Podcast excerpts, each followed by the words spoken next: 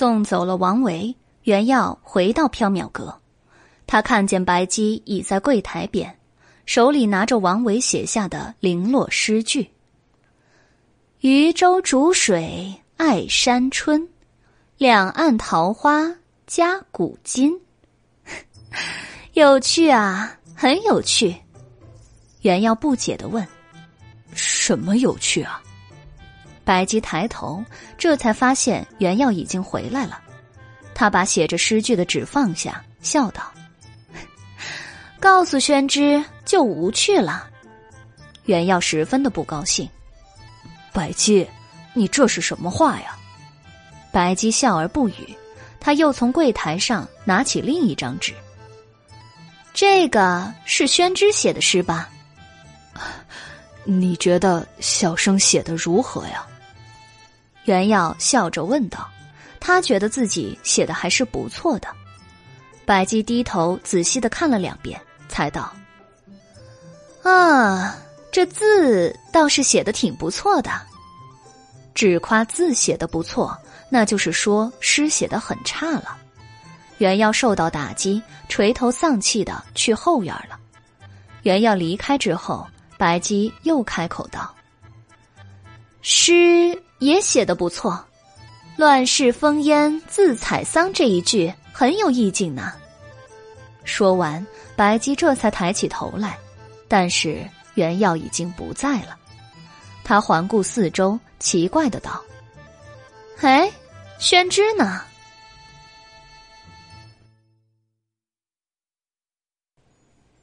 时光如梭，转眼过了五天。时节近重阳，长安城中尽染金菊之色。这一天，秋高气爽，阳光灿烂。袁耀见天气晴好，想去郊外看王维，就找白姬告假，说道：“白姬，小生想去拜访摩羯，请一天假，明天回来。”白姬道：“可以。宣之记得在山中摘一些茱萸回来。”我要做辟邪的香囊。茱萸又名辟邪翁，每逢重阳节佩戴茱萸辟邪是一种习俗。袁耀不由吃惊：“这非人也辟邪呀？”白姬以袖掩面，嘻嘻笑道：“ 入乡随俗嘛。”黎奴也道：“哎，对了，书呆子，记得摘一些菊花回来啊。”李奴老弟可是要做菊花糕、酿菊花酒？不，爷要做菊花鱼。菊花鱼一定很难吃吧？原耀在心中腹诽。原耀收拾了一下，就出发了。他出了城门，顺路搭了一位货卖木料的壮汉的马车，来到了蓝田山路。王源的别院就在山中。到了分岔路口，袁耀道了谢，和壮汉作别了。碧云天，黄草地，丹枫如火，清溪潺潺。袁耀沿着王维告诉他的方向走，但是山郊野陌，他也找不准路。他在田陌上询问一个骑在水牛上的牧童，牧童恰好认识王维，好心的给袁耀指了路。原要来到王维的别院时，已经是未时过半了。别院掩映在山水之中，并非豪华的朱门大院，而是约有七八间房舍的雅致草堂。草堂前面种着垂柳，后面种着修竹，竹篱下开满了或金色或红色的菊花，窗台上爬满了藤萝碧丽。庭院中，一个白发老仆和一名书童正摊开书本晾晒。今天阳光明媚，正好可以晒晒书，以防书本被蠹虫蛀蚀。原要认识这名老仆人，正是王家的老家仆，他跟着主人姓，名唤王贵。想来大概是王老夫人不放心儿子独自漂泊长安，派了王贵跟随服侍。那名绿衣书童原耀不认识，猜想大概是王维在长安新买的仆人吧。原耀隔着竹篱唤了一声：“贵伯。”王贵回过头来，看见袁耀，脸上绽开了笑意。哎呀，袁绍郎君啊！王贵放下书本，走了过来，高兴的说道：“ 前几天郎君回来，说在城里偶遇了袁家少郎君，老朽还不信呢，没想到竟然是真的。”袁耀笑了：“啊。”能够偶遇摩羯，小生也没想到啊。王贵打量了袁耀几眼，感慨道：“唉，这几年未见袁绍郎君，倒是长得高壮了一些，越发的像当年的袁姑爷了。”袁耀听见王贵说起过世的父亲，心中有些怅然。王贵不由笑道。袁绍郎君远道而来，快进来坐呀！袁耀笑了笑，绕过竹篱，走进了院子里。王贵把袁耀迎进了院子，又问候了几句寒暖近况。袁耀一一做了回答。一阵风吹过，篱笆下的菊花荡漾起了一层层金色的波浪。袁耀问道：“贵伯，摩羯在家吗？”王贵叹了一口气，老脸上挂了愁容。郎君在午睡，朱墨去叫郎君起来，说袁绍郎君前来拜访。那名正在晒书的绿衣书童答应了一声，放下手中的书，就要去叫王维。袁耀忙道：“哎，且慢，小生也没有急事儿，不用特意去吵醒摩羯。”小生就在院子里晒晒太阳，且等他睡醒了再说吧。王贵道：“也好，反正袁绍郎君也不是外人。朱墨去给袁绍郎君沏茶来。”是。朱墨应了一声，去沏茶了。袁耀在院子中的石凳上坐下，喝着朱墨沏来的阳羡茶，晒着秋天的暖阳。觉得十分的舒服。王贵和朱墨继续晒书，王贵偶尔抬起头来和袁耀说一两句闲话。喝到半盏茶的时候，袁耀晃眼间看见一名男子站在篱笆旁的菊花丛边，他抬眸望去，那男子约摸三十余岁，头戴青色幞头，身穿皂色广袖长袍。他眉目端方，脸上带着温和的笑容，给人一种很舒服的感觉。这人是谁？他什么时候来到院子里了？难道是庄客或者邻人？袁耀心中疑惑，但见男子朝他笑，也就回了一个笑容。因为闲坐无聊，袁耀想去和男子搭话。他放下茶杯，站起身来。可是，就在他一低头、错眼间，站在菊花边的男子不见了。袁耀怔怔地望着空荡荡的篱笆，菊花在风中摇曳。袁绍郎君，你怎么了？王贵发现了袁耀的异状，问道。袁耀回过神来：“哦，呃，没事儿，可能是小生眼花了。刚才好像看见篱笆那边。”站着一个穿皂衣的男子，王贵的脸色倏地变了。袁绍郎君，你也看见了？朱墨的脸色也变了。啊，鬼，鬼又出现了！看见王贵、朱墨的反应，袁耀奇道：“呃，什么呀？”王贵放下手中的书，走到袁耀跟前，他望了一眼菊花丛，欲言又止。最后，他还是开口了：“袁绍郎君看见的，恐怕是鬼。”鬼，袁耀吓了一跳。王贵苦着脸道：“哎，这鬼啊，是这几天才出现的，好像还是一个读书人。他一般深夜出现。”但一出现，就和郎君在书房里谈书论道，天亮才离去啊。白天偶尔能在柳树下、菊花边看见他，但一眨眼又不见了。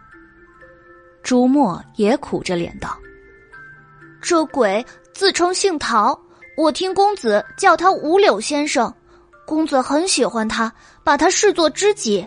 虽说这鬼看上去没有恶意，谈吐也十分得体，但终归让人感觉害怕呀。”是啊，人鬼殊途，相交不是好事儿。一想起郎君和鬼来往，老朽就觉得愧对把郎君交给老朽照顾的老夫人呢。老朽劝郎君不要和鬼交往，郎君却责怪老朽侮辱他的朋友，还要老朽不要干涉他。哎呀！老朽只是一个仆人，也不能多说什么。袁绍郎君，你去劝一劝郎君，让他不要再和鬼来往了。袁耀又一次张大了嘴。姓陶，五柳先生，难道王维遇见陶渊明的鬼魂了？刚才站在菊花丛边的男子是陶渊明。就在袁耀吃惊、王贵叹气的时候，王维午睡醒来，穿着一身宽松的长袍走了出来。他打了一个哈欠，伸了一个懒腰，吟道：“哦，渔舟逐水爱山春，两岸桃花夹古今。坐看红树不知远，行尽清溪。”不见人，袁耀笑道：“几日不见，摩羯又得了两句桃源诗啊。”王维这才看见袁耀，他有些意外，也有些高兴。哦，玄之，你怎么来了？朱墨，有客来了，你怎么不叫醒我呀？袁耀笑了：“啊，小生也没有急事儿，所以没让朱墨去吵醒摩羯。”袁耀来访，让王维十分的高兴。他拉了袁耀去书房，说道：“玄之来的正好，我有几首新诗，正想找人指点呢。”袁耀笑道：“指点不敢，小生愿拜读一二。”王维带着袁耀来到他的书房，这是一间简单雅致的房间，门朝院落，光线明亮。一方胡桃木桌案上放着笔、墨、纸、砚，而墨正是桃核墨。书房的墙壁上挂着一幅淡雅的山水画，两幅书法字帖。靠墙的书架上堆着一些竹简和书册，轩窗下放着一个莲花形状的青铜香炉，香炉中溢出一缕缕清雅的水沉香。袁耀和王维席地而坐，王维翻出最近新写的几首诗给袁耀品评。王维和袁耀席地而坐，王维翻出最近新写的几首诗给袁耀品评。袁耀读了，夸赞了几句。袁耀问王维道：“哎，摩羯，《桃花源》那首诗写的怎么样了？”王维摇了摇头，还未写完呢。袁耀又问：“呃，听说摩羯最近在和一位鬼友交往啊？”王维笑了，兴奋的道：“ 没错呀，宣之猜猜他是谁？听说摩羯叫他五柳先生，他不会是写《桃花源》的陶渊明吧？”王维神秘一笑，宣之猜对了，这位鬼兄啊，就是陶渊明。他晚上会来，我将他介绍给宣之认识。啊，他真是五柳先生的鬼魂？袁耀十分的吃惊。王维道：“千真万确。”摩羯，你是怎么遇见他的？王维拿起桌案上的桃核墨，说道：“陶先生啊，栖身在这一方桃核墨中。我第一次见到他是在前天晚上，我坐在这儿磨桃和墨，准备写桃花源的诗呢。我脑中想着桃花源，口里念着五柳先生，他就出现了。陶先生高洁端方，学识渊博，是世间难寻的良师益友啊！我与他一见如故，彼此十分的投缘。啊，能够得到一位知音，即使是非人，也是幸事啊。今天无法回城，袁耀就留宿在王维的别院中。弦月升起，灯火如豆。山野的晚上有些寒冷，王维和袁耀生了一炉火，坐在书房中温酒闲谈。袁耀捧着一杯温酒，心中有感，吟了一首诗：“夜闻更漏缺，风送芦花雪。寒尽八尺琴，尊服半轮月。”这一首诗很应景啊，应当写下来。王维笑道：“他在砚台中滴入清水，磨开了桃和墨，随着一阵墨香弥散开来，原要白天看见的皂衣男子陶渊明，在黑暗中渐渐浮现出身形。原耀有些惊讶，目不转睛的盯着陶渊明。王维高兴的道：‘陶先生，您来了。’陶渊明露出一个温和的笑容，作了一揖：“啊，又来叨扰了。”“哎，哪里的话呀？”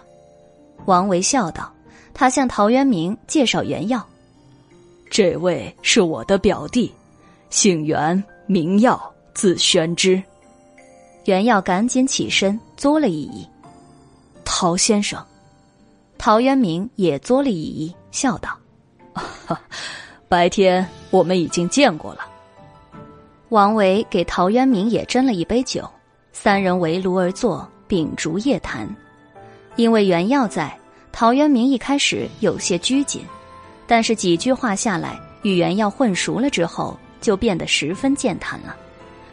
三人连诗作对，切磋书中的学问，畅谈各地的风土人情，气氛十分的融洽。因为从小受母亲崔氏的影响，王维与佛家结下了不解之缘。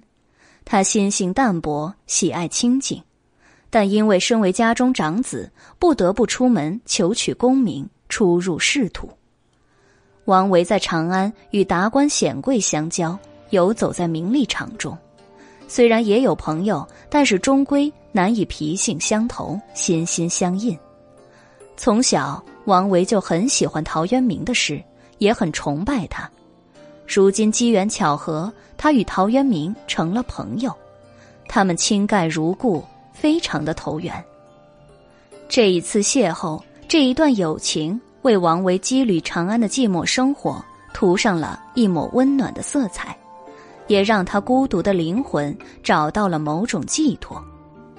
陶渊明对王维也有着一种难以言喻的奇妙情愫，他本来已经不属于人世，只剩一缕残念游荡在虚空之中，但是他却被他吸引，与他结缘，他们有着相似的灵魂和思想，所以十分投机，成为了知音。陶渊明和王维相视一笑，不用一句话便能了解彼此的心情。袁耀喝了一口温酒，看了一眼纸上凌乱的诗句，笑道：“摩羯还是没有写完桃源乡的诗啊。”陶渊明哈哈大笑：“哈哈，摩羯欠诗，应当罚酒啊。”王维苦恼的道：“唉，我从未见过桃源乡，所以无法动笔啊。陶先生。”您能带我去桃源乡一游吗？笑容从陶渊明的脸上消失，他叹了一口气，沉默了。袁耀和王维面面相觑，气氛一下子陷入了沉闷。过了许久，陶渊明才开口了：“其实，其实我从未去过桃源乡。”王维奇道。那先生笔下的桃源香。陶渊明悲伤的一笑：“我死了之后才知道啊，那只是一场虚妄的梦，这世上根本就没有桃源香啊。”王维一愣，继而道：“不，这世间有桃源香，我将要去寻找它。”灯火下，王维神色坚定，眼神明亮。陶渊明望着王维，笑了。如果摩羯找到了，记得带我去看你的桃源乡啊！好，王维答应。那一言为定。陶渊明道：“不知道为什么，原耀在这一瞬间有些触动。也许世间真的有桃源乡吧？因为王维相信有，而陶渊明相信王维。”二更时分，砚台里的墨汁用完的时候，陶渊明。消失了，王维和袁耀同榻而眠，一夜无话。第二天，袁耀在王维家中待到中午，就准备回城了。王维道：“重阳的时候，宣之可以和白姬姑娘一起来此赏菊饮酒啊。”袁耀答应了。王贵悄悄的问袁耀：“袁少郎君可曾劝郎君？”不要与鬼来往，袁耀道：“贵伯不必担心，陶先生没有恶意的，他乃是饱学之士，端方君子。摩羯和他来往，正好可以增长学识，修磨品性啊。”王贵欲哭无泪的道：“袁少郎君，你也被鬼蛊惑了呀！”袁耀找王贵讨了一个竹篮，在王维的篱笆下。采了一些菊花，又摸去他家的后山上采了一些野生的茱萸。吃过午饭之后，袁耀提着竹篮告辞回去了。袁耀回到缥缈阁时，已经是敲下阶鼓的时候了。袁耀走进缥缈阁，大厅里、里间中都没有人，但是后院传来一阵吵闹的喧哗声。袁耀心中纳闷，飞奔到后院，但见白姬坐在回廊下，托腮望着古井边，耳朵里塞着一团青草。古井边水桶翻倒，一个蒸笼散落在地上。黎奴双手叉腰，唾沫横飞的和六个人吵架。那六个人三男三女，均穿着墨青色的衣服，他们愤怒的围着黎奴，七嘴八舌的说着什么。因为声音太嘈杂，袁耀听不清他们在吵什么，心中很是奇怪。白姬，发生什么事儿了？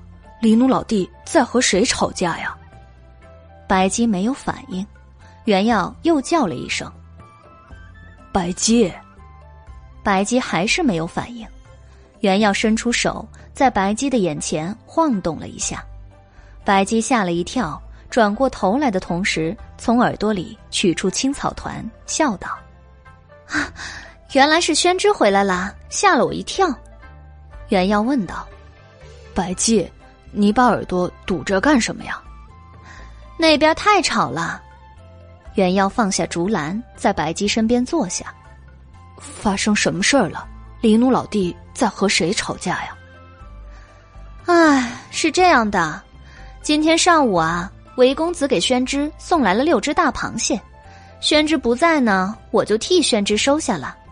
李奴打算把螃蟹蒸了做晚饭的菜肴，但是螃蟹们不答应啊，他们从蒸笼里爬出来和李奴吵了起来，已经吵了大半个时辰了。袁耀张大了嘴巴，吃惊的望着古井边，他这才看清楚，六名墨青色衣裙的男女都没有手，本该是手的地方。从衣袖中探出两个大钳子，螃蟹精们挥舞着大钳子围着黎奴吵架，黎奴毫无惧色，掐腰回吵，双方唾沫横飞，沸反盈天。袁耀道：“哎，这不太像是黎奴老弟的处事风格呀。”袁耀认为，以黎奴平时的蛮横性子，他会直接把螃蟹拍晕了，放进蒸笼里。不会有耐心和螃蟹吵架的。白姬叹了一口气，说道：“唉，黎奴说了，他现在是读书之猫，不能用暴力解决问题，要以理服人，以德服人。”袁耀冷汗，白姬又用青草堵住了耳朵。原耀听不下去了，走过去劝道：“黎奴老弟，不要再吵了。几位螃蟹大仙儿也请安静，这都是一场误会啊。”螃蟹们哭道：“没有误会，这只黑猫想把我们蒸熟了吃。”黎奴道：“哼，螃蟹难吃死了，爷才不稀罕吃呢。爷不过是想蒸给书呆子吃罢了。”原耀道。多谢黎奴老弟的好意了，不过还是算了吧，请不要再吵了。我们不吃螃蟹了。螃蟹们又道：“不吃的话，就把我们放到河里去。”可以啊，不过今天天色已晚，不方便出行。等明天一早，小生就把几位大仙带去河边放生，绝无虚言。螃蟹们面面相觑，相信了原药。他们不再和黎奴争吵，化作六只青蟹爬进了水桶中。原耀松了一口气。黎奴撇了撇嘴：“哼，书呆子没有螃蟹吃了。其实也可以说服他们去蒸笼里的。小生都已经看见他们的人形了，还怎么吃得下呀？人与非人都是众生，还是把他们放了吧。”书呆子，你可真傻。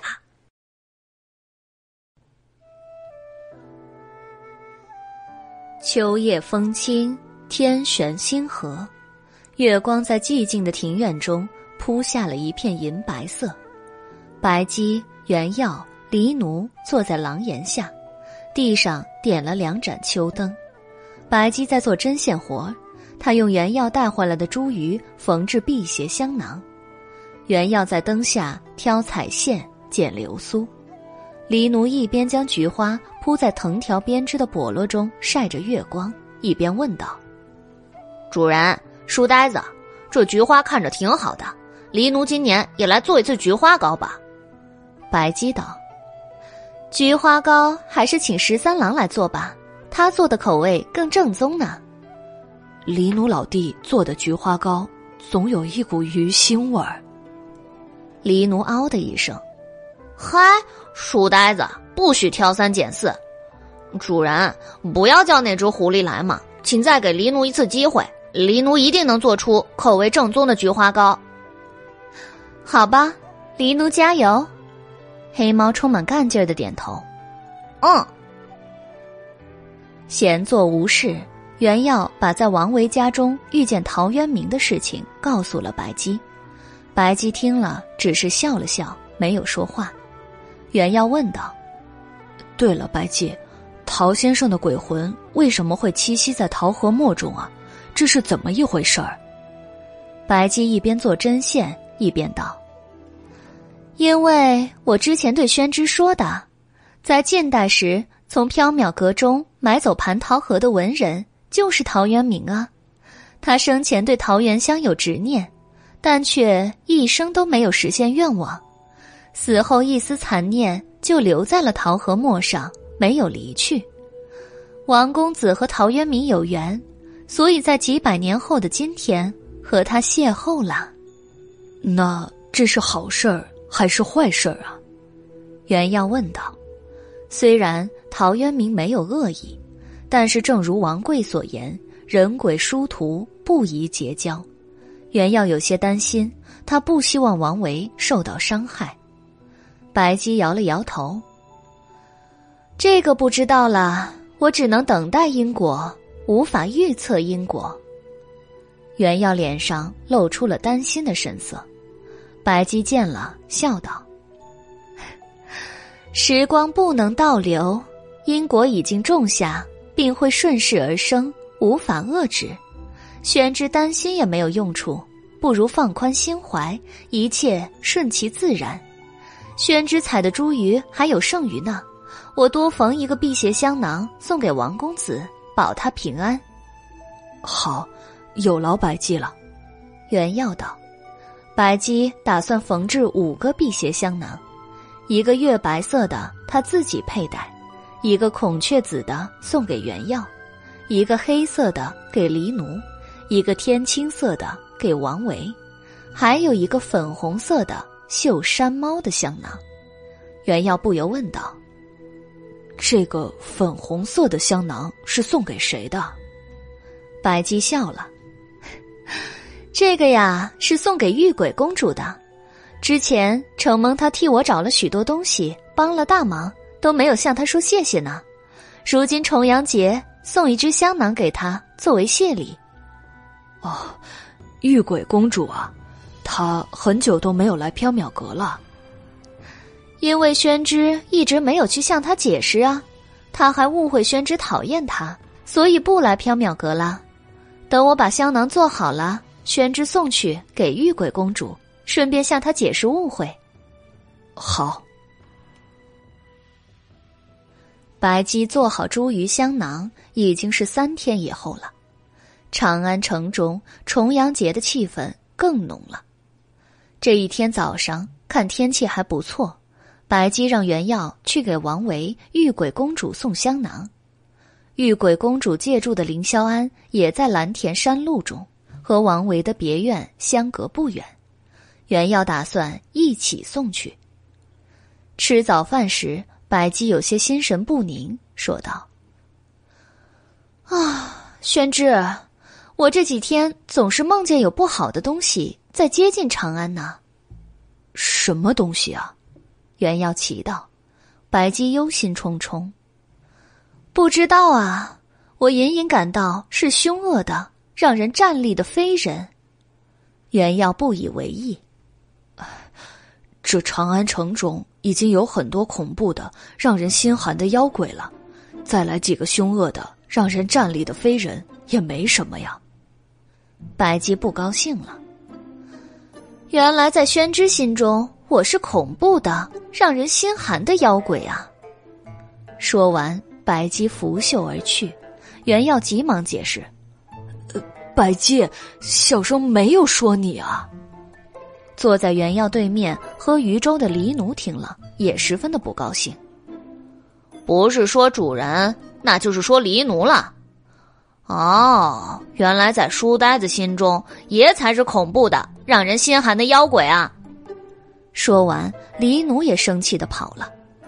哎呀，小生没有说你们呀，这真是……哎。什么跟什么嘛！袁耀坐在空荡荡的桌案边，独自喝粥，苦闷无言。上午，袁耀准备去蓝田山路，他提了一个竹篮，竹篮里装着两个香囊，两份重阳糕，一份给王维，一份给玉鬼公主。白姬道：“宣之替我向王公子。”玉鬼公主问好，袁耀答应了。白姬想了想，又道：“嗯，路上小心，早些回来。”袁耀点了点头，又答应了。袁耀出城，顺路搭了一个农夫的驴车，来到蓝田山路。他和农夫分开的地方离凌霄庵比较近，就打算先去给玉鬼公主送香囊。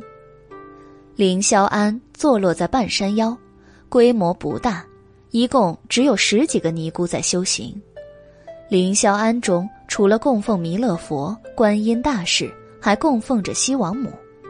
据说凌霄庵中的菩萨十分的灵验，因此香火很旺盛。袁耀踏着石阶上山的时候，不时与三三两两的善男信女擦肩而过。他们有的来上香拜佛，有的来踏秋游玩。之前玉鬼公主因为一场误会，以为袁耀讨厌她，于是，在凌霄庵出家修行了。袁耀本想找时间来向她解释，但是一直因为别的事情耽误着，没能成行。袁耀走进凌霄庵，不知道怎样才能找到玉鬼公主。他看见一个胖尼姑在打扫佛塔下的落叶，就走过去作了一揖。请问大师，贵庵中可有一位叫做玉鬼的尼姑，她今年才出家修行的。胖尼姑一愣，疑惑且戒备的望着袁耀。袁耀自觉唐突，赶紧解释：“哦，呃，请不要误会，小生并非歹人。这位玉鬼是小生的妹妹，因逢重阳节，小生来看看她。”胖尼姑这才摇了摇头，说道：“没有这个人，本庵中的小辈尼姑都是青字辈的，没有玉字辈。”啊！袁耀疑惑：玉鬼公主不在凌霄庵吗？还是她剃度之后换了名字了？袁耀正要细问的时候，一个瘦尼姑跑了出来，怀中抱着一只花狸猫。瘦尼姑对胖尼姑道：“清慧，快把小玉藏起来，她又跑去师傅的禅房里乱翻经书了。师傅很生气，要责打她呢。”袁耀看见瘦尼姑抱着的花狸猫，张大了嘴。玉玉鬼公主。花狸猫看见原耀，突然一跃而起，从瘦尼姑的怀里跳下地来，一溜烟跑出了凌霄庵。原耀急忙追去。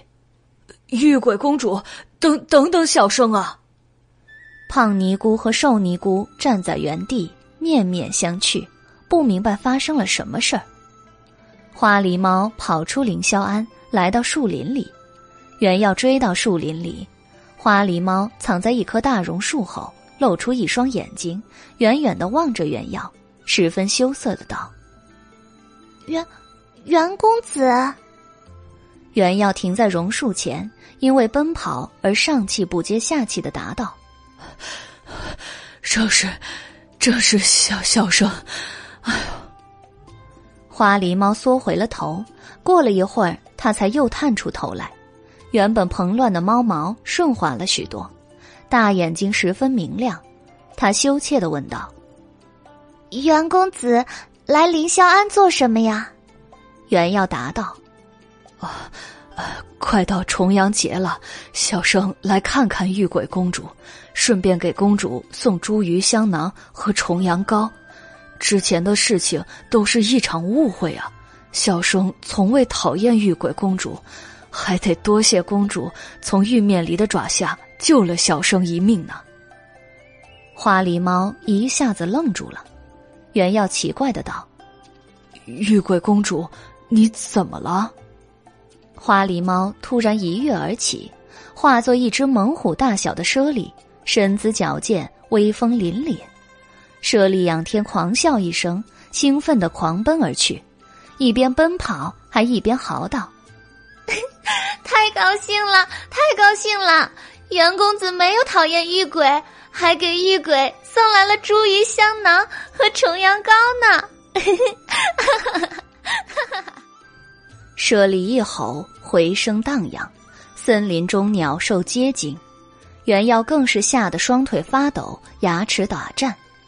舍利以狂奔来表达心中的高兴和激动，他奔过之处，不时的惊起一群飞鸟，吓跑几只野兽。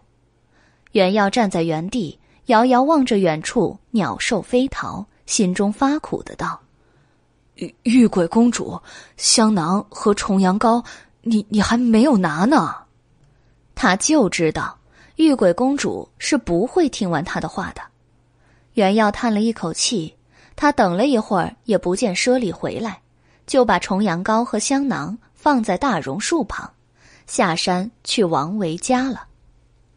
原要来到王维的别院时，已经是下午了。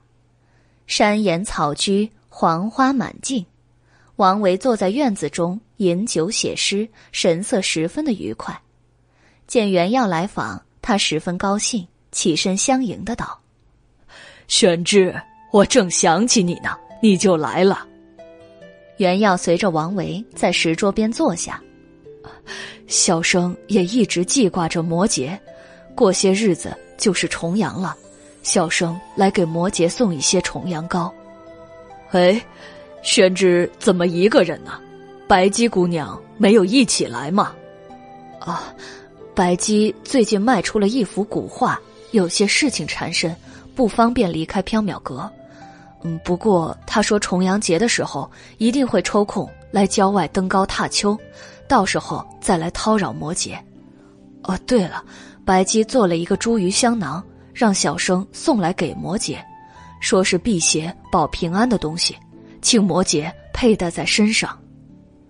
王维接过茱萸香囊，笑了：“ 有劳白姬姑娘费心了，请宣之替我表达感谢之意。”袁耀看见王维在写诗，伸手拿过他面前的纸，上面写着一些零散的句子。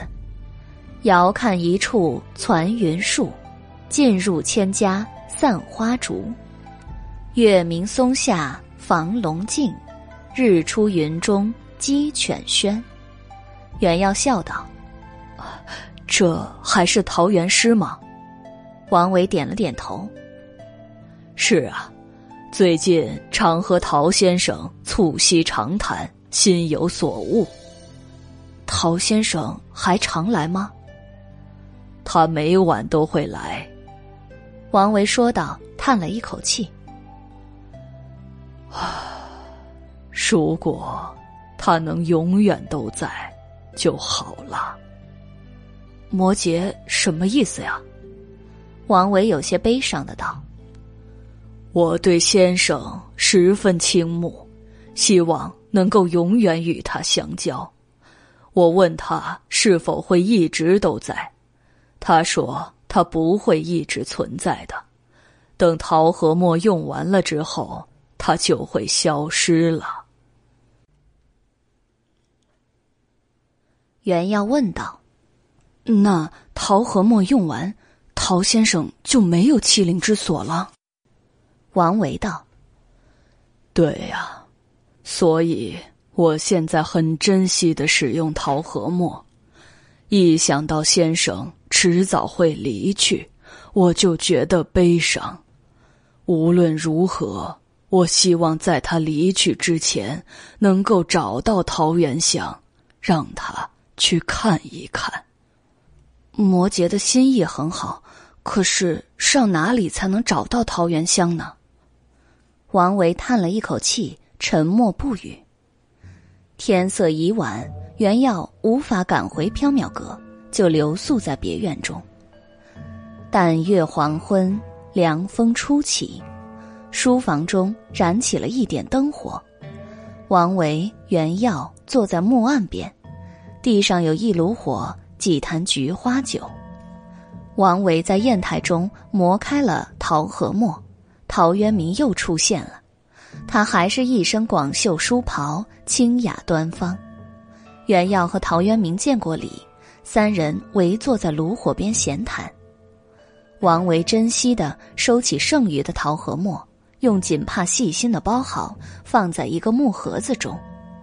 陶渊明见了，笑道：“摩羯不必过分珍爱，我已非人，迟早会与你分别。”王维道：“我希望分别的时日能够迟一些。”陶渊明拍桌大笑。哈哈，生何欢，死何惧，来何匆，去何惧？早知道摩羯如此多愁善感，恐惧别离，我就不告诉你我会在桃核墨用完时离去了。先生豁达，我却难以放下。我希望先生能够伴我更久一些，待我找到桃源乡给先生看。陶渊明苦笑。其实啊，我已经对桃源乡不抱任何期待了。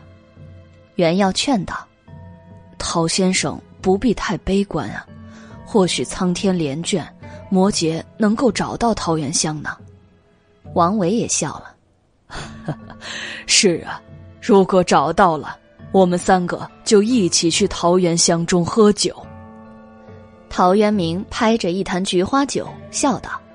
嘿，此时就有好酒啊！暂且把此处当做桃源乡，一醉方休。袁耀和王维高兴的答应了。袁耀、王维、陶渊明在灯下喝菊花酒，谈笑风生，不觉到了半夜。因为酒喝的比较多，袁耀有些内急，起身如厕。他走到院子中，夜风吹得他清醒了一些。上弦月如同一弯美人梳，悬挂在远山之上，带着妖异的清韵。袁耀从茅房出来，觉得夜风有些冷，他裹紧了衣服，想赶快回炉火边继续喝酒。袁耀不经意间侧头，猛然看见南山顶一块突出的岩石上站着一只巨大的野兽。野兽临风而立，背后是一轮青色的上弦月。借着月光远远望去，那野兽约有猛虎大小，鬃毛迎风飞扬，尾巴约有一丈长。袁耀心中咯噔一下，疑惑且害怕。难道这山中有虎豹？他会不会下山袭击人呢？袁耀揉了揉眼睛，再次向野兽望去。一轮青色的上弦月下，南山顶上突出的岩石上空荡荡的，什么也没有。这是怎么回事是他眼花了，还是野兽跑了？袁耀一头雾水。他想了想，谨慎起见。走到篱笆边，把大门上的门栓插紧了。其实，如果野兽真的要进别院，关紧了大门也没有什么用，因为别院周围的篱笆也并不高，也不甚结实。原要插紧门栓，转身回房，冷不丁的，篱笆的阴影中窜出一个黑影，拦住了他的去路。原要吓得一个机灵，就要放声大叫，那人开口了。却是王贵。袁少郎君是老朽。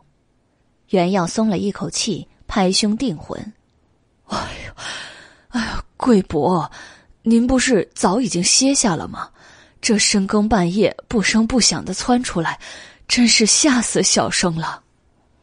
王贵叹了一口气，愁眉苦脸的道：“唉。”一想到郎君和鬼在隔壁对饮，老朽就睡不着啊！贵伯且放宽心，陶先生虽然是鬼魂，但不会害人的。王贵愁道：“唉，他若是害人的厉鬼，倒也还好，请一个道士来收了便是了。坏就坏在……”他是一个不害人的上鬼，但却又害了郎君呐。袁耀奇道：“陶先生哪里害摩羯了？”王贵流下了两行老泪。自从郎君和鬼结交，就仿佛走火入魔了一般，白天神思恍惚。每天只念着，盼着夜晚到来，与鬼彻夜饮酒作诗，还把经济文章抛下去找什么桃源乡啊？郎君来长安是来求取功名的，之前好不容易和几位达官显贵结交，他们。也颇为赏识郎君的才学，要引荐入仕途。哎呀，可如今，郎君只闲守在别院中与鬼厮混，不去城中结交应酬贵人们，还推病拒绝了贵人们约他一起结社聚会的邀请。老朽虽然不懂圣贤学问。但人情世故还是懂的，郎君这么做会让之前为出世所做的一切努力付之东流啊！看着郎君现在的样子，老朽就觉得愧见老夫人，更愧见九泉之下的老爷。见王贵如此伤心。袁耀劝道：“贵伯不必太烦忧了，小生去劝一劝摩羯，让他与陶先生相交的同时，也不耽误正事就是了。摩羯可能是因为与陶先生相处的日子不会太长，所以格外珍惜这一段友谊，全心投入，一时间无暇顾及其他吧。王贵愁道：“可是，郎君把贵人们都得罪了，只怕是入世无门了。”不会的，摩羯既有文采，又有治世之才。他的光芒难以遮掩，绝不会缺少赏识他的伯乐呀。王贵擦干了眼泪，笑了。听了袁绍郎君一席话，老朽宽心多了。袁耀也笑了。贵伯本就不该自扰，时候不早了，且去歇息吧。好，老朽先去一趟茅房。就去睡了。对了，贵伯，这山中是不是有虎豹之类的野兽走动啊？王贵摇了摇头。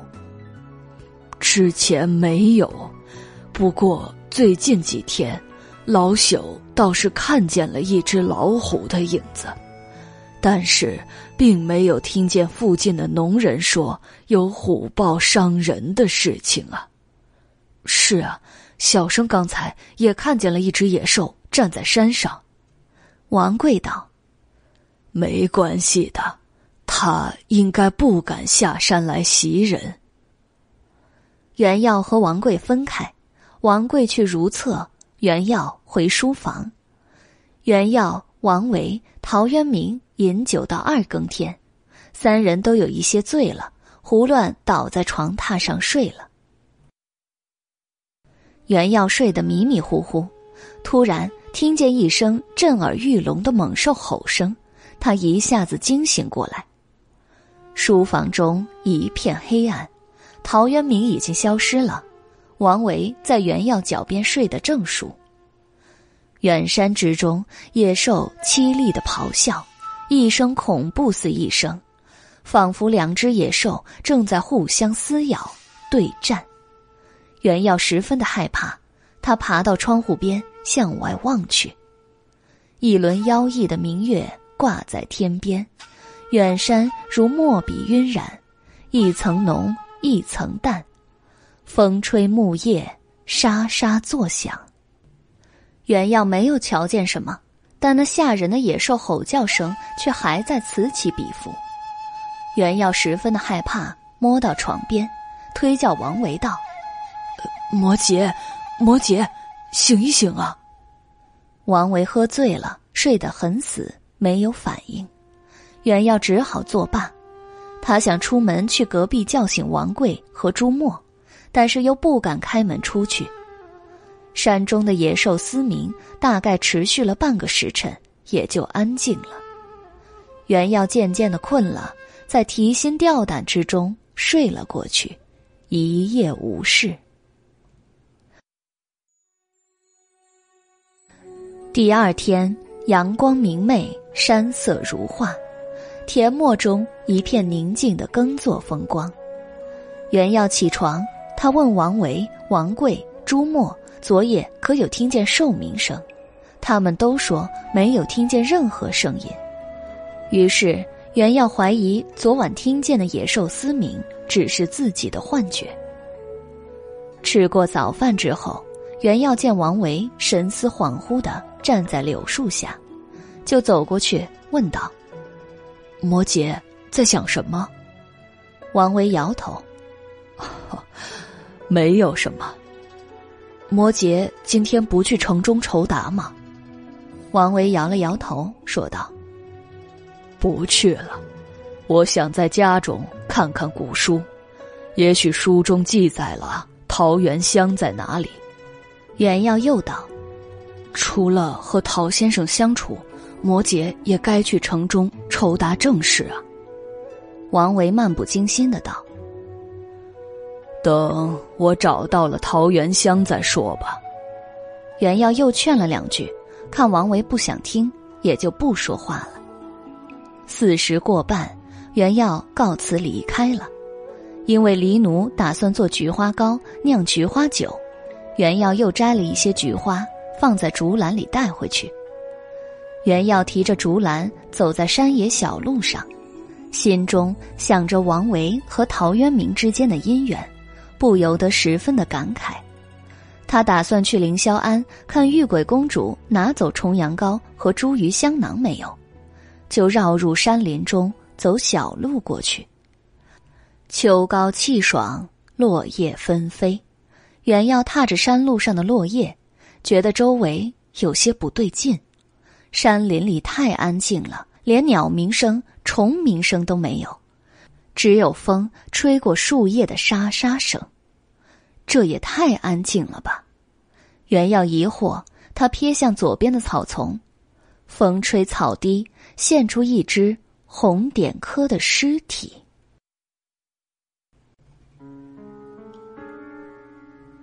原要走过去，发现红点科的死状十分的凄惨，他的肚皮似乎被野兽撕烂了，脏腑四散。他赶紧念了一句佛号，为这只可怜的红点科超度。离红点科大约二十步远的地方，有一只猿猴的尸体，鬼使神差的，原要又走了过去。猿猴的尸体也很凄惨。原要大骇，举目四望。不远处的一棵橡树下躺着一只松鼠的尸体，原要走过去，松鼠已经僵硬了。他又看到十几步远的地方倒着一只巨大的猞猁，从猞猁的背影和毛色上，袁耀认出了他。他惊呼道：“啊，玉鬼公主！”顾不得害怕，袁耀奔到猞猁跟前，猞猁一动不动的僵卧在血泊中。一道伤口从胸口延伸到腹部，粉红色的茱萸香囊破裂，茱萸洒了一地。原要以为舍利已死，顿时悲从中来，哭道：“玉贵公主，重阳糕还没吃，你怎么就死了？”听到原耀的悲鸣，舍利睁开了无神的双眼，虚弱的道。袁公子，袁耀擦干了眼泪，高兴的道：“玉桂公主，你你还活着？”舍利虚弱的望着原耀，艰难的张开嘴：“太可怕了，快离开！”发生什么事儿了？什么可怕呀？原耀好奇的问：“究竟发生了什么事儿？”怎么会死去这么多的动物？连战神一般勇猛的玉鬼公主都倒在了血泊之中。原耀依稀想起昨晚听见的兽吼声中有几声像是猞猁的吼叫。猞猁摇了摇头，说道：“我不知道那是什么东西，非常的凶恶，浑身戾气。”原耀对奄奄一息的猞猁说道。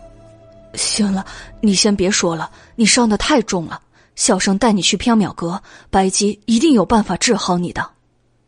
舍利闻言，脸颊上浮现出两片酡红，他倏然变小，化作一只花狸猫的模样，用明亮的大眼睛望着袁耀，羞涩的说道：“袁公子，可以抱玉鬼去缥缈阁吗？”袁耀见玉鬼伤口很深，不敢抱他走，怕弄裂了伤口。他把竹篮放在地上，将舍利轻轻的放入铺满菊花的竹篮中。小生还是提着公主回缥缈阁吧。袁公子嫌弃玉鬼，不肯抱玉鬼。花狸猫哭道：“他想跑掉，但是受了重伤。”他跑不了，就把头埋进菊花里哭了起来。这一次，原耀可以从容的解释了：“小生是怕公主的伤裂开，危及生命啊。”花狸猫的哭声渐渐的小了，头埋在菊花里一动不动。原耀不知道玉鬼听见解释没有，扒开菊花，低头望去。但见他已经虚弱的闭上眼睛，他伤口上流出的鲜血已经染红了金色的菊花。原耀吓了一跳，担心遇鬼的伤势，赶紧折回去，退出树林，走回正路上，加快了脚步，赶回缥缈阁。原耀回到缥缈阁的时候，已经是下午了。虽然中途搭了一位药材商人的运货车到西市，他只走了一小段路，但还是累得满身大汗。缥缈阁的大厅中没有人，白姬和黎奴都在后院。白姬躺在美人榻上晒太阳，黎奴在水井边摆弄坛坛罐罐，准备酿菊花酒。白姬，不好了，不好了，快救救玉鬼公主！原耀慌慌张张的奔到后院，对白姬说道。白姬坐起身，向原耀望去，他的目光停留在竹篮中的玉鬼身上。原耀急忙走过去，把竹篮递给白姬。白姬扒开菊花，看见了玉鬼重伤的模样，惊骇道：“宣之，发生什么事儿了？”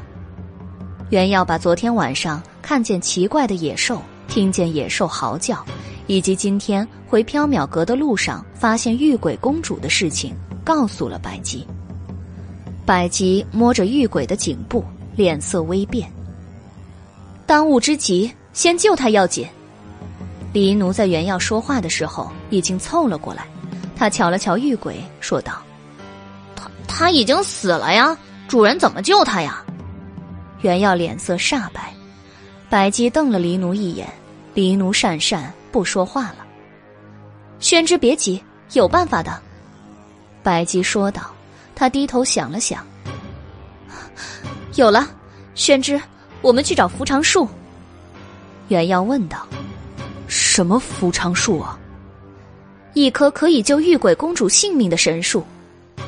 白姬走向桃树边，唤桃树精的名字。阿飞。阿飞从树叶中探出身来，俯身至白姬身边。白姬对阿飞说了一句什么，阿飞缩回身去。不一会儿，他又探出身来，手里拿着三个桃子。白姬点了点头，接过桃子。阿飞又缩回树中去了。主人，黎奴也去吗？黎奴问道。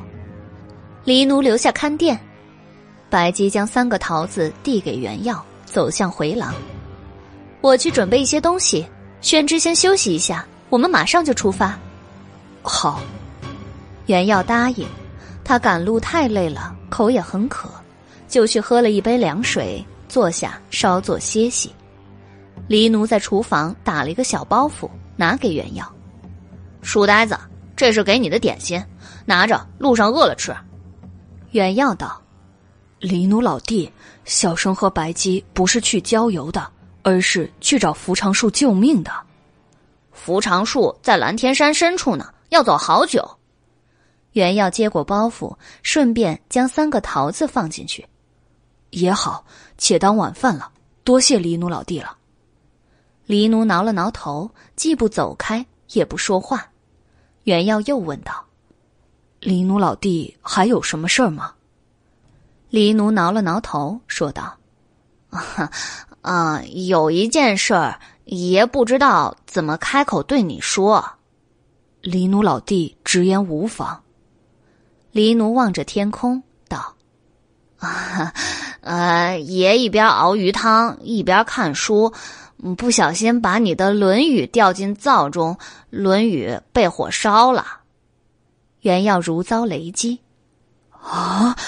那本《论语》有家父的亲笔批注，小生非常珍视。你，你，黎奴做了亏心事，挠头不语。袁耀气得浑身发抖，但看见躺在竹篮中奄奄一息的玉鬼，勉强忍住了愤怒。也罢，等小生回来再和你理论。黎奴嗯哼了一声，学读书人一样对袁耀作了一揖，以作赔礼。黎奴的礼貌让袁耀吓了一跳，他看了两天《论语》，真的成了知书识礼的读书之猫了。这时，白姬走了出来，对袁耀道：“宣之，我们走。”白姬一襟长裙，两袖清风，什么都没拿。袁耀好奇的问：“白姬，你准备什么东西去了？”白姬神秘一笑：“ 到时候宣之就知道了。桃子拿了吗？”袁耀指了指包袱：“拿了。”白姬从大厅墙壁上的白马图上换出两匹剑马，和袁耀一人一骑，骑马出城。两人一路向南疾驰，袁耀的骑术不佳，他怕本已受重伤的玉鬼公主被颠簸致死，就把竹篮交给了白姬。白姬骑术高超，即使一手拿着竹篮，也马蹄飒踏，平稳疾驰。玉鬼在竹篮里安静的睡着，无知无觉。百姬原药进入了蓝田山路，百姬勒马转出大路，抄小路去往群山深处。夕阳近黄昏时，百姬原药驻马在一处树木葱茏的山谷前。百姬一跃下马，宣之，现在得步行了。原药翻身下马。他又累又饿，但仍然坚持道：“好的。”宁静的山谷前，两匹画马在草地上吃草。原耀和白姬带着玉鬼走向山谷中。太阳已经下山，另一个世界缓缓醒来。山谷中清溪潺潺，树木遮天。白姬带原耀扒开苍藤木叶。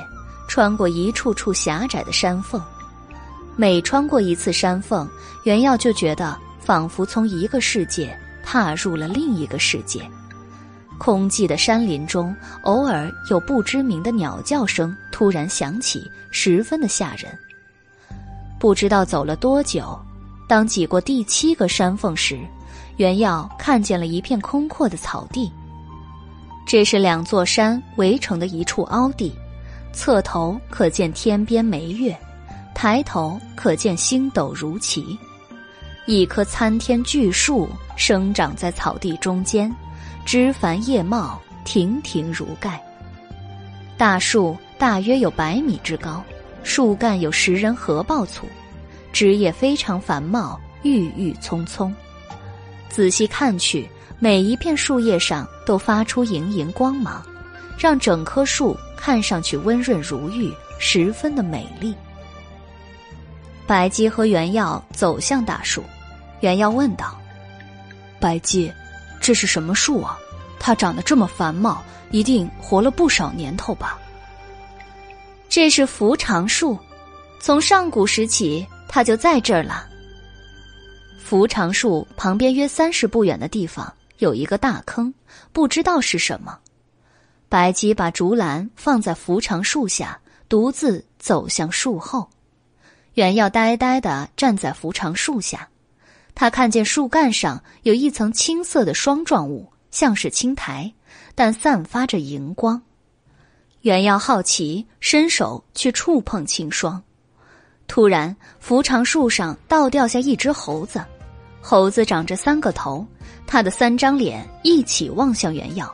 神色凶恶的道：“喂，把你爪子拿开！”袁耀惊骇的后退。妈呀，猴子长了三个头，还会说话！三头猴生气，扑上来掐袁耀。吾乃扶长树上的三头人，不是猴子。袁耀挣扎着喊着救命。白姬从树后出来，看见袁耀被三头人掐着脖子，急忙拉住三头人，笑道。哎呀，神人请息怒！三头猴一见白姬，倒是放开了原样。三个头一起露出愤怒的表情，扑向白姬道：“你这条骗子龙，两百年前骗走了吾的栏杆树，还敢跑来扶长树下？”白姬笑着躲闪。神人不要发怒，有话好说呀！三头人愤怒的道：“没什么好说的，还吾栏杆树！”白姬陪笑，神人息怒，我这次特意来还您栏杆树啊！三头人闻言停止了追打白姬。白姬来到扶长树旁边的大坑边，从衣袖中拿出一个小木盒，他打开小木盒，里面是一株三寸长、两寸宽的珊瑚树。白姬把珊瑚树取了出来，插在大坑旁的泥土中，然后退了开来。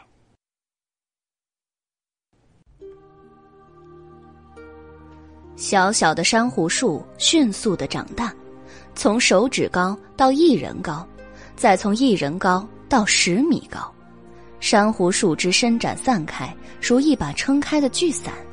珊瑚珠上缀满了珠玉，宝光璀璨。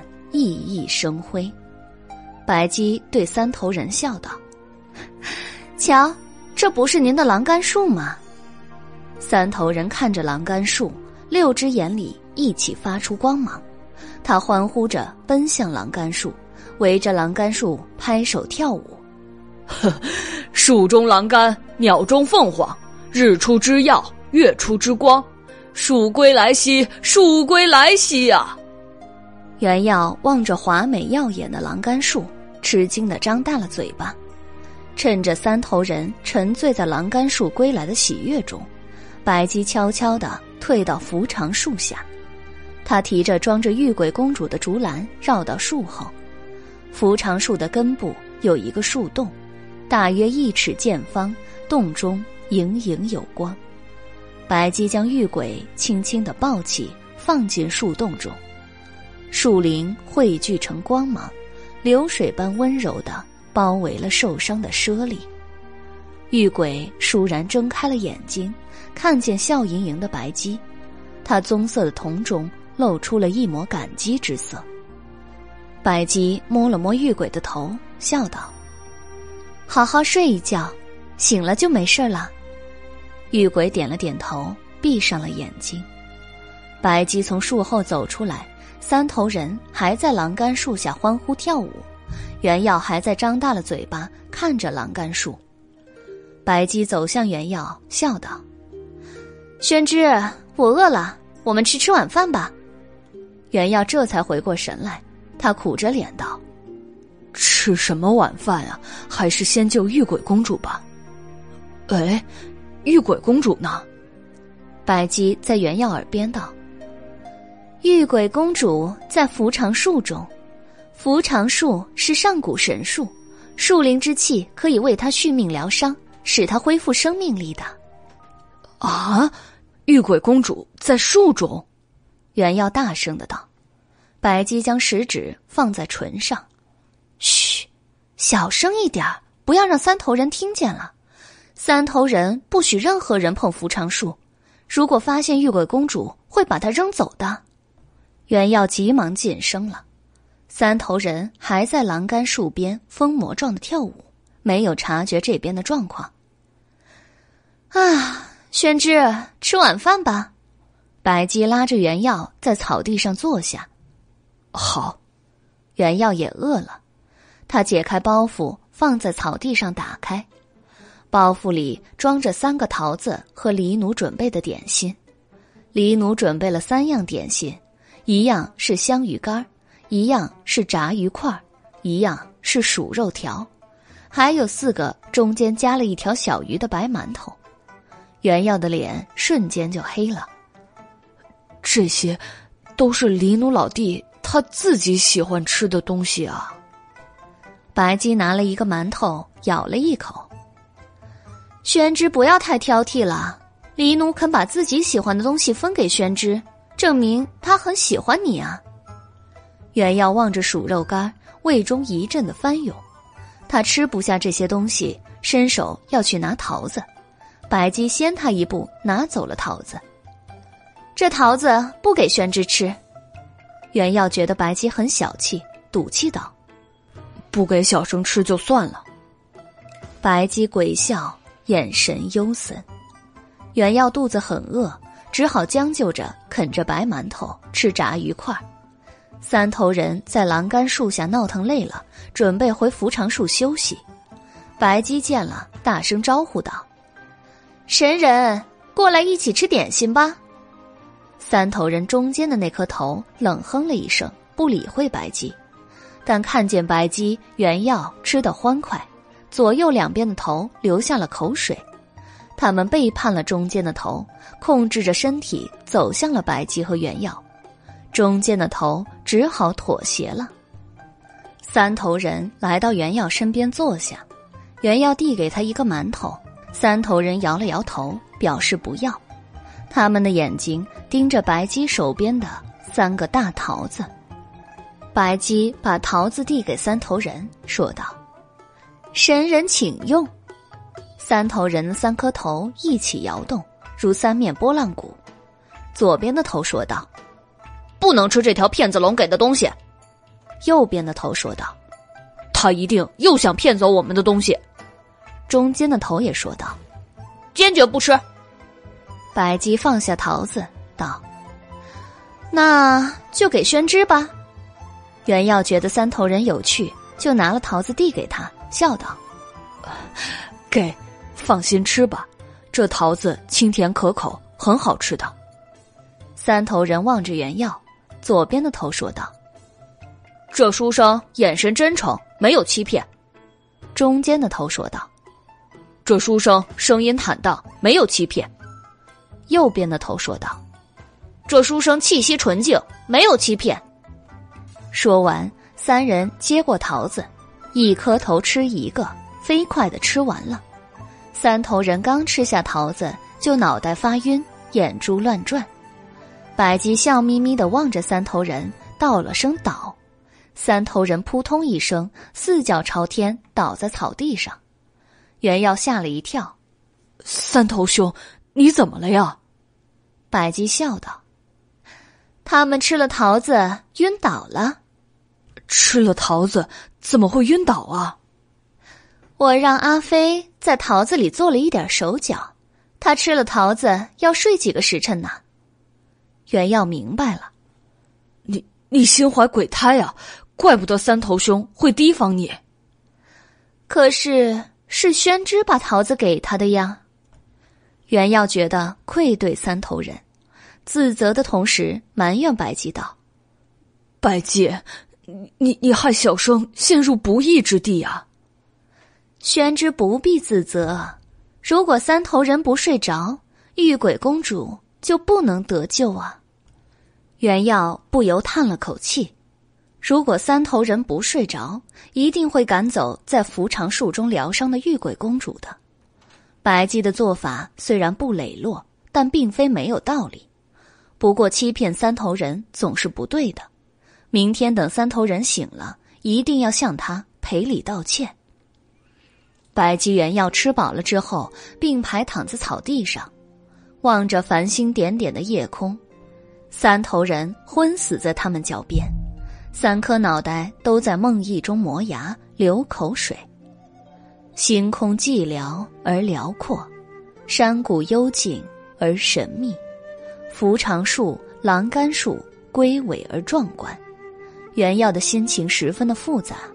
他觉得造化与自然是如此神奇，如此伟大，人类是如此平凡，如此渺小。他转头望向白姬，白姬正在怔怔的望着夜空，不知道在想什么，眼角的泪痣红如滴血。白姬，你在想什么呀？袁耀忍不住问道。他难道也在想宇宙的浩瀚？造化的神奇，还是在想他们能够在茫茫人海中邂逅，并肩躺在这个神秘的山谷中，是一场怎样美丽的奇迹吗？白姬转头望向原耀，我在想，是什么妖兽伤了玉鬼公主？这个等玉鬼公主醒了就能知道了。宣之，做人。要勇于探索问题的真相啊！白姬金眸灼灼，袁耀心中发苦。白姬，你你不会是想？白姬倏然坐起身，化作一条巨大的白龙。玄之，我们去探索真相。原耀把头埋进草丛里装死。小生不去，太危险了。谁知道那是一个什么吓死人的妖兽啊！连那么勇猛的玉鬼公主都哎哎哎！放开小生，放开小生！不顾原耀的挣扎，白龙用龙爪抓起小书生的腰带，将他抛到了龙背上。白龙仰天长啸一声，惊云动月，乘风而起，飞出了山谷。原耀趴在龙背上，抱住了龙颈，泪流满面。白龙飞向夜空，在云中游走，俯瞰蓝天山路。金色的龙目所过之处，只见黢黑如鸦羽的山林，平滑如墨玉的田地。宣之，你昨晚看见妖兽是在哪里呀？袁耀耳边风声呼啸，他不敢睁开眼睛，死死的抱住白龙的脖子，颤着声道：“在。”在在摩羯家南边的山上。好，那我们下去。白龙在云中游走，寻找村庄，感觉白龙在往下飞，袁耀才敢睁开眼睛。一阵疾风卷过，有细沙迷住了他的眼睛，他十分难受，不得不腾出右手揉眼。恰在这时，白龙飞至村庄上空，一个俯冲而下。原耀单手没抱稳龙颈，一个倒栽葱从白龙身上坠下，啊！小生掉了！宣之，白龙大惊，急忙加速去追小书生。白龙伸了两次爪，都没有捞住下坠的小书生。小书生笔直的坠下，凄惨的嚎叫声响彻夜空。王维的庄院书房里。灯火如莲，王维和陶渊明都在。王维提笔伏案，在写一些什么。他不时停笔思索片刻，地上已经散落了不少的纸张。陶渊明坐在窗边拨弄古琴，星光倾泻在他的头发上、衣袖上，勾勒出他的轮廓，让他显得有些不真实。王维以手托腮，望着砚台边的桃和墨。桃和墨已经只剩一半了，这意味着他和陶渊明相处的时间已经不多了。桃源诗还没有写完，桃源乡也没有找到。陶渊明为他寂寞的羁旅生涯带来了一段温暖而快乐的时光，他却无法回报他，只能让他带着空白的记忆离去。王维转头望向陶渊明，心有千千结。陶渊明停止拨琴，望向王维道：“ 怎么了？”王维欲言又止，陶渊明似乎明白王维的心情，笑了。摩羯又在庸人自扰了。王维道：“我舍不得先生离去啊，即使要离去，我也希望先生带着桃源乡的记忆离去。”陶渊明笑而不语，他已经得到了一个知音，一段很美的回忆，这些足以和桃源相媲美。王维将地上散落的纸张拾起，吟诵上面凌乱的诗句：“遥看一处攒云树，近入千家散花竹。月明松下房龙静。”日出云中鸡犬喧，当时只计入山深，清溪几曲到云林。陶渊明打断王维：“摩羯，重阳节那天，我们一起去登高望远，如何呀？”王维笑着答应了：“ 好啊。”陶渊明高兴的笑了，他感慨道：“啊。”我觉得我寄魂于桃和墨，在人间徘徊两百多年，似乎就是为了等待和摩羯一起去登高望远呢。王维也笑了，不过他的心中却有些悲伤。就在这时，院子里传来王贵和朱墨的声音。王贵在破口大骂，又好像在扔什么东西，砰咚一声。朱墨也在大声的叫唤，好像在驱赶着什么。王维起身，出门去看发生了什么事儿。陶渊明也跟了过去。王维来到院子里，借着月光望去，见王贵和朱墨都穿着单衣，赤着脚站在地上。王贵左手叉腰，右手挥舞着一把扫帚，对着篱笆外的黑暗破口大骂。朱墨站在王贵旁边，手里拿着一根木棍，双腿发抖，牙齿打颤。篱笆被什么撞倒了一块。那儿有一把锄头，不知道是王贵还是朱墨扔过去的。王维见此情景，问道：“可是有小偷？”王贵回头说道：“不是小偷，是老虎啊！不知道从哪里来了一只山虎，最近总在庄院附近游荡。老朽就知道他要作怪，时刻警惕着。果不其然，他今晚来了。”老虎，王维的脸色变了。王贵拍了拍瘦骨嶙峋的胸膛，说道：“郎君不必担心，这老虎已经被老朽一扫帚打跑了。不是老朽自夸呀，老朽年轻的时候也习过武艺的，实力能扛鼎，运气能飞檐，一只老虎不在话下。”王维冷汗，转头问朱墨：“贵伯今天又喝酒了吧？”朱墨脸色发白的点头，小声的说道：“他说心中烦忧，晚饭后喝了大半坛烧酒。不过他刚才真的一扫帚把那只像老虎的妖怪打跑了。”王维吃惊：“像老虎的妖怪？”朱墨点头，牙齿打颤：“嗯。”它的毛比老虎长，牙齿像刀锋一样，长着一张可怕的脸，不知道是什么妖怪。王贵老眼昏花，认定了是老虎。明明就是一只老虎，哪里来的什么妖怪呀？朱墨肯定的道：“不是老虎，是妖怪。”王贵挥舞扫帚，豪气干云的道：“哼。”不管是老虎还是妖怪，他要是敢再来，老朽就再给他一扫帚。王维叹了一口气，不理会喝醉了的王贵，发愁的道：“如果他再来，可怎么办呢？去找村人帮忙，半路上又恐怕遇袭，这可怎么办是好啊？”朱墨也想不出办法，愁眉不语。一直站在王维身边的陶渊明说道：“无论是老虎还是妖怪，都应该怕火。可以去把厨房里的柴火搬来，在院子里生上一堆篝火，坐在火边等天亮。”王维听了，眼前一亮，立刻吩咐朱墨去办。朱墨应声而去。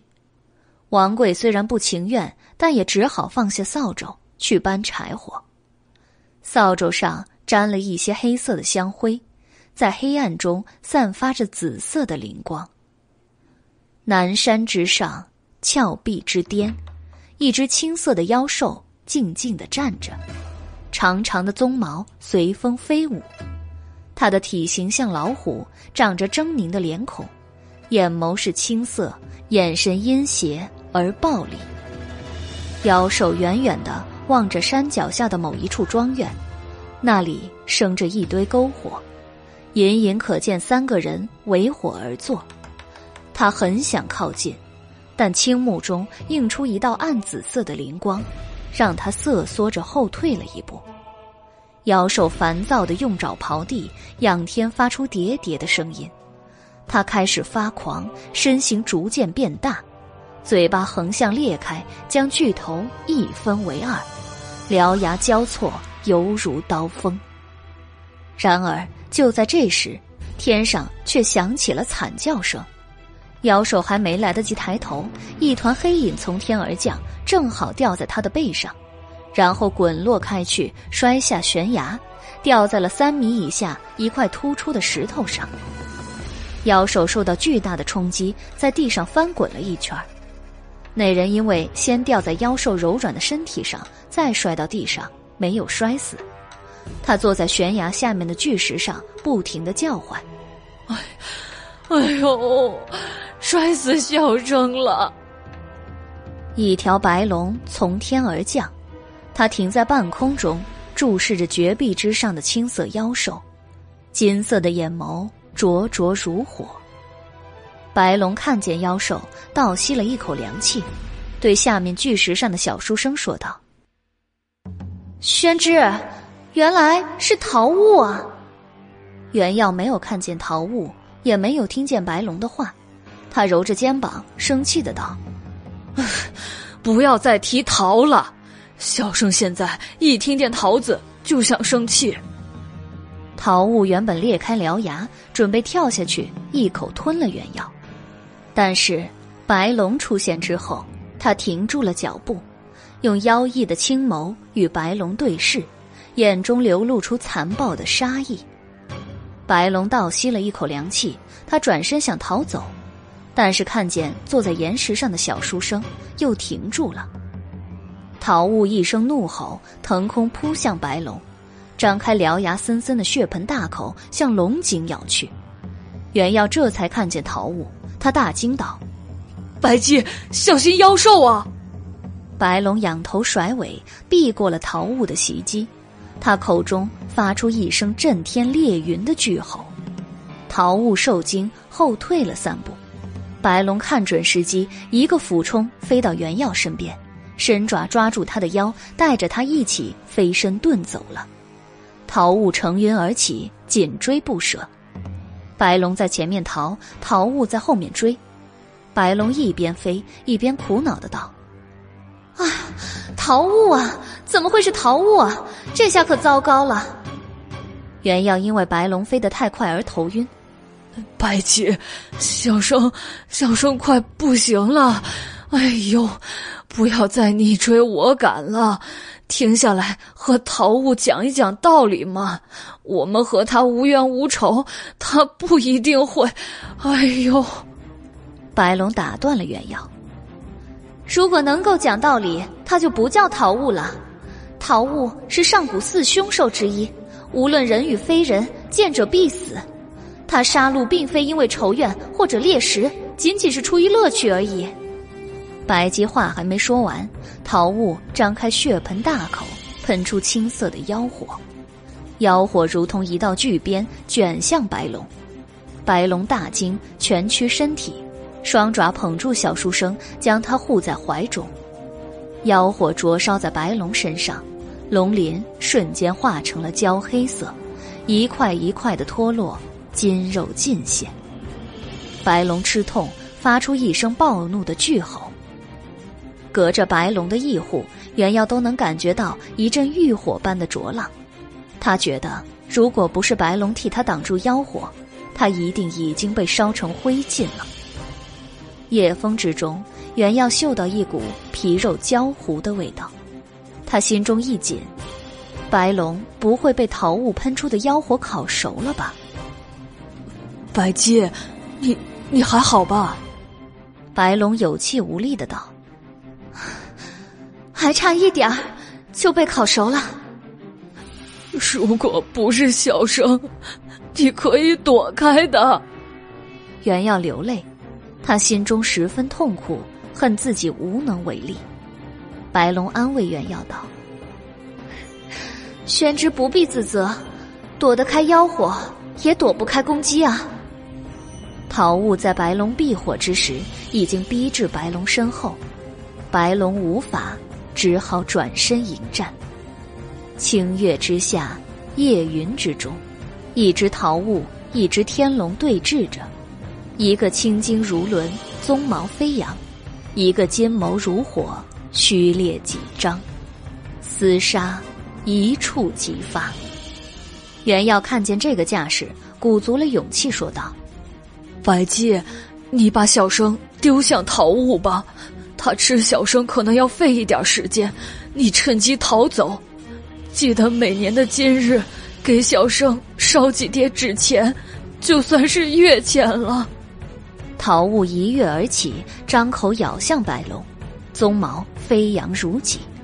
白龙说道：“好，我一定给宣之多烧一些纸钱。白龙用力的将原药抛向云层之上，小书生腾空跃起，吓得几乎晕厥，嚎道：“啊！你怎么往上丢啊？小生怕高！”白龙腾出双爪，与扑来的桃物撕咬。白龙与桃物的咆哮声在云天之上炸开，其间还夹杂着小书生啊啊的哀嚎声。原要腾空到与清月齐高的地方之后，开始下坠。他坠落到白龙与桃物相互撕咬的高度时，脸上溅了冰冷的蓝色液体。他心中一紧，那是龙血。原要想看清白姬怎么样了。但是下坠的速度太快了，白龙和桃物纠缠在一起的场景一闪即没，消失不见。原要飞快的下坠，耳边风声呼啸，两袖灌满了风，很快就会落地了。在接近死亡的瞬间，原耀心中因为担忧而忘了恐惧。百姬不会有事儿吧？他为什么要和桃物战斗？那么可怕的桃物一定没有胜算的，他如果逃走的话，说不定还有一线生机。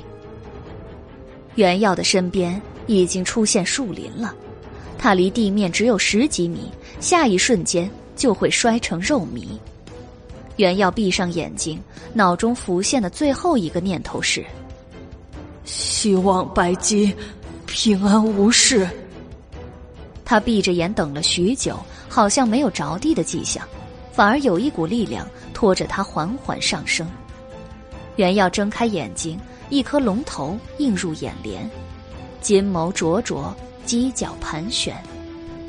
白龙在最后的关头飞来，用龙尾拖住了小书生，没让他摔死。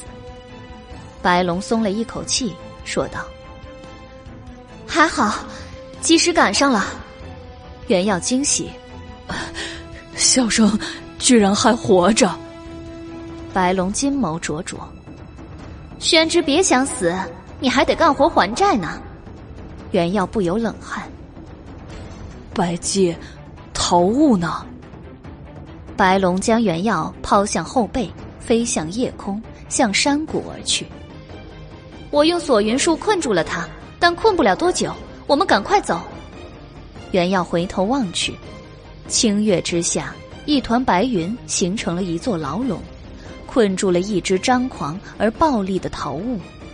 桃雾不断的咆哮着，挣扎着，似乎就要破笼而出了。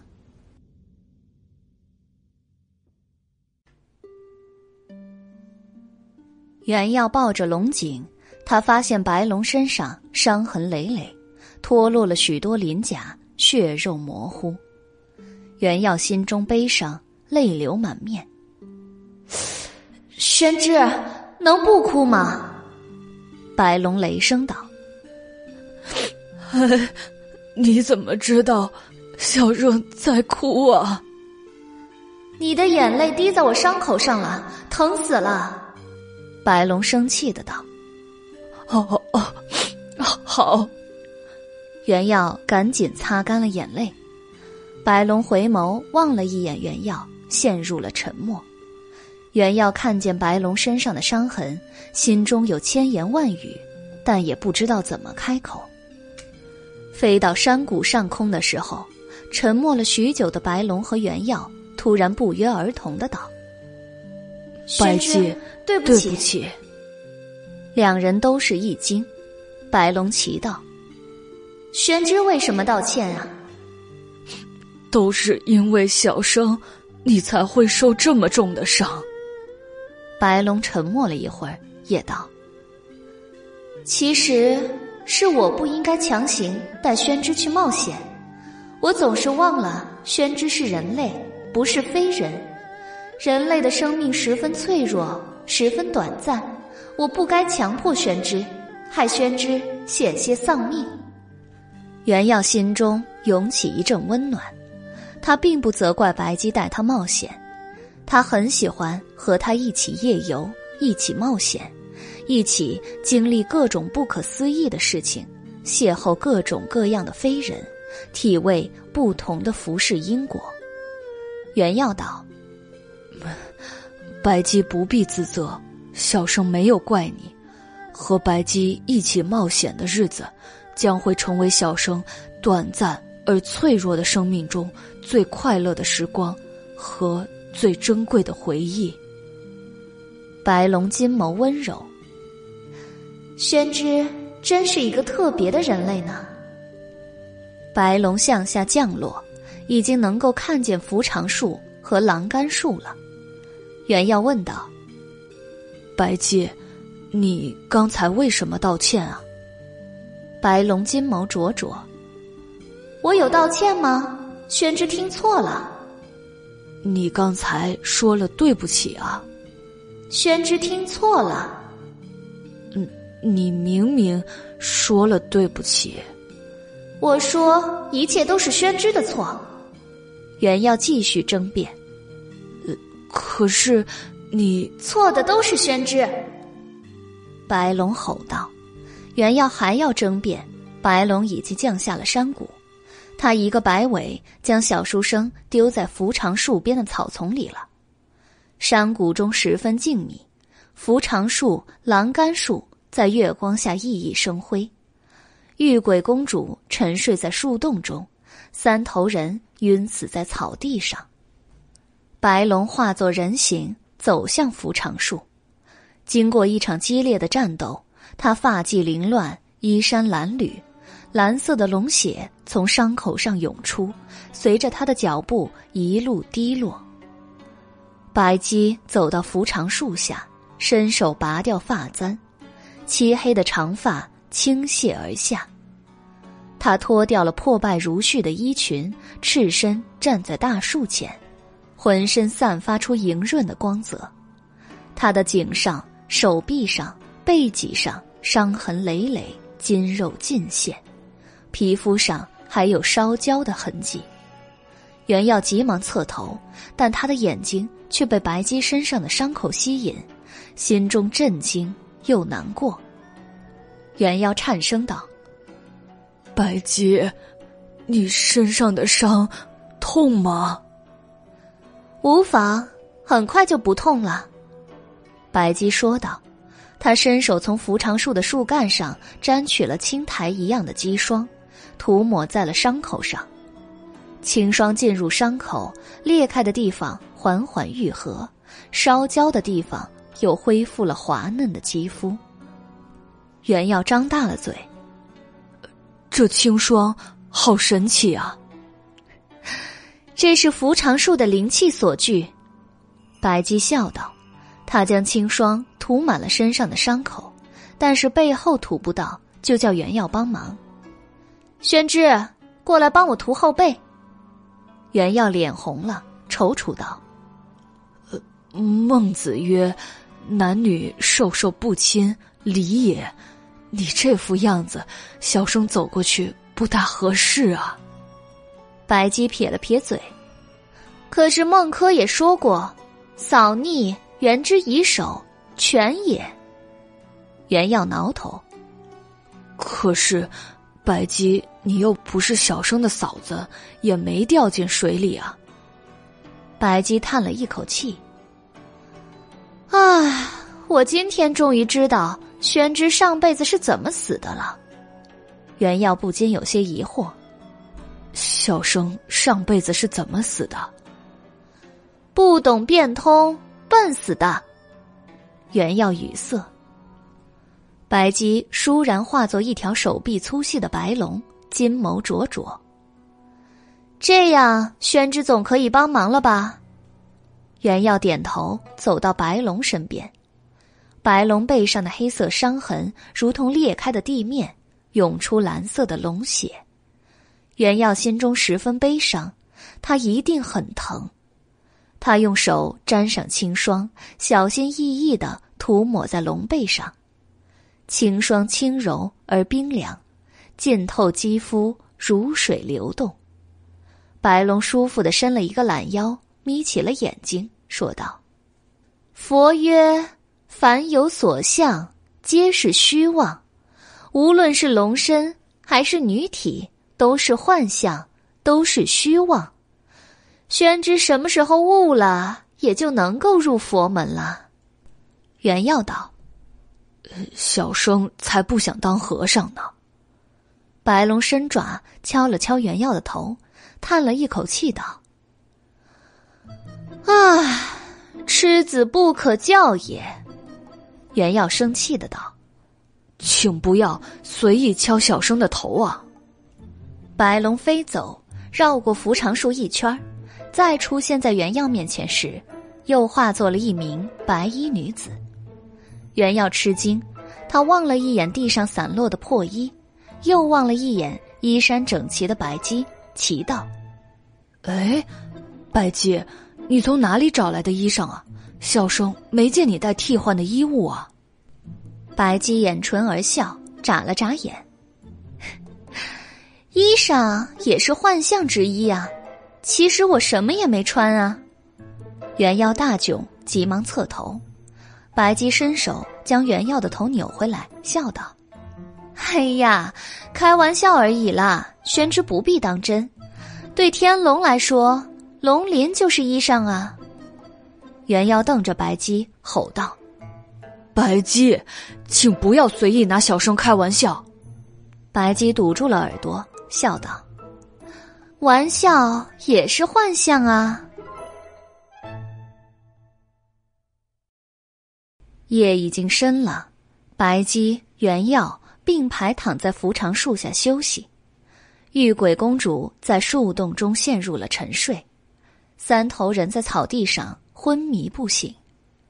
虽然已是深秋时节，但是山谷中却十分温暖，睡在草地上也不寒冷。白姬说：“桃物无法进入这个山谷。”袁耀也放心了一些，但还是睡不着。袁耀睁着眼睛望着扶长树碧莹莹的枝叶，脑海中盘旋着桃物可怕的模样，心中忧郁。也许是太累了，白姬一躺下就睡着了。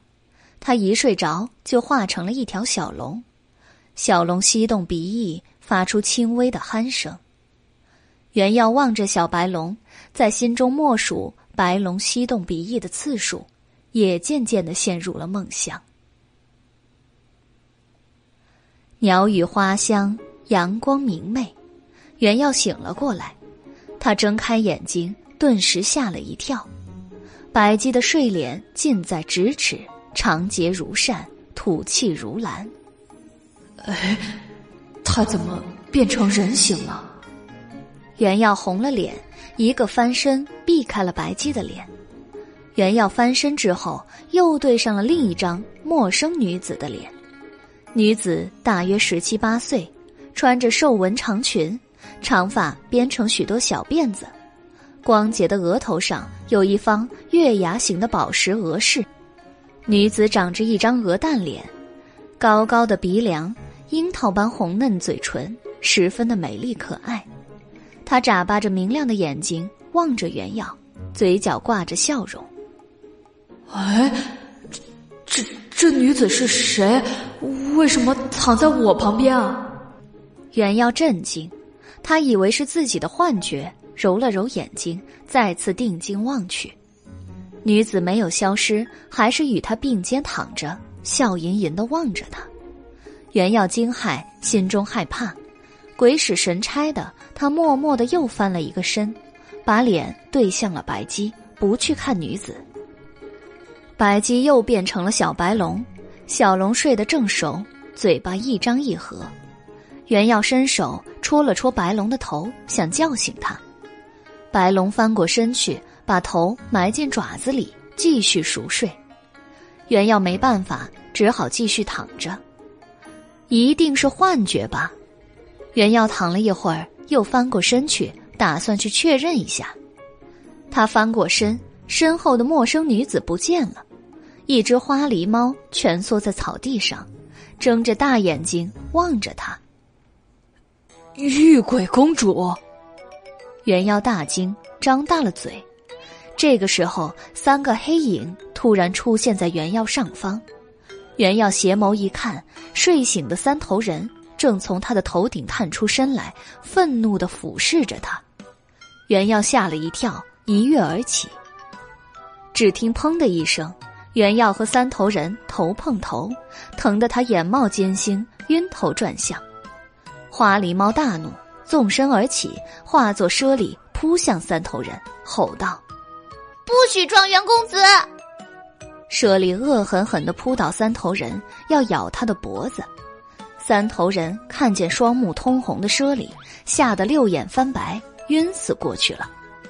袁耀急忙爬起来，拉住猞猁：“玉桂公主，请住手啊！是小生不小心撞上神人，和神人无关啊！”白姬被声音吵醒，睁开一只龙眼，看见猞猁和三头人，才睁开了两只眼睛。啊！神人醒了，玉鬼公主也醒了。白龙化作人身，坐起身来，伸了一个懒腰。猞猁看见白姬，收敛了狂态，走到白姬面前，礼貌的说道：“救命之恩。”玉鬼感激不尽，大恩不言谢。白姬他日如有用到玉鬼的地方，玉鬼一定赴汤蹈火，万死不辞。白姬笑了，玉鬼公主客气了。其实啊，多亏了宣之，如果不是他发现你，我也无法救你呢。舍利用血红的眼睛望着原耀，獠牙森寒。玉鬼。打算以身相许，报答袁公子。袁耀闻言，心中一惊一寒，晕厥了过去。舍利奇道：“哎，袁公子怎么晕了？”白姬以秀眼唇，宣之他是太高兴了。舍利咆哮一声，大声的道：“ 玉鬼也很高兴。”白姬对舍利道：“对了。”公主怎么会受那么重的伤？是谁伤了你？舍利脸色大变，眼中露出一丝恐惧。是，是桃物。那一晚，因为收了原药的礼物，玉鬼打算去感谢他。他循着原药的气息，来到了王维的别院附近。山林中，飞禽走兽纷纷逃窜。原来，一只青色的桃物在林中袭击野兽。他杀死野兽，并非为了果腹，而是为了发泄杀意，在杀戮中寻找快感。稀里糊涂之中，玉鬼正好与桃物迎面遇上。桃物散发的杀气引发了猞猁的杀意，猞猁妖化，与桃物打斗起来。回忆起当时的战况。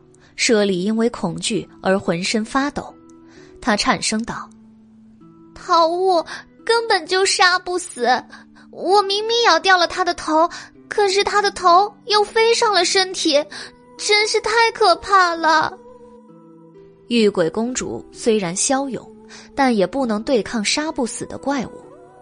白姬道：“桃物是滚的魂魄所化，怨念极大。”无法杀死，如今不是乱世，不知道凶兽为何会出现在人间呢？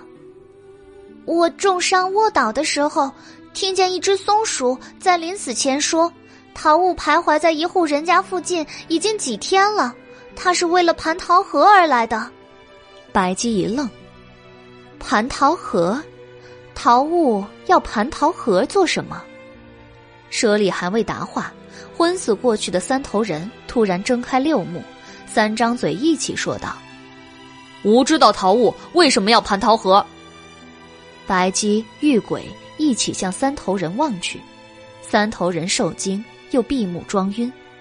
白姬走到三头人身边，笑眯眯的道：“神人知道什么，不妨直说。”三头人闭着眼睛，摇头：“嗯，不说。”白姬对玉鬼使了一个眼色，玉鬼会意，纵身扑向三头人。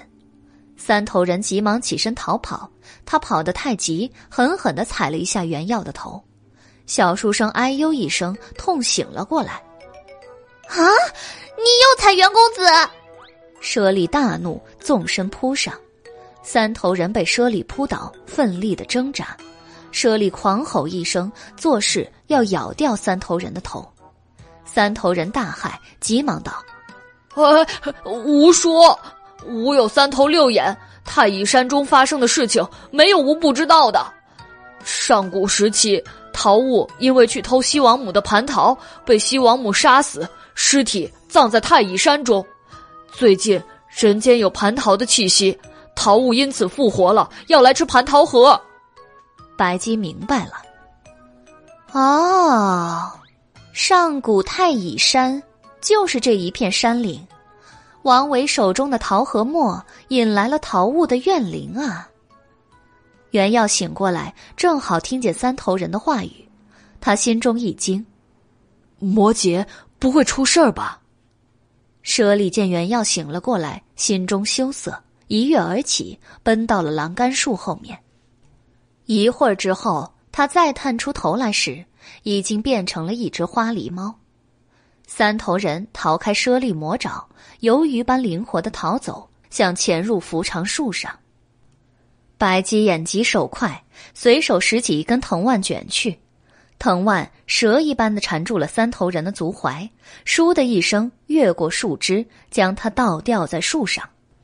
原耀望着不断挣扎的三头人，苦着脸道。白姬，你又想干什么呀？我还有话想和神人说，不想让他跑了。三头人眼珠乱转。龙耀，你想问什么？白姬眼神一凛。有什么办法可以杀死桃物？三头人不回答，闭目装死。白姬见状道：“不说，那就算了。”栏杆树，我带走了。白姬走向栏杆树，口中喃喃念咒，金碧辉煌的大树渐渐变小。三头人的六只眼睛一起睁开，三张嘴一起道：“住手！不要动栏杆树！”白姬停止了念咒，望向三头人，再一次问道：“有什么办法可以杀死桃物呢？”三头人说。天书宫日月星三剑，当年西王母就是用天书宫和日月星三剑杀死了桃物。桃物如果中了三剑，必定会死去的。白姬陷入了沉思，喃喃的道：“天书宫，日月星三剑。”三头人惦记着栏杆树，挣扎着想下地。龙妖，快放吾下去！白姬回过神来，不理三头人，也不放下他，还打算把栏杆树缩小带走。三头人见状，一个头哭天抢地，一个头破口大骂，一个头苦苦哀求。袁耀看不下去了，对白姬道：“白姬，古语云，言而有信，是为君子。你已经答应三头兄留下栏杆树了，你不能食言啊。”白姬掩唇，宣之，我是非人，不是君子啊！元妖语塞，继而道：“不管怎么样，食言是不对的，你不能带走栏杆树。”花狸猫从扶长树后探出头，小声的支持元妖。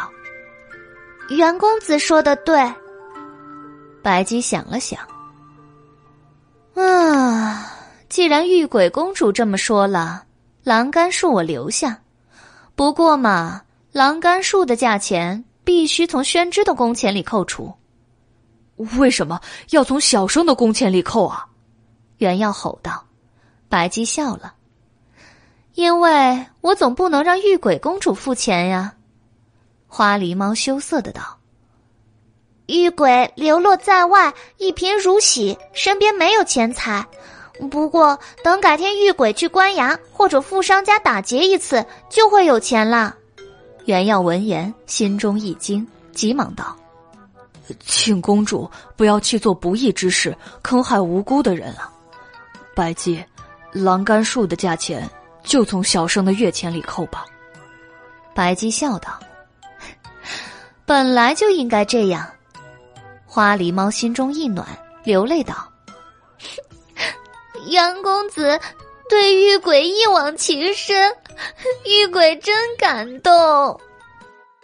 袁耀想解释，他只是不希望奢礼去做伤害他人的不义之事，并没有对他一往情深啊。啊，没有，小生只是……白姬伸手捂住了袁耀的嘴，把他拖走了。玄之，我们去拿竹篮。花狸猫望着小书生被拖走的身影，大声的吼道：“玉鬼也对袁公子一往情深。”然后，花狸猫羞涩的一溜烟跑了。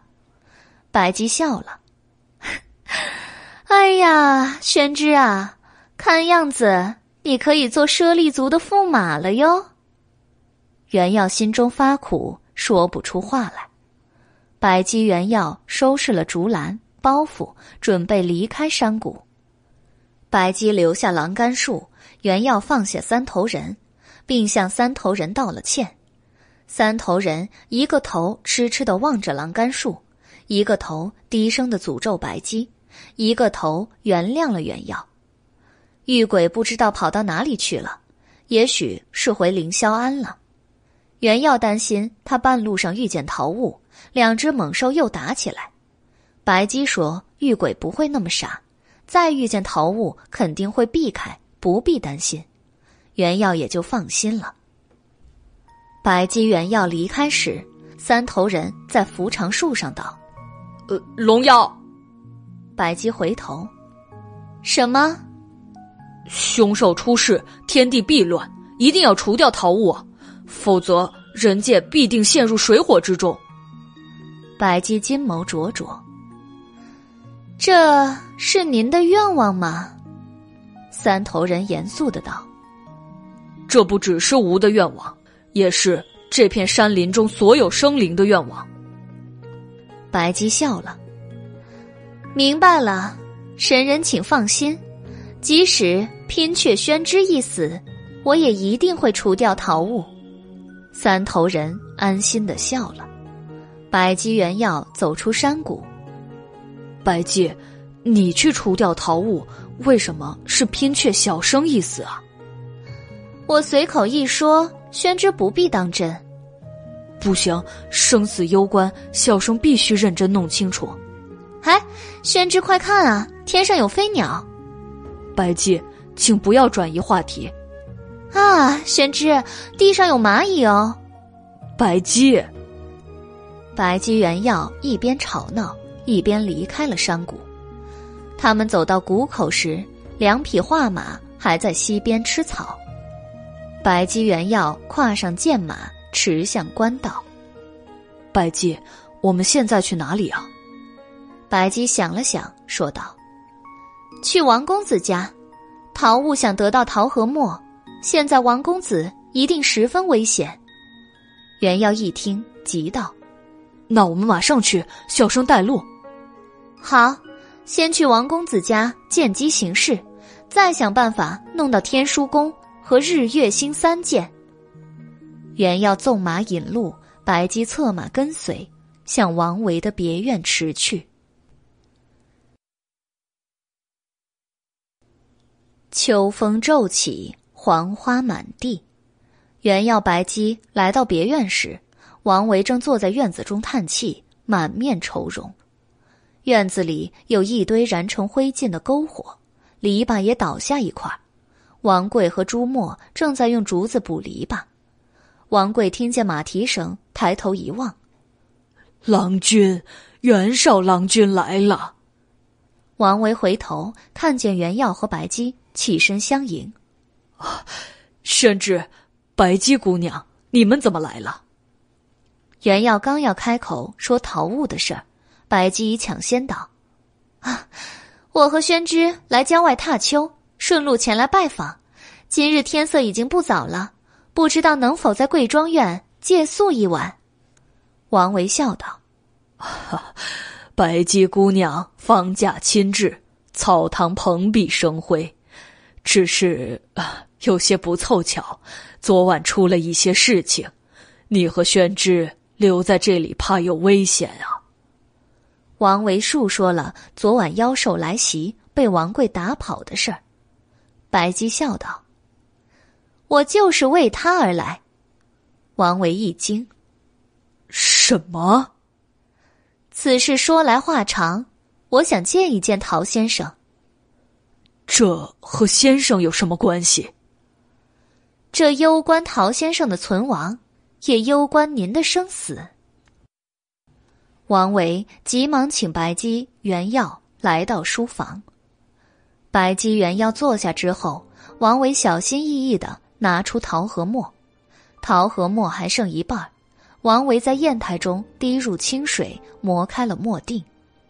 白姬吸动鼻翼，说道：“这墨有一股灵气，桃物大概就是循着这股灵气而来的。”随着墨锭化开。陶渊明在虚空中显出了身形，陶渊明作了一揖，说道：“白姬别来无恙啊。”白姬笑道：“一切安好，只是最近因为陶先生而遇见了一些麻烦。”白姬对王维、陶渊明说了陶物的事儿，王维大为惊恐：“这，如果桃物……”吃掉桃核墨，先生就会消失了。陶渊明却安之若素。如果命中有此一劫，也无可奈何。早走几日，晚走几日，也没什么区别。摩羯，未免连累你，就请白姬姑娘将桃核墨带回缥缈阁吧。不，无论如何，我不想离开先生。王维摇头，断然拒绝。他将剩下的一半桃核墨紧紧的攥在手中，仿佛那是一件最珍贵的至宝。白姬也道：“我不会带走桃核墨，从缥缈阁卖出的东西，再拿回去就失去了意义。”那，请将桃核墨丢入山中。陶渊明望着白姬。恳求的说道：“他明白桃物有多危险，他不希望王维受到牵连，他也明白王维不会丢掉桃和墨，所以恳求白姬。白姬摇头，那样做也失去了意义。”陶渊明问道：“那该怎样做呢？”不知道。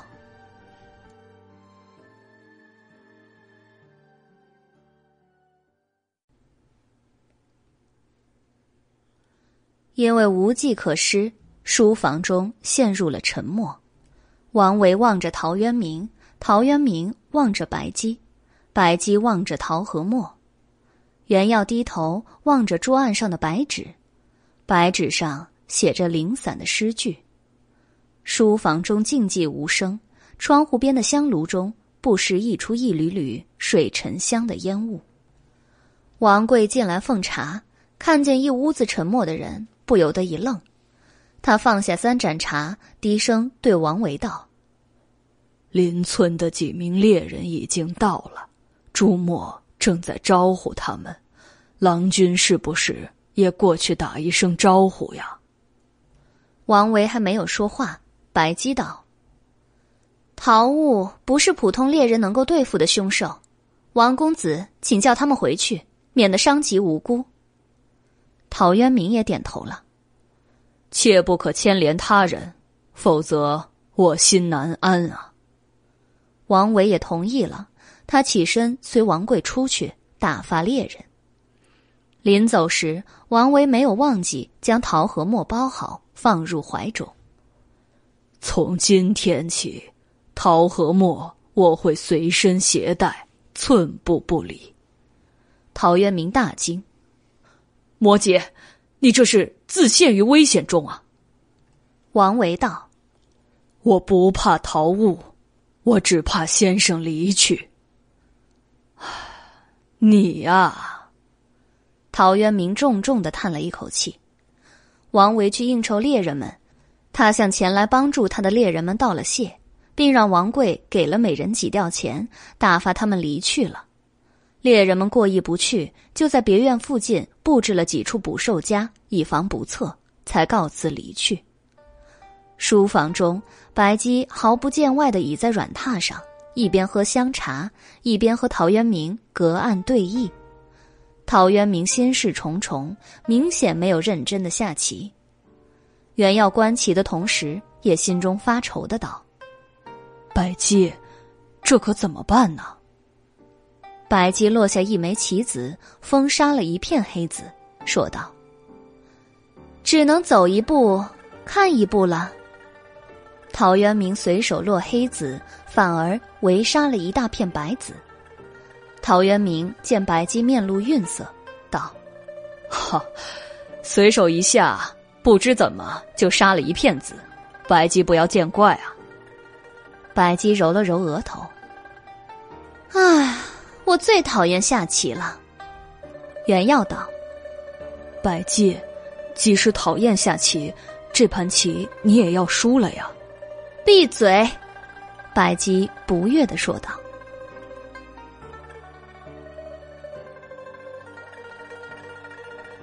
秋月如钩，荒台满地。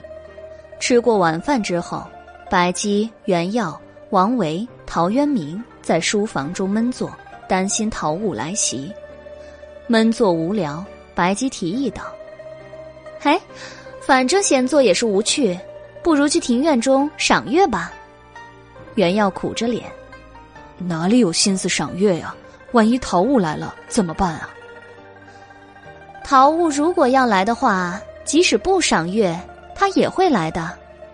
陶渊明赞同。正是啊，秋景甚美，不如去赏月，放松心情。王维也同意了，他取下墙上悬挂的宝剑，佩戴在身上。院子中燃着一堆篝火，王贵、朱墨坐在火边加柴火。见主人和客人们出来赏月，朱墨却取来了一张厚毛毯铺在篝火边。白姬、袁耀、王维、陶渊明围坐在毛毯上，朱墨又去取来几坛菊花酒，拿来一些糕点，供主人和客人赏月。夜云如丝，四周的山林中黢黑一片，没有鸟叫声和虫鸣声，安静的诡异。夜风起时，山林中会传来风吹木叶的沙沙声。袁耀打开一坛菊花酒，准备倒入个人的酒杯中。菊花酒味淡，用杯子喝不过瘾，要用坛喝才够味。白姬不等袁耀倒酒，已经拍开了一坛酒，仰头灌入喉中。酒液顺着白姬的唇角滑落，他随手用衣袖擦去，哈哈大笑。陶渊明竖起拇指，笑赞道：“白姬姑娘海量啊！”王维也笑道：“ 这是村民自己酿的菊花酒，虽然味淡。”但后劲儿足啊！袁耀吼道：“白姬，请不要如此粗暴的饮酒啊！”白姬笑了：“宣之，好饮也是一种雅趣，何来粗暴之说呀？”袁耀还要理论，白姬已经拿起酒坛给他灌酒。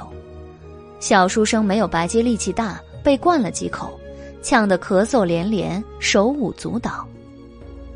王维、陶渊明哈哈大笑，王贵、朱墨也掩口葫芦，暗暗发笑。不知道什么时候，白姬的手中多了一支短笛，他笑道：“有酒有笛，只差宣之一支舞了。宣之，跳一支舞助兴吧。”袁耀生气的道：“小生不会跳舞。”白姬也不勉强袁耀。那就让火焰代替宣之跳舞吧。白姬吹响短笛，篝火倏的一下燃得更旺了，火焰飘摇，渐渐形成一个舞女的形状。火焰舞女离开篝火，踏着短笛的旋律，在院子中跳舞，身形窈窕，火裙飞扬。王维、袁耀、王贵、朱墨张大了嘴。吃惊的望着翩翩起舞的火女。火女步步生莲，随着笛曲一个转折，她一化为二，二化为四，四化为八。八名火女先是围着白姬、王维、袁耀一行人跳舞，随后移步到旁边的柳树下。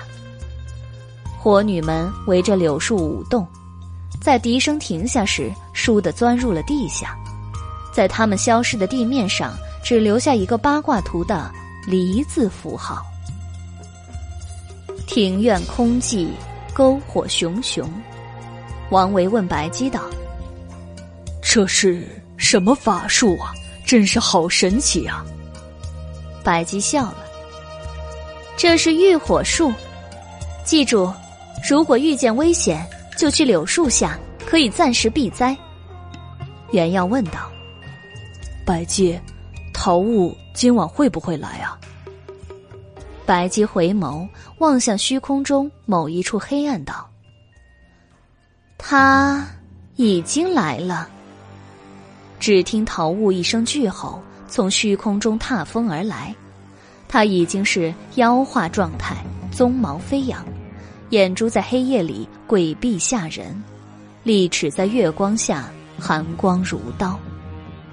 桃雾嗅到蟠桃河的仙灵之气，急迫地冲下庭院。妖风大作，飞沙走石，布置在别院周围的捕兽夹咯哒咯哒的启动。但都连陶雾的一根毛发也没碰到。陶雾踏入庭院的那一瞬间，王贵手持木棍迎上，朝陶雾击去。他已经握着木棍准备了许久，看见主人和客人对待陶雾如临魔神，他心中暗暗不屑。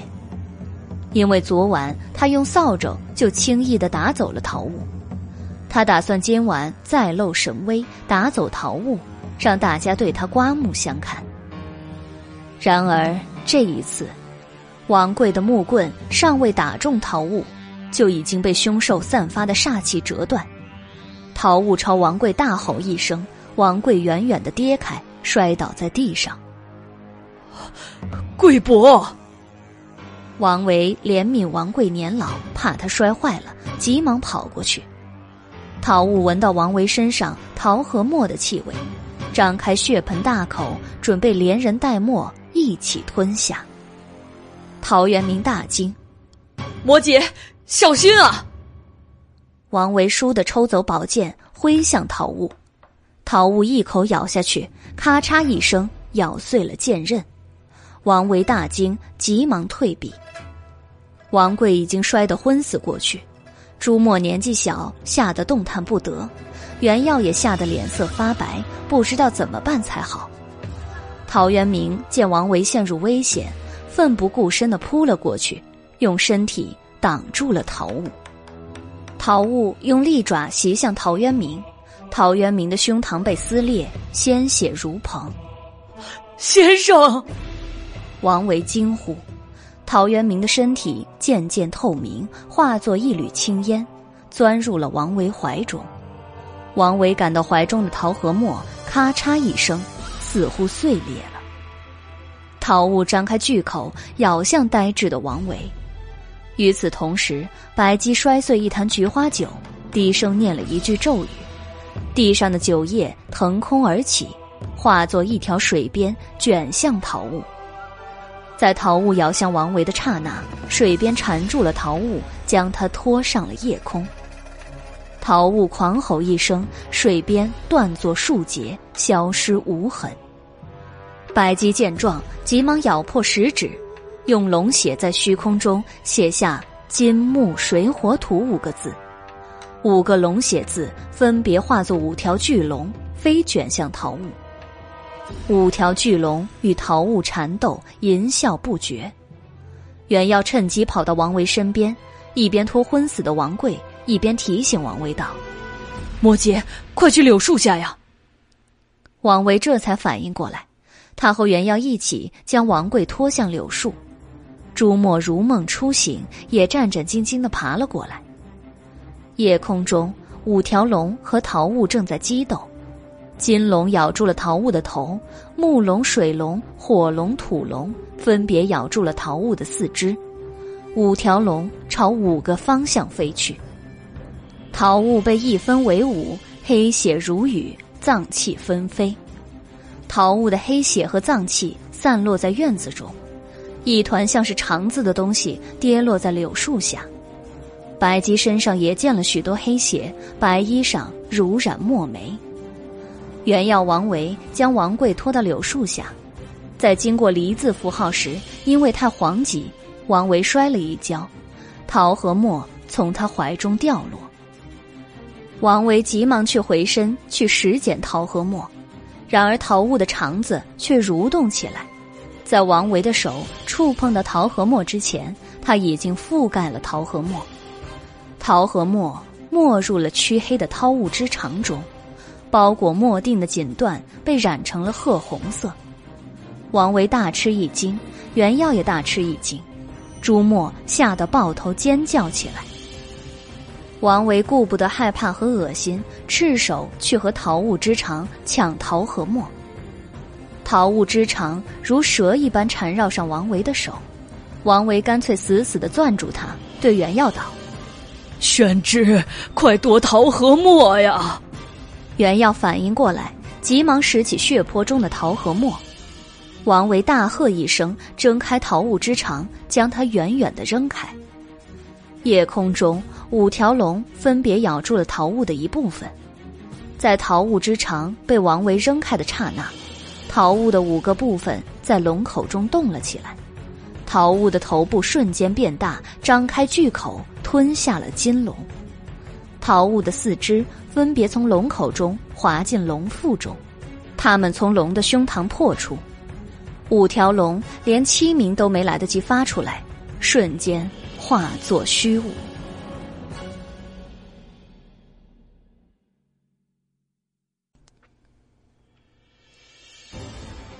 五条龙消失的同时，白姬吐出了一口蓝色的血，脸色苍白。桃物的五个部分合在一起，组成了完整的桃物。地上的黑血、脏器也纷纷回归原位。一道青色的妖芒闪过，桃物恢复了完整的形态。仰天发出一声咆哮，桃物飞速的冲向桃和墨。原耀拿着桃和墨，不知所措。王维反应迅速，急忙将原药拉到柳树下。桃物接近柳树的瞬间，地上的八个梨字符号分别蹿起一道火焰，八团火焰化作八名金甲神人，高约八尺，威武雄壮。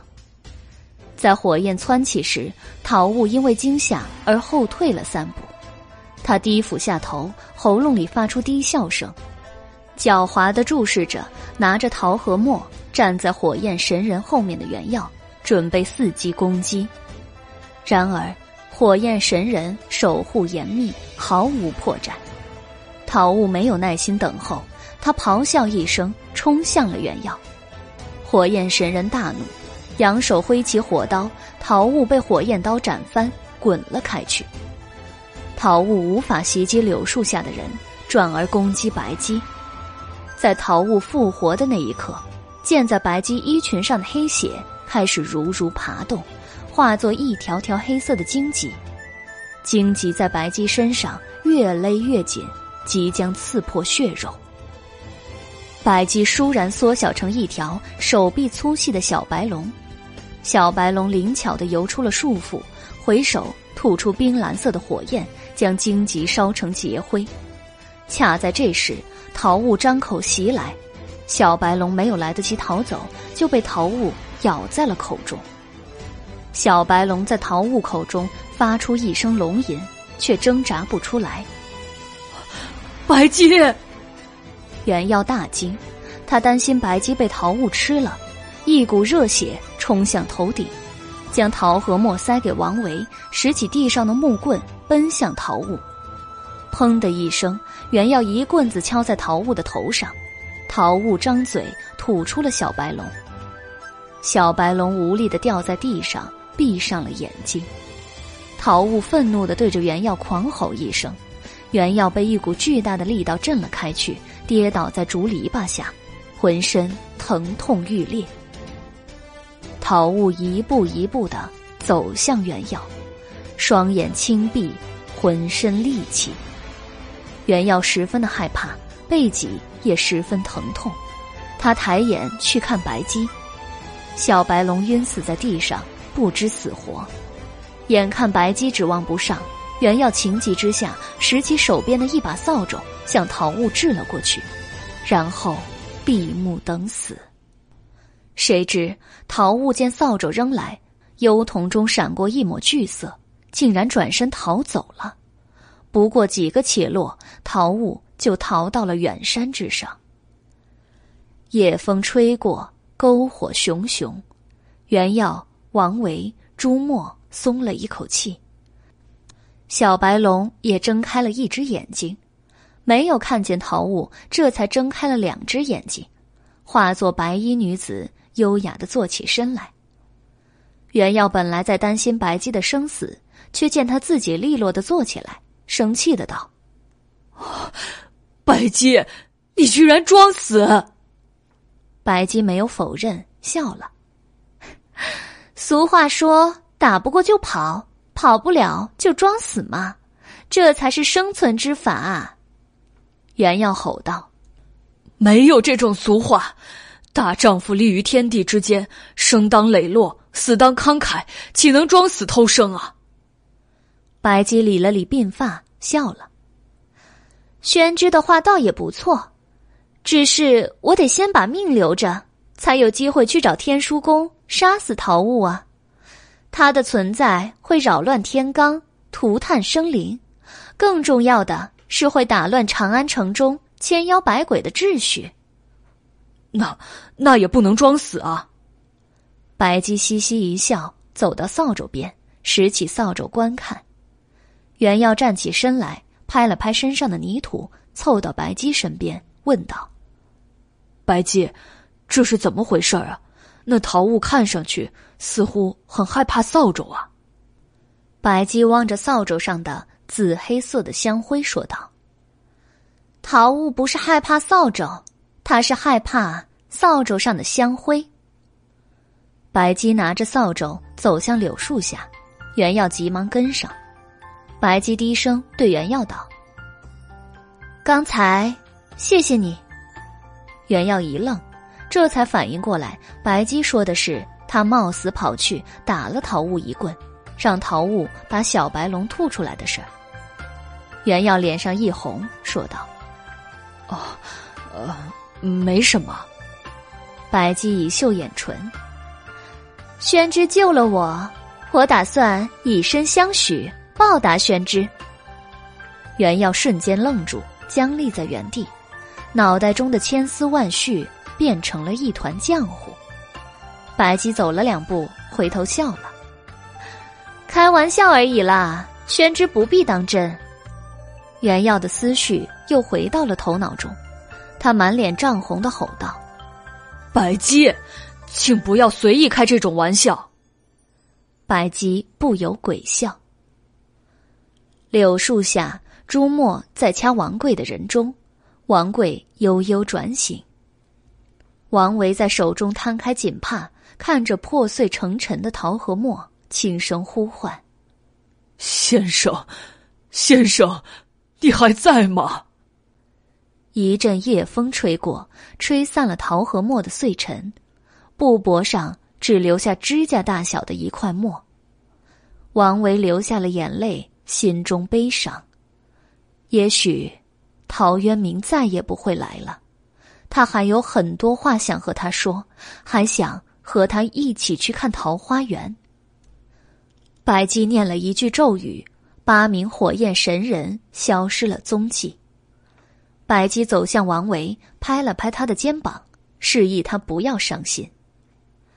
陶先生还在，不过很虚弱，需要休养，暂时无法现身。真的？王维转悲为喜。真的，白姬笑着点头。他没有告诉王维，以陶和墨的状况来看，陶渊明下一次出现，也许。就是和王维永别的时候了。白姬问王维道：“王公子，这扫帚上的香灰是从哪里来的？王维定睛一看，茫然摇了摇头。不知道，朱墨，你知道吗？朱墨欲言又止，推脱道：“公子，这个得问贵伯。”王贵刚醒来，他听见白姬问这个问题，有些不敢开口回答。他指着朱墨说道：“郎君，一切都是这小子出的馊主意。”朱墨分辨道：“公子，不关我的事儿啊。”我只是看贵伯因为鬼而愁眉不展，才提议他去凌霄庵拜佛，拿一些香灰回来驱鬼。香灰是他拿回来的。王贵和朱墨你一言我一语的述说了事情的经过。原来因为陶渊明夜夜出现，影响了王维的社交生活，王贵心中忧愁，整天唉声叹气。几天前，朱墨看不下去了，就给王贵出了一个主意，让他去凌霄庵烧三炷香，拿香灰回来驱鬼。之前邻村某户人家闹鬼，就是去凌霄庵烧了三炷香，然后把香灰撒在窗下、门外，成功的驱走了鬼。王贵动了心，第二天上午，他借口去采买东西，带着钱去了凌霄庵。那一天，凌霄庵的香客特别多，尤其是给弥勒佛、观音大士上香的人，多的都挤出了大殿外。王贵懒得等候，见供奉西王母的殿堂人少，就去给西王母上了三炷香。他跪着等香燃完，把香灰扒了进一张纸中包好，放入了怀里。王贵留下香火钱，离开了凌霄庵。当天傍晚。王贵把香灰撒在窗下、门外，以为会驱走陶渊明，谁知道陶渊明晚上还是来了，天明又走了，香灰完全没有驱鬼的效果。王贵很生气，大骂凌霄庵坑人，又怕被王维发现，偷偷的用扫帚扫掉了门口、窗外的香灰，这样香灰就粘在了扫帚上。朱墨倒是觉得香灰不驱鬼。是因为王贵拜错了神，西王母又不管驱鬼的事儿，他应该拜弥勒佛或者观音大士才有用啊。白姬听完了王贵和朱墨的描述，笑了。宣之，天书功能拿到了？元耀问道。去哪儿拿？白姬笑而不语。元耀又问道。对了，白姬。陶物为什么会害怕香灰啊？因为这香灰是西王母做钱的。什么意思呀？袁耀不解。白姬解释道：“桃雾曾经被西王母杀死，他惧怕西王母。如今他复活了，但仍然保留着对西王母的恐惧。西王母做前的香灰也有西王母的灵气。”这份气息让陶物害怕。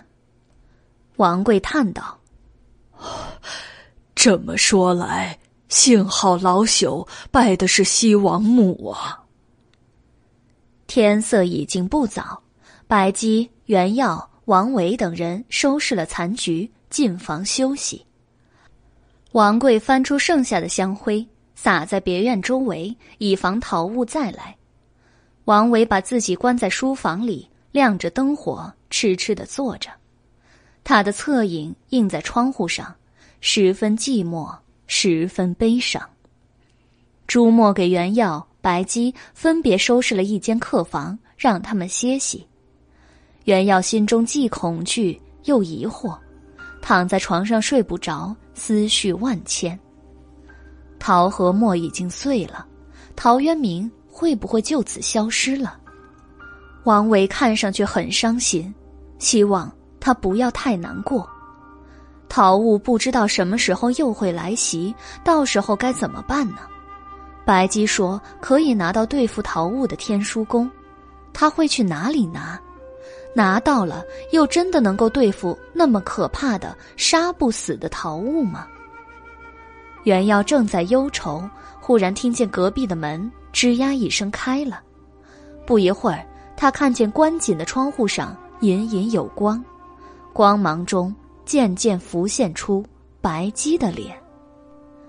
白姬眨了眨眼睛，笑眯眯的望着袁耀。袁耀吓得一个翻身坐起，手指着窗户发抖，说不出话来。白姬笑了：“宣之还没睡着啊？”袁耀生气：“即即使睡着了，也被你吓醒了呀！请不要从关紧的窗户中伸出一个脑袋来啊！”白姬以袖掩面：“我只是顺路，悄悄的来看一眼宣之睡着了没有，吓到宣之了吗？”请不要以这么诡异的方式偷看啊！顺路，你要去哪里啊？都这么晚了，出去一下。有两件事情要办，什么事情啊？去凌霄庵向西王母借天书宫啊。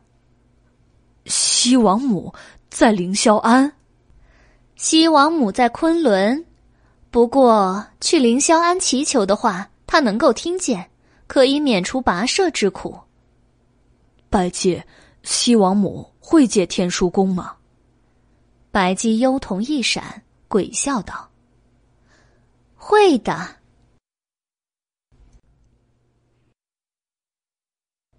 袁耀冷汗，他觉得自己不应该问这个问题，因为即使西王母不想借，白姬也会有一千种办法弄来天书宫的。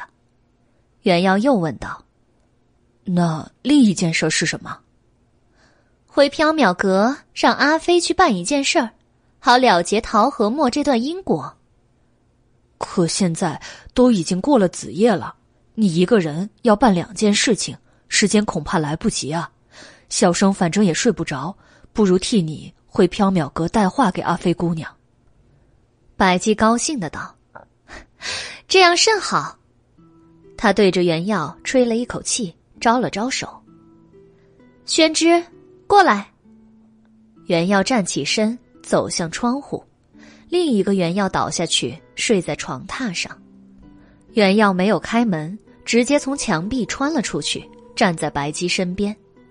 白姬笑道：“宣之，你回去对阿飞说，山鬼吹灯，魑魅魍魉，画入春红，桃之夭夭，花如镜影，缘尽空幻。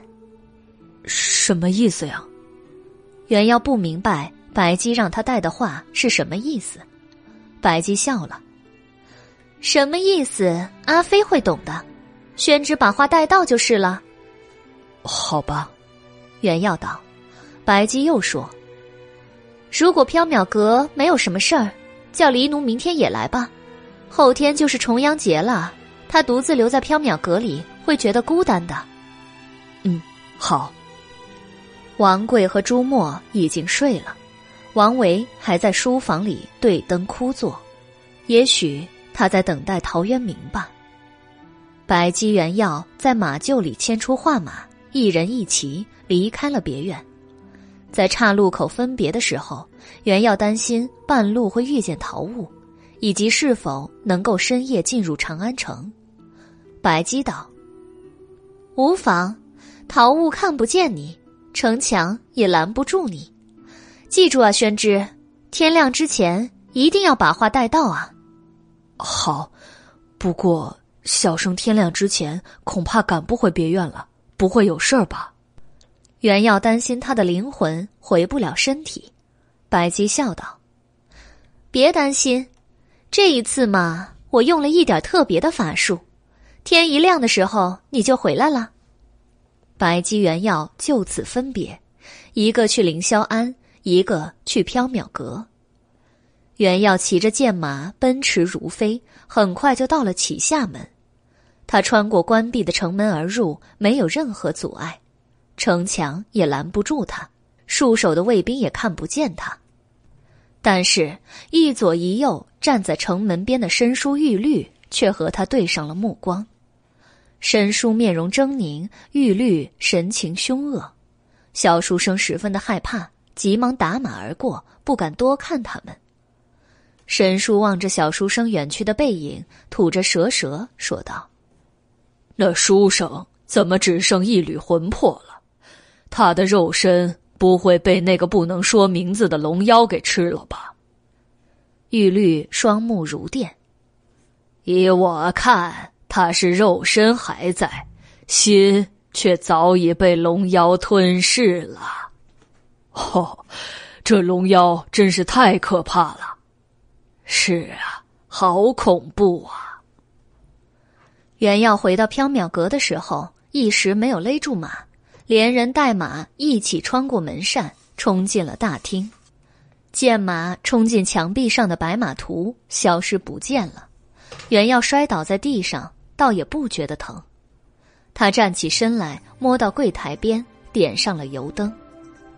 大厅里还是他离开时的模样。一切都是那么的熟悉，虽然在缥缈阁中，灯火照不到的幽暗之处，总有魑魅攒动；货架上的每一件宝物中，也都栖息着诡异的妖灵。但袁耀还是觉得莫名的安心、温暖，像是回到了家一样。袁耀拿着灯火走向后院，在经过里间的时候，他进去叫黎奴，但黎奴不在里面，连寝具。都没有铺在地上。黎奴去哪里了？袁耀纳闷的来到后院，但眼前的情景让他张大了嘴。月光下，原本赏心悦目的庭院变得乱七八糟，不知道是谁挂了满院子的白色招魂幡，点了满院子的香烛，草地上还画着奇怪的阵符。白帆随风飘摇。香烛烟火熏天，草地上鬼画桃符，祭品堆积，说不出的阴森吓人。一只黑猫倒在回廊下，呼呼大睡，翻着圆滚滚的肚皮，四脚朝天。它的额头上系着一条太极图案的布条，爪边放着一本《论语》。黎奴在干什么？后院怎么会被弄得这么乱七八糟的？袁耀不明白这是怎么一回事儿，但他也没工夫理会。他艰难的踏过乱七八糟的庭院，走到了飞桃树边。袁耀整了整衣衫，礼貌的敲了敲树干：“阿飞姑娘，白姬托小生给您带一些话，他有事儿想请您帮忙。”桃叶纷纷散开，阿飞从桃树上探出身来，华艳。而美丽，阿飞以秀眼唇，温柔的道：“袁公子，请讲。”袁耀摇头晃脑：“山鬼吹灯，魑魅魍魉，化入春红，桃之夭夭，花如镜影，缘尽空幻。”阿飞听了，开始有些疑惑，但侧头想了想之后，似乎明白了。阿飞问袁耀道：“白姬还让您带了什么话吗？”他让小生叫黎奴老弟一起去摩羯家过重阳节。阿飞笑了，明白了，请转告白姬，阿飞一定办到，到时候以桃花为记号。袁耀虽然一头雾水，但还是点了点头。哦，好。小生一定转告。阿飞笑着消失在了夜色里。袁耀又艰难的踏过各种阻碍，回到走廊下，叫醒黎奴：“哎，黎奴老弟，快醒醒！”黑猫睁开了眼睛，看见袁耀，一跃而起：“啊，书呆子回来了！主人呢？主人没回来吗？”白姬如果回来了，看见后院变成这样。估计会生气的，把黎奴吊起来抽一百鞭子吧。袁耀在心里想，他把王维家发生的事情简要的向黎奴说了一遍，并转达了白姬的话。黎奴大怒：“嘿，这太可恶了！桃物居然敢咬主人，带爷去把它撕碎了吃掉。”黎奴老弟，那桃物撕不碎的。黎奴老弟，还是不要莽撞行事了。白姬好像有办法对付他，哎，对了，黎奴老弟，你在干什么呀？怎么把后院弄成这样一副阴惨惨的样子？怪吓人的。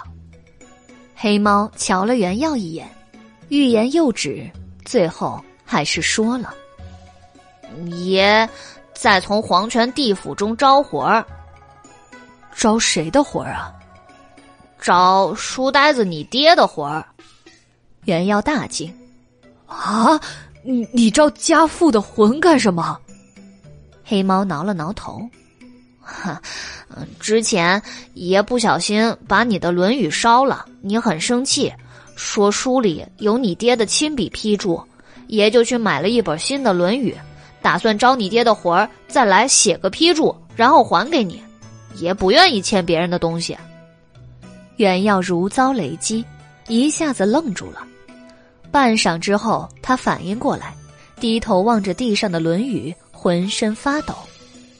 从封面上看，这本《论语》还是崭新的一本书，完全没有写过字的痕迹。黑猫在一边解释道：“你爹可能已经投生去了，爷没招到他的魂儿。”袁耀的面色渐渐铁青，他生气的去掐黎奴的脖子，大声的道。即使家父还在黄泉，也不许因为这一点小事去打扰他老人家呀。今夜白姬施了一点特别的法术，一缕幽魂的原药不能如往日夜游那样触碰到东西。他虽然怒发冲冠，但怎么也掐不到黎奴的脖子。黎奴见状，脖子一伸，闭上双眼。啊，好吧，只要书呆子不生气了，爷今晚就不还手。让你掐好了，原药掐不到黎奴，便不理他，向着院子里的香烛和招魂幡跪拜了一番，算是向父亲的亡魂致歉。黑猫挠头，仍然不明白自己做错了什么事儿。见天色不早了，原要准备回王维家，黎奴让原要等他一会儿，等他收拾完后院之后一起走。原要还在生黎奴的气，不肯等他。准备先走。黎奴眼珠一转，拿了一支香，将原药的袍角插在地上。原药无法动弹，自己也无法拔香，只好等着李奴。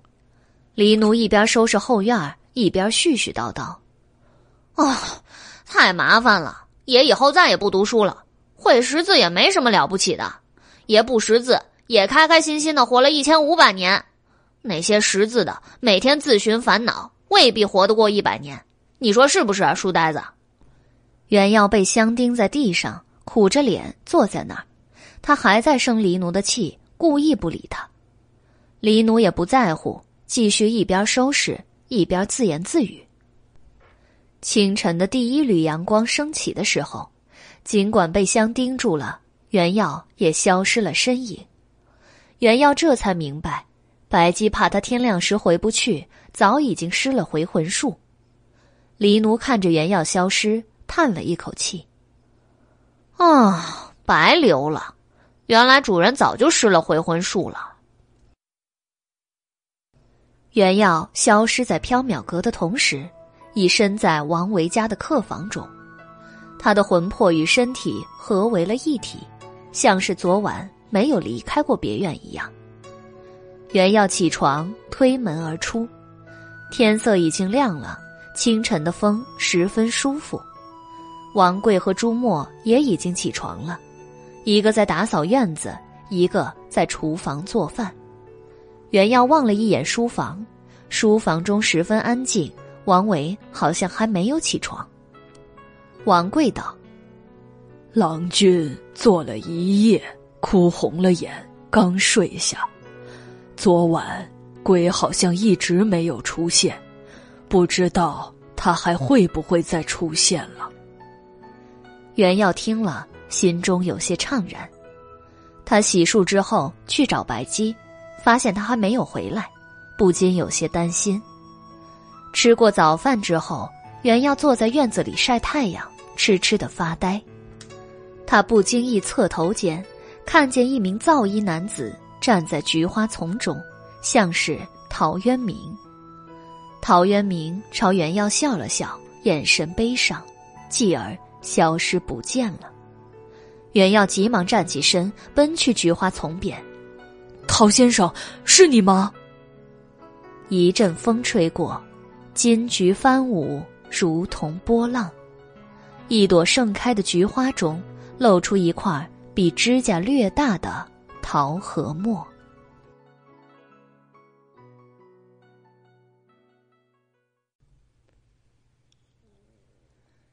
菊花中怎么会有桃核末呢？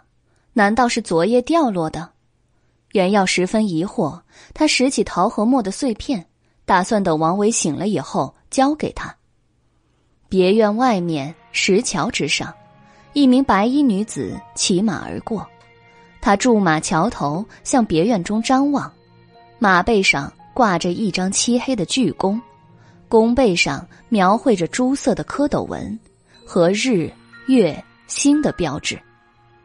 白姬望见袁耀坐在院子中喝茶发呆，眼珠一转，笑了。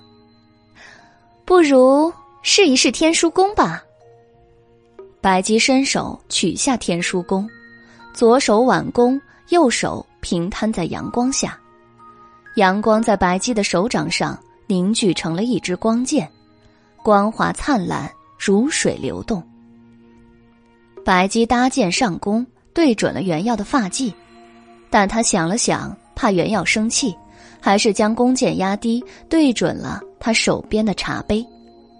嗖的一声，光剑离弦，飞射向茶杯。光剑穿透茶杯，茶杯砰的一声碎成齑粉，茶水熊熊的燃烧起来。袁耀大吃一惊，无缘无故，茶杯怎么碎了？茶水怎么燃烧起来了？茶水又不是油，怎么会燃烧起来呢？袁耀张大了嘴，傻傻的坐着，直到火焰蔓延上他的衣袖，他才反应过来，一跃而起，手忙脚乱的甩袖灭火。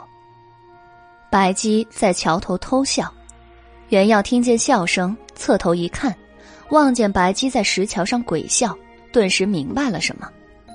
他跑到竹篱笆边，生气的对白姬道：“白姬，你又捉弄小生。”白姬骑马走近，笑了：“我是在代替老天爷惩罚宣之呢。”袁耀一愣：“小生从来没做过什么伤天害理的事情，老天爷为什么要惩罚小生啊？”阳光明媚，秋高气爽，如此大好的时光。宣之却愁眉苦脸的发呆度过，这未免也太可恶了。虚掷光阴是世间第一大罪，应该受到天罚。啊！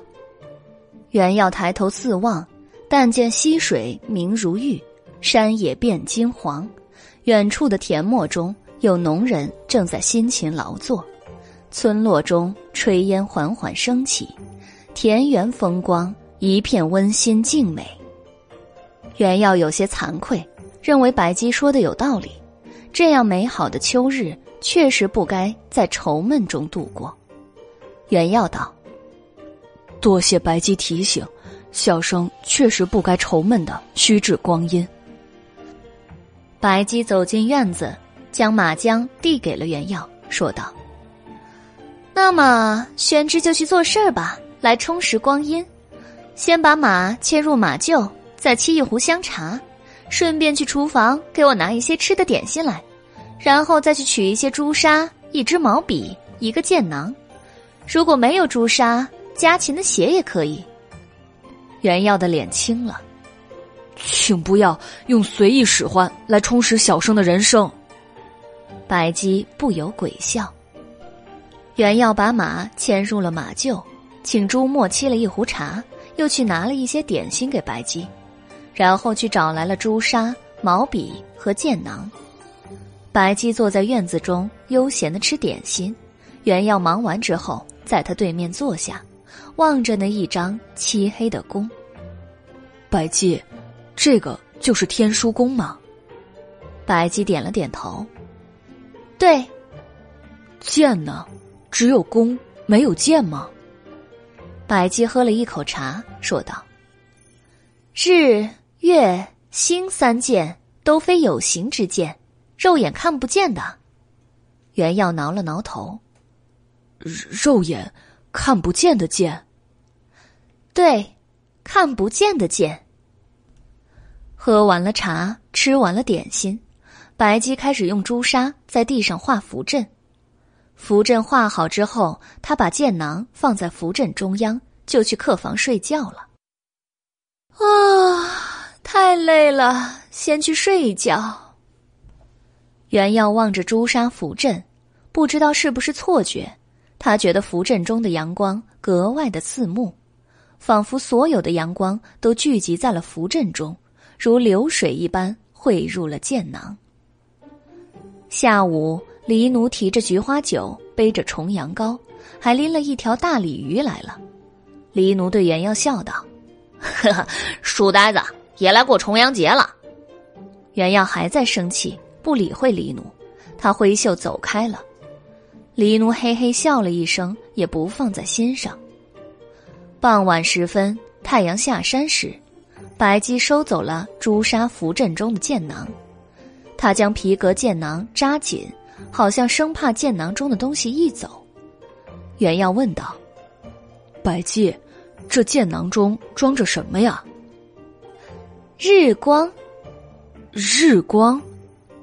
对呀，晚上没有日光，所以白天把日光收集起来，供晚上用。白姬收好了剑囊，拉袁耀去吃饭。走吧，玄之，去吃饭了哟。昨晚没有等到陶渊明，王维的神色十分的悲伤，看上去很颓然。他没有胃口，几乎都没动筷子。白姬见了，淡淡一笑。王维望了一眼木案上的菜肴，皱着眉道：“今天的菜肴怎么都是鱼啊？”朱墨侍立在一边，苦着脸道：“今天的菜都是白姬姑娘的仆人。”那个叫黎奴的家伙抢着去做的，他就只做了鱼。袁耀冷汗。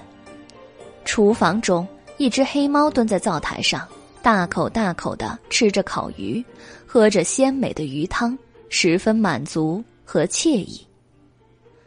吃过晚饭之后，王维又把自己关进了书房，他坐在灯下写一些什么。弦月升起，星光闪烁，白姬望着夜空，十分的满意。今夜有星有月，很好。白姬进入王维的书房，和他说了一会儿话。他再出来时，陶渊明也走了出来。陶渊明的身影十分淡薄，仿佛一阵风吹来，就会将他吹散无痕。袁耀见书房中没有动静，灯也熄灭了，心中感到奇怪。哎，摩羯呢？白姬道：“睡着了。接下来要去做的事情有些危险，陶先生不希望王公子去。”陶渊明回头望了一眼漆黑的书房，虚弱的笑了：“我不希望摩羯遇到危险，也许。”这是我最后一次出现了。刚才白姬在书房中对王维说：“他可以让陶渊明出现。”王维拿出了仅剩的指甲大小的一块桃核墨，白姬在砚台中研开，陶渊明出现了。白姬说：“他将去杀死陶物，希望陶渊明作为诱饵随行，引陶物出来。”王维不愿意让陶渊明冒险。陶渊明却答应了，因为如果能够杀死陶物，王维就安全了。王维坚持要和陶渊明一起去，陶渊明不答应。白姬也不想让王维去，就让他睡了过去。陶渊明知道这一去凶多吉少，也许再也见不到王维，就用桃和墨写下了一首诗，作为与王维的告别。白姬，你要去哪里啊？袁耀问道。去杀死陶物，这一次太危险了，我就不带宣之去了。白姬笑道。白姬拿了天书弓，佩戴好剑囊，就和黎奴陶渊明一起出发了。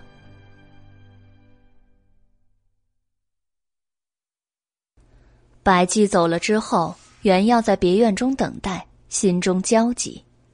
时间一点一点的流逝，弦月渐渐的爬上树梢，已经到深夜了。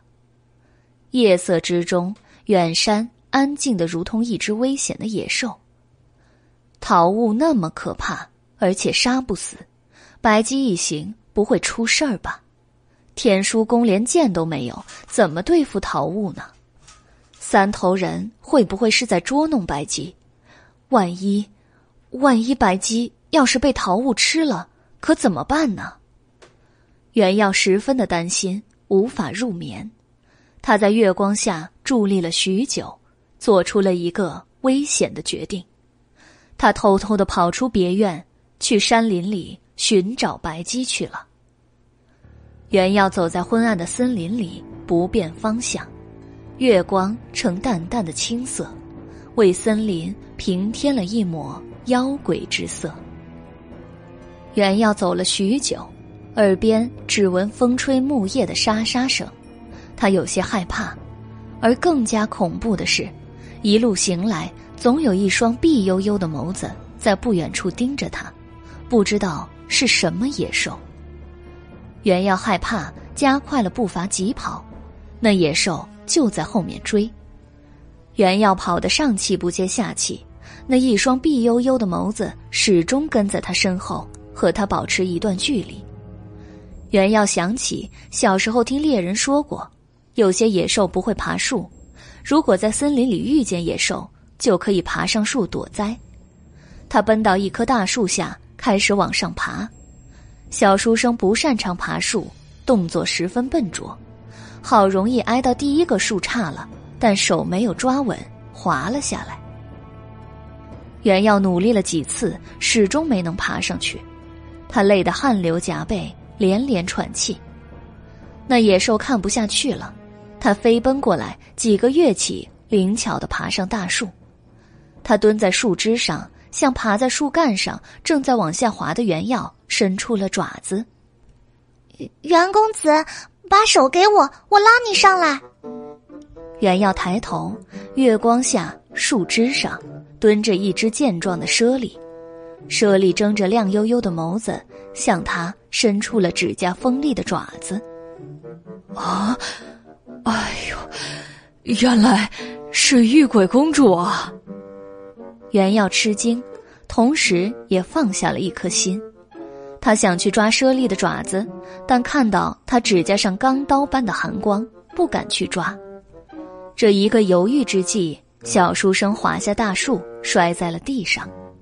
猞猁跳下树，将小书生叼在嘴里，又灵巧地跃上大树，急速地向上攀爬，将它放在大树的最高处。这一棵树十分高大，原要坐在树枝上，头上。月色如银，星斗如棋，脚下是一片树海，整片森林尽收眼底。一阵天风吹过，墨绿色的树海起伏如波浪。远耀问道：“玉鬼公主怎么会跟着小生呢？”舍利道：“玉鬼担心袁公子遇见危险，就一直潜伏在别院附近。”谢谢公主，袁耀十分感动，真诚的道谢。舍利十分羞涩，准备跑掉，袁耀急忙拉住了他。公主，你知道白姬现在在哪里吗？不知道，玉鬼只知道之前他出了别院之后向南去了。原耀恳求，请公主带小生去找白姬，小生十分担心他。舍利见原耀望着他，十分高兴，他心中激动，大声的吼道：“一切包在玉鬼身上！白姬和桃雾在战斗，那里一定十分的危险。公主只需要找出他的位置，小生自己去，不会连累公主的。”舍利吼道：“玉鬼已经对袁公子以身相许了，愿和袁公子同生共死。”袁耀心中发苦，请公主收回以身相许的话吧。小生对公主并没有儿女之情，公主身份尊贵，乃是仙人，小生只是一个愚钝的凡人，高攀不起啊！请公主另寻匹配的同族作为佳偶。原耀苦口婆心，舍利却没有听进他的话。舍利竖着耳朵站在树顶上，四处张望，嗅着夜风中传来的气味，追寻白鸡和桃物的踪迹。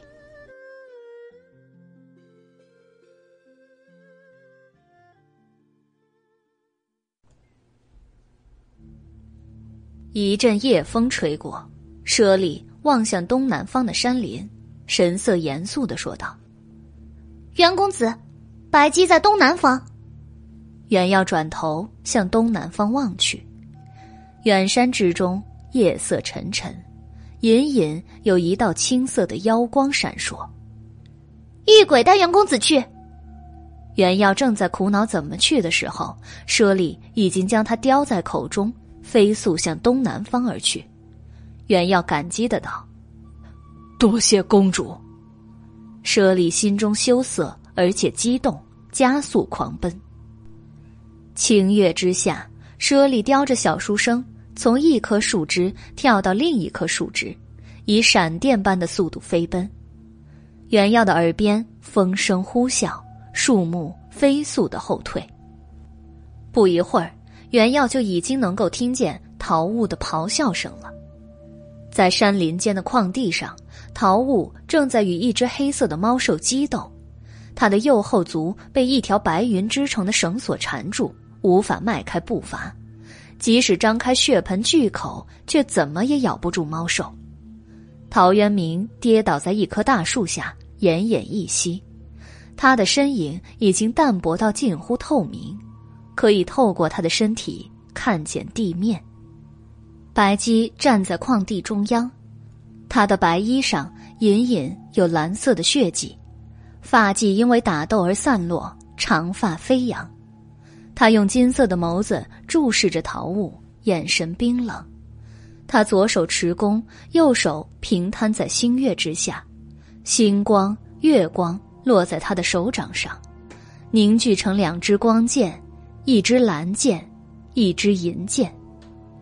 白姬搭箭上弓，瞄准桃物，两支箭离弦而去，穿透桃物的身体。但是月箭、星箭如射入虚空，丝毫没有伤到桃物。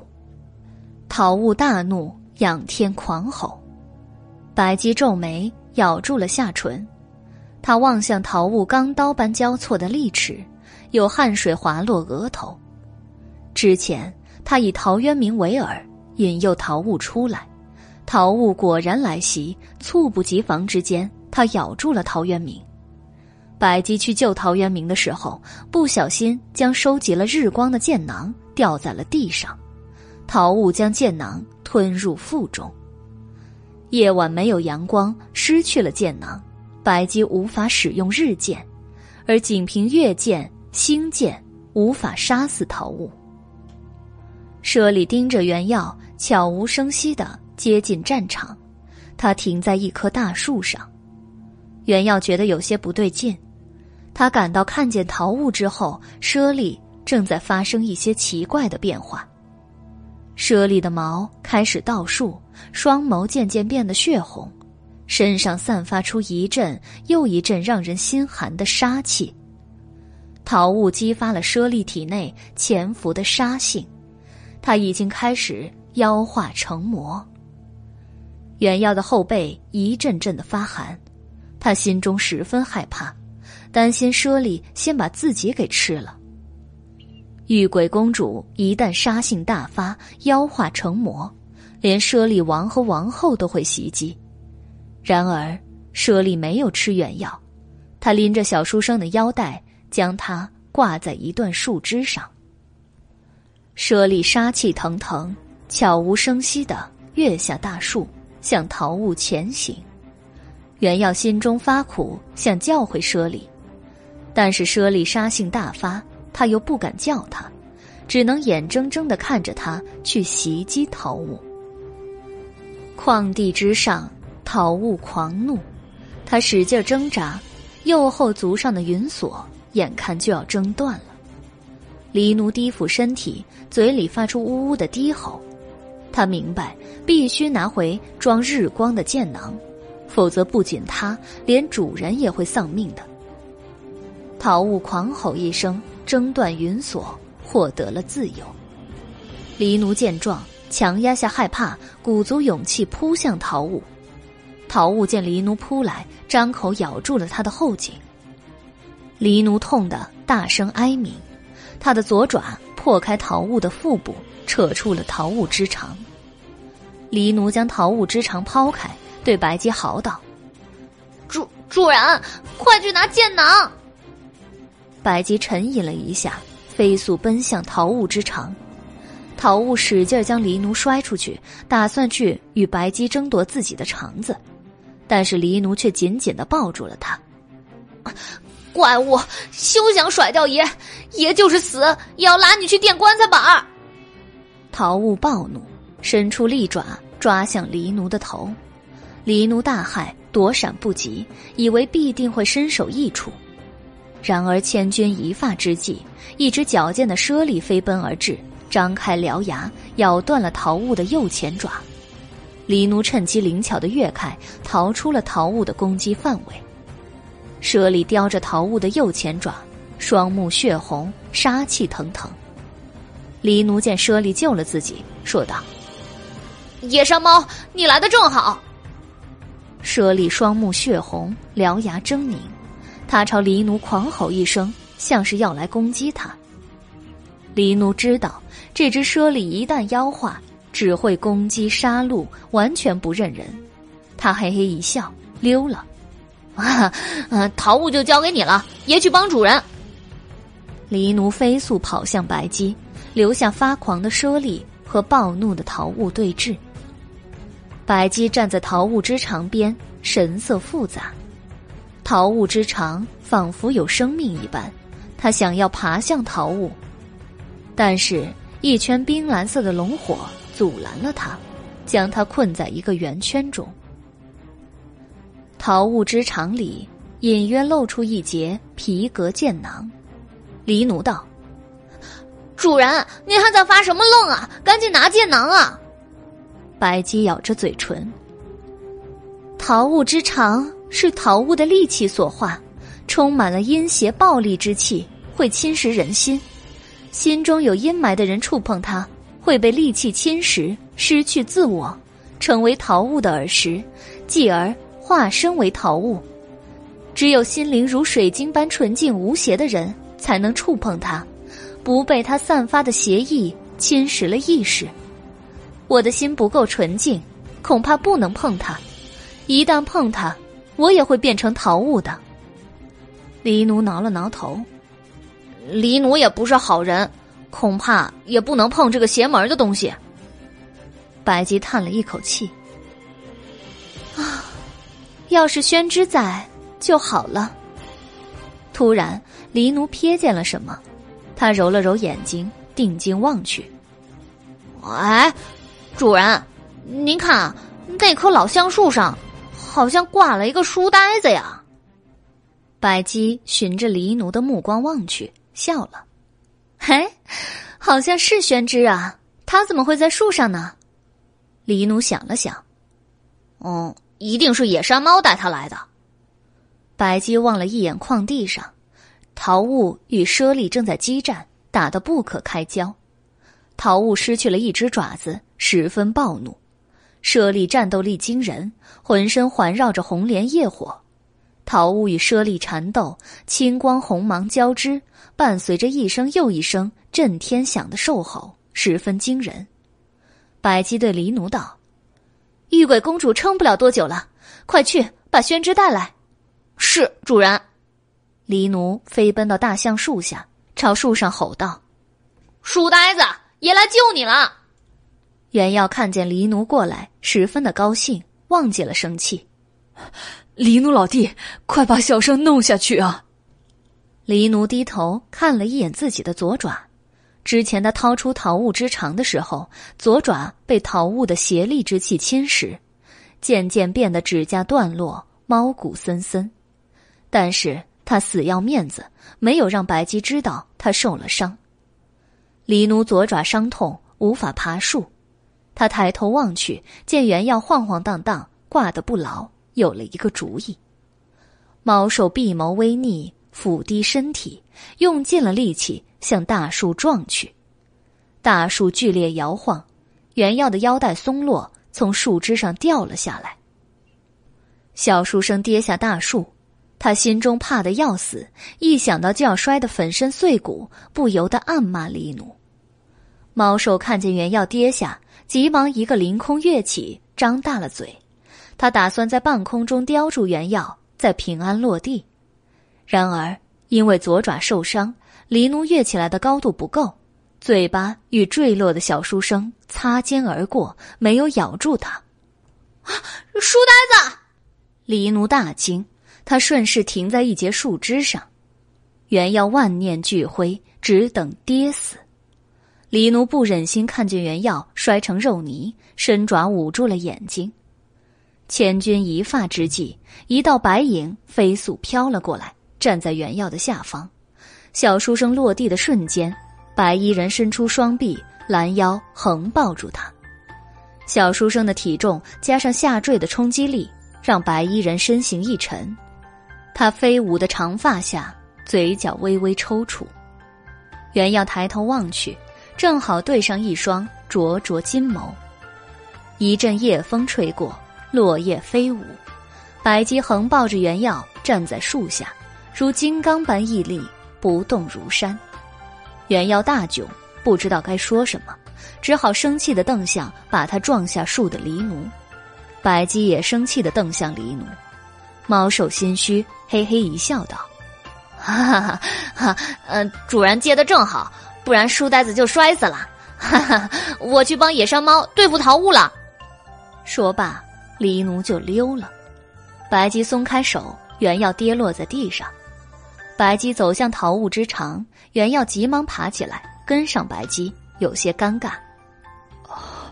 呃，多谢白姬抱住小生。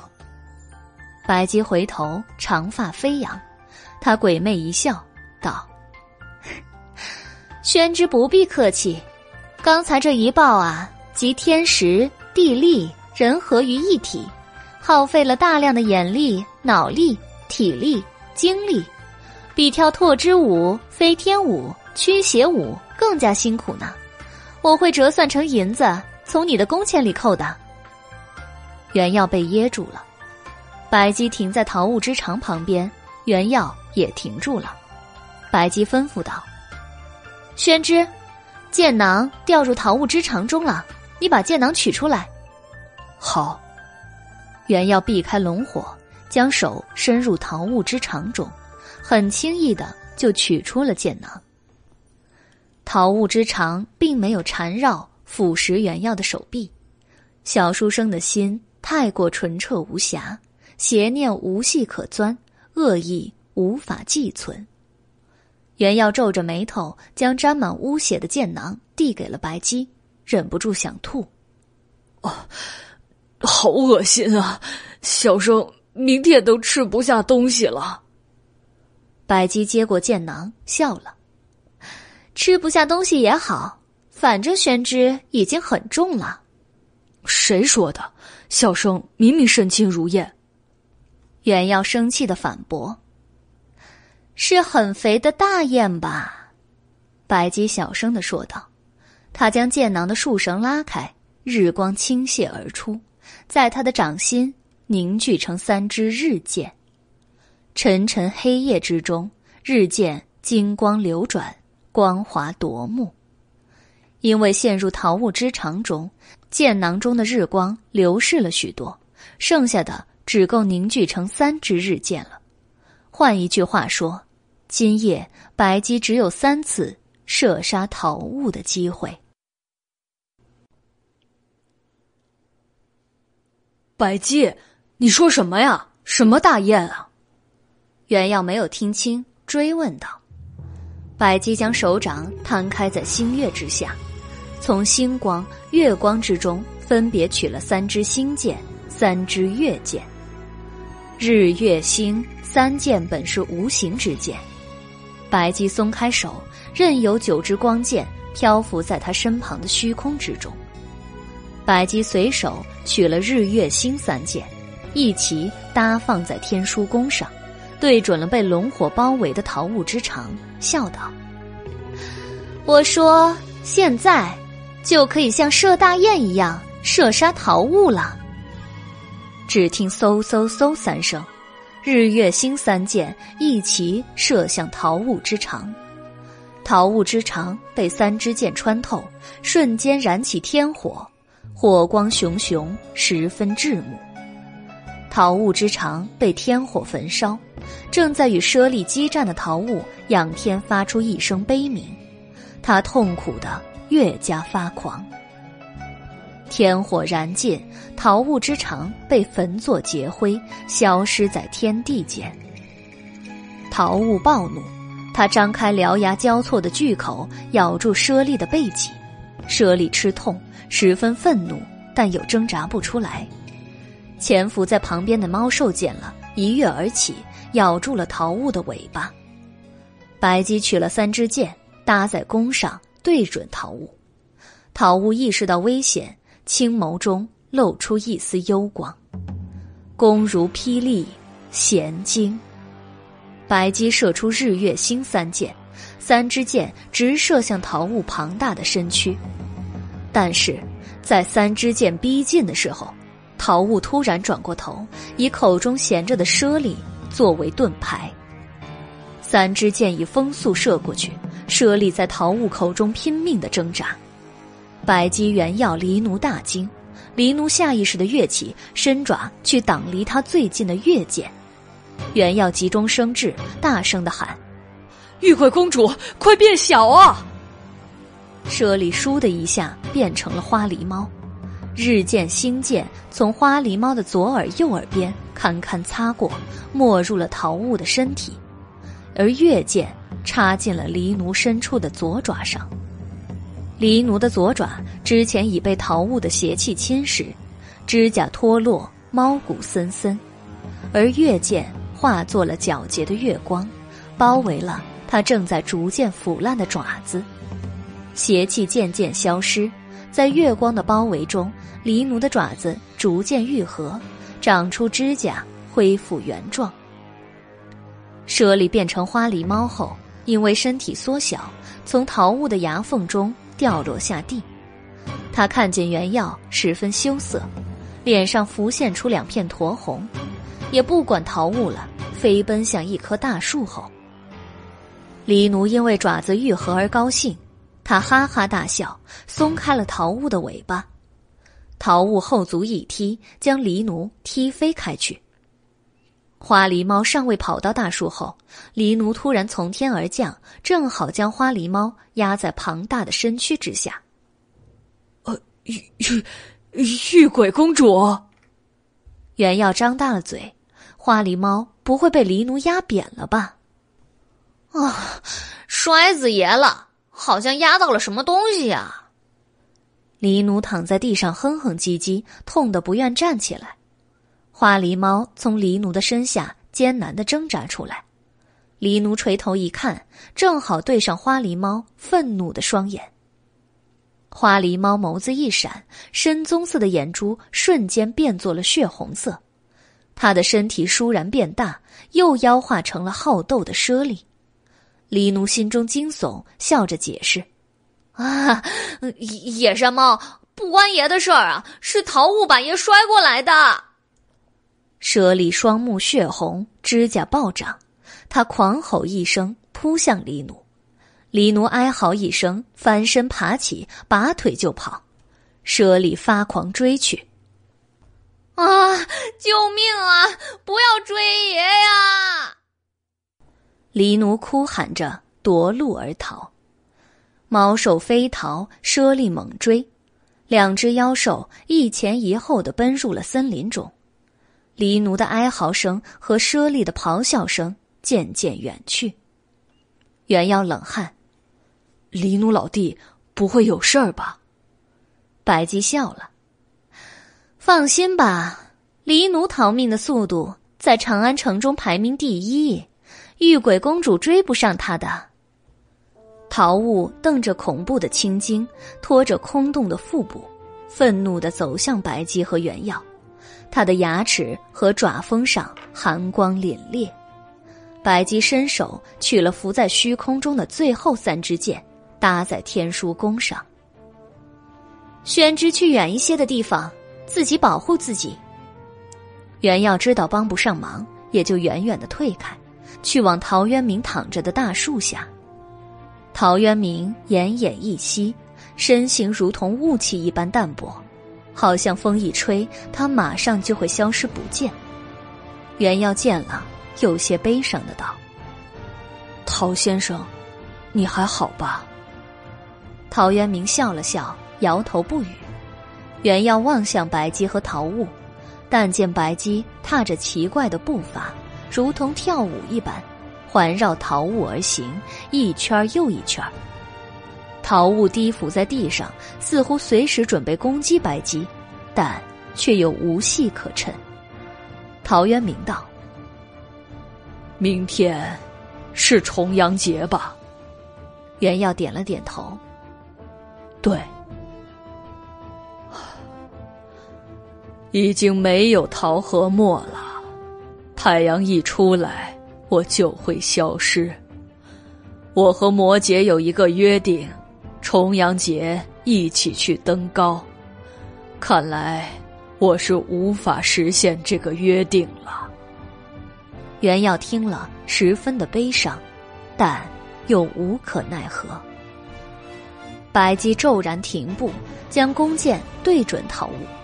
桃雾狂吼一声，扑向白姬，但是刚才草地上白姬踏过的地方，突然窜起一团团冰蓝色的龙火，龙火交错织成一张网，将桃雾束缚在地上，无法动弹。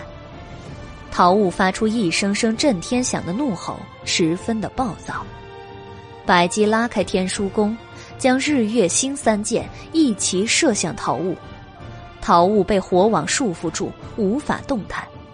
三支光剑齐刷刷的没入他的身体，他狂吼一声，身上燃起炙目的天火。桃雾在天火与龙火中哀嚎，身体一点一点的化作虚无。不一会儿，天火熄灭，草地上只剩下虚空。白姬松了一口气，说道。从哪儿来就回哪儿去，这不是你该来的世界。不远处的草丛里，一个青色的东西在飞速的移动，逐渐接近原耀和陶渊明。那是一只桃物的爪子。之前猞猁和桃物激斗的时候，曾咬下桃物的一只前爪，桃物之爪一直掉在草地里。白姬射出的三支光剑只让桃物消失了，可它的爪子依然存在，并且还能活动。白姬转身走向袁耀和陶渊明，他看见桃物之爪正从袁耀的背上爬向他的肩膀，不由得神色一凛。袁耀见桃物已经消失了，松了一口气，丝毫没有察觉背后的异状。陶渊明的身形越来越淡薄了，已经近乎透明。白姬走到袁耀身边，望着停留在袁耀肩膀上的桃物之爪，欲言又止。陶渊明也看见了袁耀肩膀上的爪子，他想开口说什么，却又惊骇的说不出话来。宣之，你要冷静啊！白姬突然说道。袁耀不明所以。小生很冷静啊。你的右肩上有一片树叶。袁耀低头向右肩望去，看见桃物的爪子，害得头皮发麻，跌坐在地。桃物之爪扣在袁耀的肩膀上，纹丝不动。这这明明是桃物的爪子，哪里是树叶呀？小书生惊吼。白姬盯着桃物的爪子说道。宣之，就当它是一片树叶，将它拿起来，不要害怕，照我说的去做。袁耀闻言鼓足了勇气，伸出左手去掰桃物之爪，桃物之爪扣得不紧，袁耀没用什么力气就把它掰了下来，拿在手中。百吉从袁耀的袍子上扯下一大块布，摊放在地上，又取下悬挂在腰间的月白色茱萸香囊，把香囊中的茱萸撒在了布上。宣之，把树叶丢到布上。袁耀急忙将桃物之爪丢到布上，仿佛甩掉了一个烫手的山芋。桃物之爪掉在布上，准备逃跑，但是他一碰到布上的茱萸就僵硬了。白姬急忙将布包起来，紧紧的扎住。白姬将布包递给了袁耀，说道：“宣之拿着吧，桃物之爪的恶意不深，又有茱萸镇邪，并不危险。”可以放入缥缈阁的仓库里，等待有缘人吗？袁耀苦着脸接过了。他一想起桃物的可怕，就觉得和桃物之爪有缘的人一定也很恐怖。陶渊明对白姬道：“白姬，您能实现我一个愿望吗？这个愿望对我来说很重要。什么愿望？我希望。”能够和摩羯一起看见桃源乡，白姬笑了。真巧，王公子也许下了同一个愿望。可是世间没有桃源乡，去往真正的桃源乡这个愿望，我两百年前没有替你实现，现在依旧无法替你实现。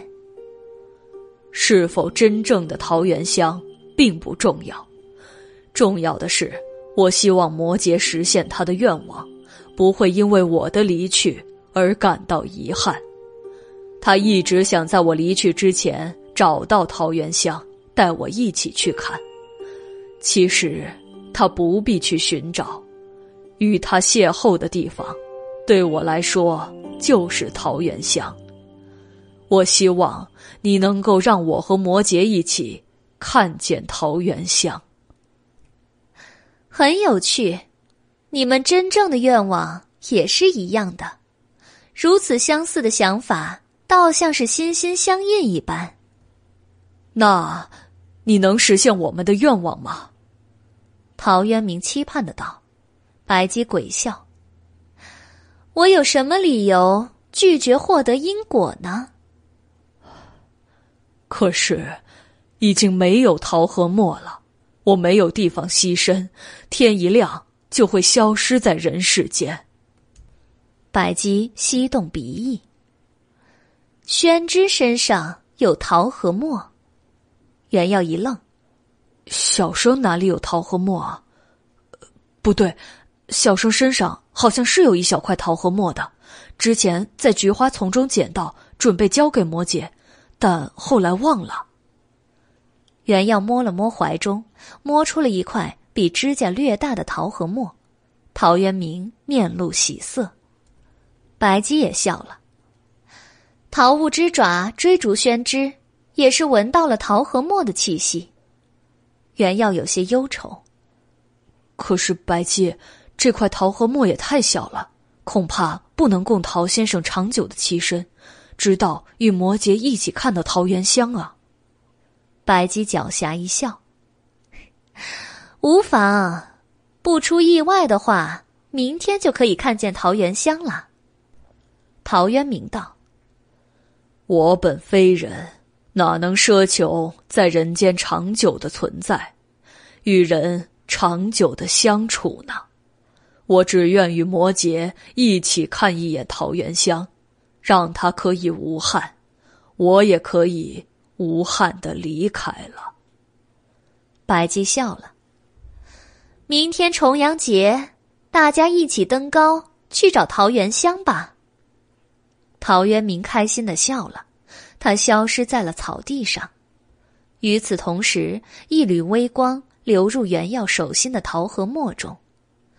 桃核墨幽光莹润，漆黑如晨夜。原耀收好桃核墨。两人带着桃物之爪回了王维的别院。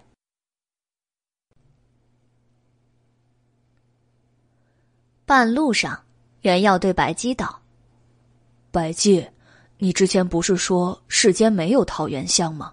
那明天去哪里找桃源香啊？”白姬指了指袁耀的心口，笑了：“只要心里有桃源香，世间处处都是桃源香。”袁耀想了想，又发愁道：“可现在是秋天，即使找到了桃源乡。”桃源乡里也不会有桃花吧？白姬神秘一笑。只要心里是春天，桃源乡里怎么会没有桃花呢？袁耀挠头，他听不懂白姬的哑谜，还是担心明天是否能够找到桃源乡。白姬、袁耀一边闲聊一边赶路，半路上遇见了黎奴，黎奴累得耷拉下耳朵。向白姬诉苦：“啊，主人，那野山猫太可恶了，蛮横不讲理。幸好黎奴跑得快，不然就被它吃了。”白姬摸了摸猫兽的头，说道：“黎奴，你差一点把玉鬼公主压扁了，她当然会生气了。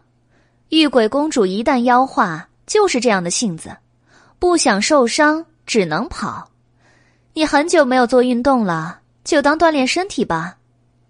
袁耀有些担心舍利，问道：“玉鬼公主没有受伤吧？”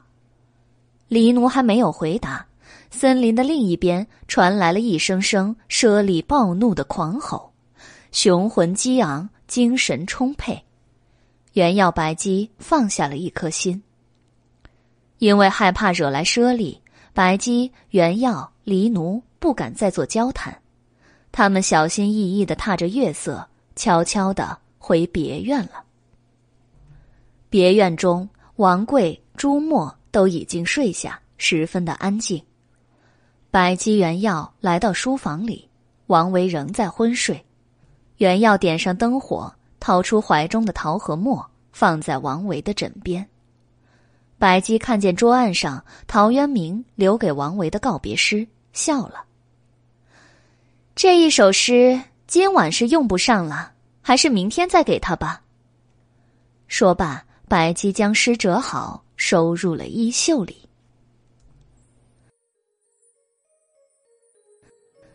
秋高气爽，万里无云。白姬、袁耀、王维、陶渊明来到野外登高望远。王贵、朱墨一个挑着食盒，一个拿着行李。跟在后面，黎奴拎着一条大鲤鱼也跟在后面。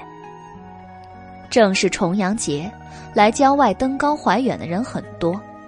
白姬、元耀一行人登上一座高山，尽览一川平野，十里丹峰。他们见这里的景色很美，决定就在此饮酒赏景。王贵、朱墨在一棵老松树下铺上毛毯，摆上食物、酒具。以及笔墨纸砚，黎奴在旁边挖了一个坑，拾了一堆柴火，开始烤鱼。白姬站在山边，望着远处的白云。袁耀坐在毛毯上，提笔酝酿关于重阳节的事。王维捧着菊花酒与陶渊明对饮，十分的开心。这是他们从缥缈阁中偷来的一天，他们想在离别之前做一些快乐的事情。那么分别之后也不会悲伤。袁耀写好了诗，摇头吟道：“丹峰石桥山色深，重阳登高泪方尊。自古名士多寂寥，美人香草寄诗魂。”白姬听了，笑道：“诗倒是不错，不过要改四个字。”才应景。改哪四个字啊？袁耀笑了。既然是重阳节，当然少不了茱萸叶、菊花酒了。后一句当改作“自古名士多寂寥，茱萸菊花寄诗魂”才对。王维和陶渊明也笑了。嘿，不对不对，后一句应该改作。自古名士不寂寥，因有知音即失魂。白姬觉得茱萸菊花好，王维和陶渊明觉得不寂寥更佳，袁耀觉得美人香草意境更美。三方争论起来，谁也说服不了谁。黎奴一边烤鱼一边吟道：“自古黎奴不寂寥，大火烤鱼香喷喷。”突然，不知道从什么地方吹来一阵桃红色的大雾，笼罩了山头。白姬、袁耀、王维、陶渊明都被红雾包围，看不见踪影。在不远处喝酒吃重阳糕的王贵、朱墨大吃一惊，十分的害怕。红雾很快散去，王贵、朱墨朝松树下望去，但见一应东西都还在。只是白姬、袁耀、王维、陶渊明不见了。不过黎奴还坐在火边烤鱼，专心致志。王贵、朱墨飞奔到黎奴身边，慌张的问道：“你家主人和我家郎君他们去哪里了？”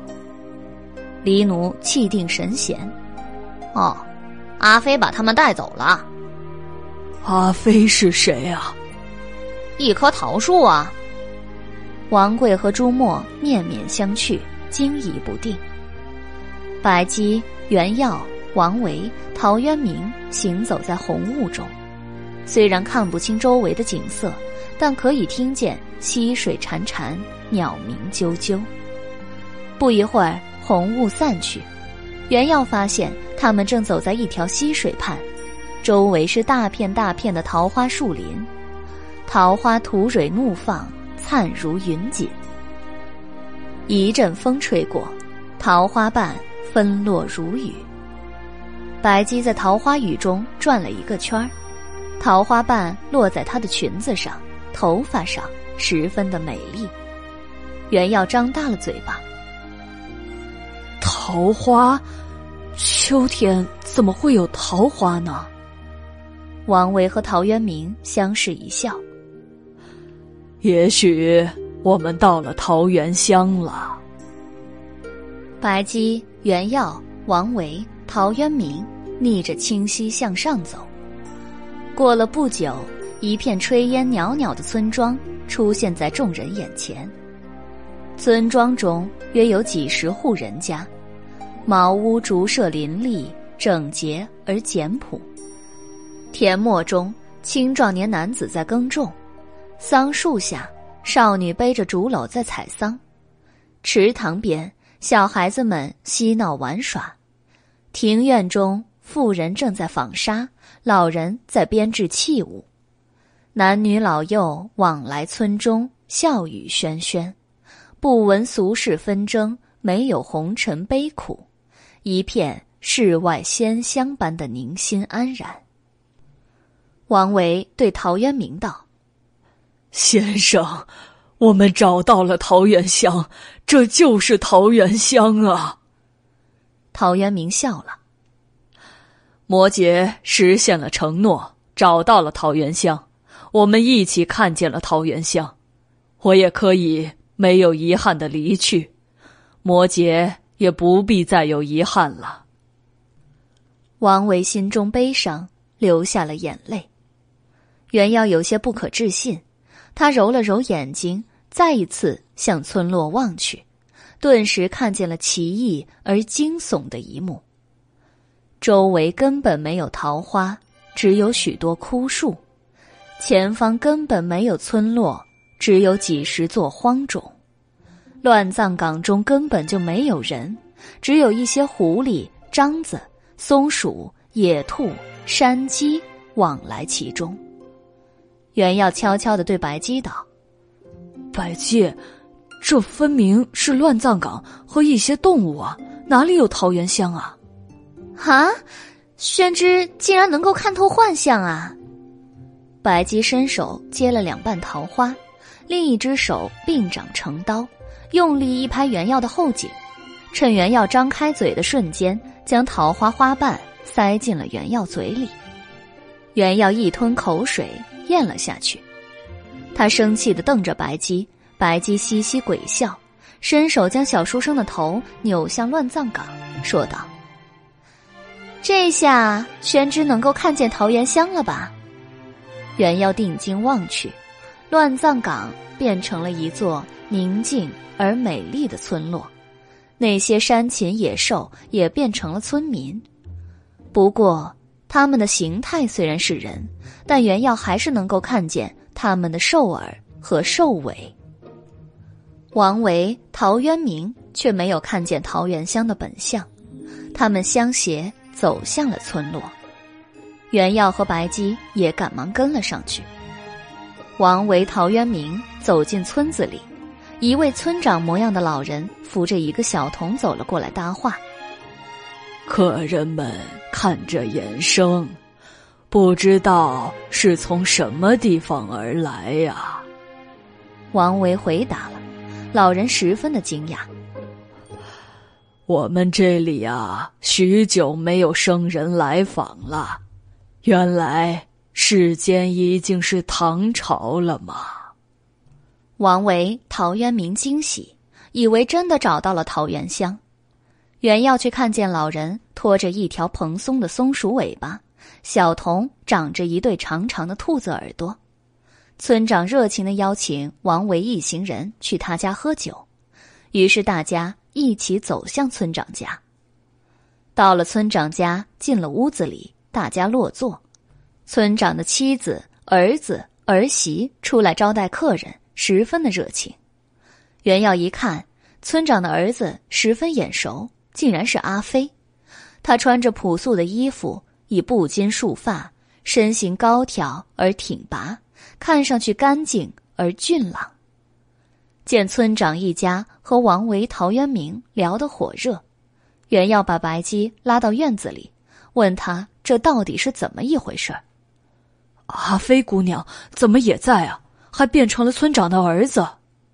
白姬笑了。我之前让宣之给阿飞传的话，宣之还记得吗？袁耀想了想。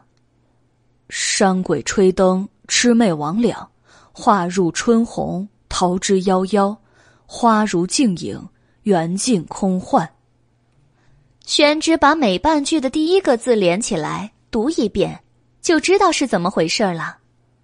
袁耀思索了一下，山痴画桃花源。没错，这桃源乡是阿飞找山妹变化而成的。王公子和陶先生的愿望都不是去真正的桃源乡，只是希望留下美好的回忆，让对方不要遗憾。所以我姑且这么做了。袁耀望向窗户，见王维、陶渊明与村长聊得十分开心，不时的哈哈大笑，他们的心愿都实现了，脸上洋溢着幸福的光芒。王维的愿望是为陶渊明找到桃源香，让他离去时不会遗憾；陶渊明的心愿是离别时，王维不要悲伤，不要遗憾。对他们来说，桃源乡是真是假并不重要，重要的是在这仅剩的一天时光中，他们一起在桃源乡中相聚告别。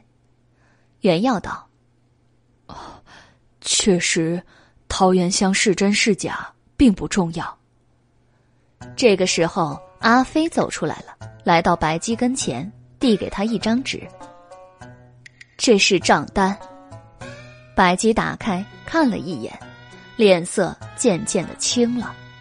袁耀好奇的凑过去，只见账单上写着：“乱葬岗租赁费十八吊钱，松鼠饰演村长十吊钱，张子饰演村长妻子三吊钱，阿飞饰演村长儿子三吊钱，山蛇饰演村长儿媳三吊钱。”野兔村长孙子两吊钱，野鸡山雀田鼠饰演村民两吊钱，伙食费茶酒费另计。袁耀冷汗，原来是聘请这些山禽野兽的账单啊！不过他很好奇，问道：“为什么松鼠能拿十吊钱啊？比别人多了两倍。阿飞笑了。山禽野兽之中，就松鼠识字，能够读《桃花源记》，这里的一切都是他照着书中的描写来布置的，大家的角色也是他分配的，所以他拿的工钱最多。白姬嘴角抽搐。这一共都快一百吊钱了，这实在是太多了。阿飞小心翼翼的道：“恐怕不止一百吊，大家还要求每和客人说一句话，工钱就增加十文。”百姬原要转头望向窗户，但见村长唾沫横飞，语如连珠的和王维、陶渊明说话。村长妻子、村长儿媳、村长孙子也热情的和客人说话，而茅屋外面又涌来一堆的村民，大家蜂拥而上，争着和客人说话。白姬嘴角抽搐，无力的扶住篱笆。宣之，他们太能说了。原耀冷汗，他见白姬神色沮丧，安慰道：“哎。”世间哪有双全法呀？为了获得因果，破一些财也是值得的。白姬道：“宣之虽然言之有理，但这话一点也不中听。”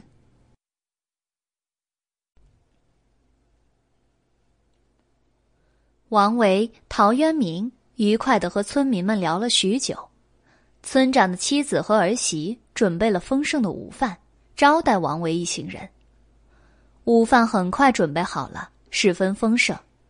菜肴虽然都是蔬果，但非常新鲜美味，有好几种野菜，王维、袁耀等人以前从未见过。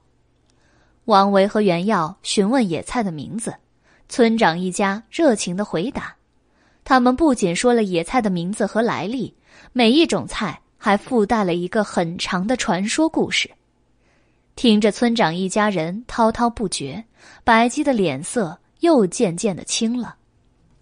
村长还拿出了珍藏的白果酒给客人们品尝，酒的味道十分甘醇，大家赞不绝口。村长慷慨的表示，等大家离去的时候，他会给每个人送一坛酒带回去喝。想到账单上写着茶酒费另计，白姬的脸色。渐渐的又青了。宴席间，王维和陶渊明谈笑风生，十分的开心。袁耀看见他们幸福的笑容，心中也涌起了一种温暖的感觉。如果他们能够永远都做知音就好了。如果人和非人邂逅之后可以永远相守，就好了。白姬似乎察觉到了袁耀的心思。轻声笑道：“人和非人只可能短暂的邂逅，不可能永远的相守。为什么呀？”袁耀悲伤的问。白姬笑了：“因为不是同类。”白姬，在你眼中，小生是怎样的一个存在？袁耀和白姬也和王维和陶渊明一样。一个是人，一个是非人，那么他们也只能短暂的邂逅，而不能永远的相守吗？白姬端起一杯酒，望向窗外纷飞如雨的桃花，嘴角浮起一抹温柔的笑容。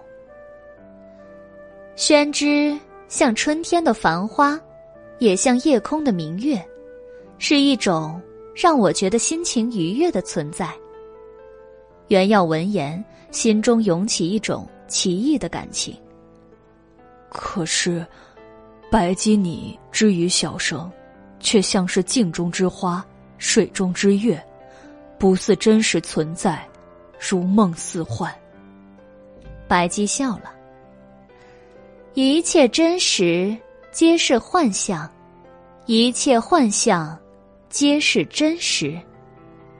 袁耀挠头，脑袋被白姬的话给绕迷糊了。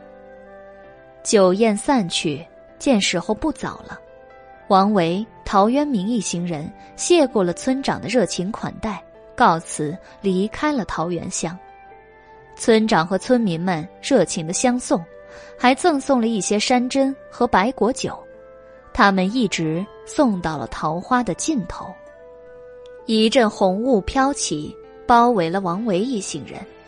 原要在雾中回首，美丽的桃源乡渐渐模糊，朝他们挥手作别的村民们也渐渐模糊，渐渐消失不见。桃源乡，再见了。袁耀心中有些惆怅，他回过头跟上了王维一行人。红雾中，王维、陶渊明在前面走，白姬、原耀跟随在后。只听啪嗒一声，陶渊明手中拎的一坛白果酒掉在了地上，碎了。他的手渐渐变得透明，逐渐消失。王维、白姬、原耀向陶渊明望去，但红雾很浓，他们看不见什么。先生，你怎么了？王维问道。陶渊明悲伤的说：“我恐怕……”走不出这场大雾了。王维停下脚步，他猛然的回过头，他的喉结微微颤抖，想说什么，但又说不出来。摩羯，向前走吧，陪我走完最后一段路。陶渊明拍了拍王维的肩膀，豁达的笑道。王维点了点头，转身又继续向前走。陶渊明跟在他后面。摩羯，桃源乡之行真的十分的愉快。王维也笑了。我早就说过，世间是有桃源乡的。谢谢你，让我看见了桃源乡。不，是我该谢谢先生，是先生让我看见了桃源乡。有眼泪滑落王维的脸庞。相遇和别离都是人生的一种经历，要豁达的对待，不要太难过。如果有缘，终有一天还会再相逢。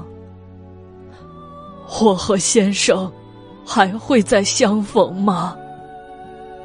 自古名士不寂寥，因有知音寄失魂。如有一念相通，你我会在菩提之下，文字之中相逢。在菩提之下，文字之中相逢。再见了，摩羯。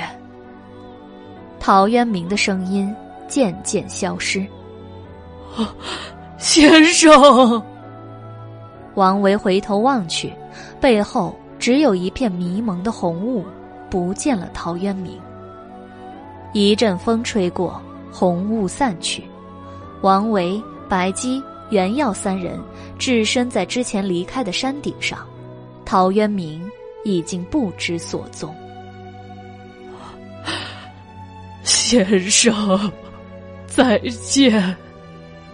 王维流下了眼泪，十分的悲伤。陶渊明终究还是没有走出那一场红雾。消失在了天地中。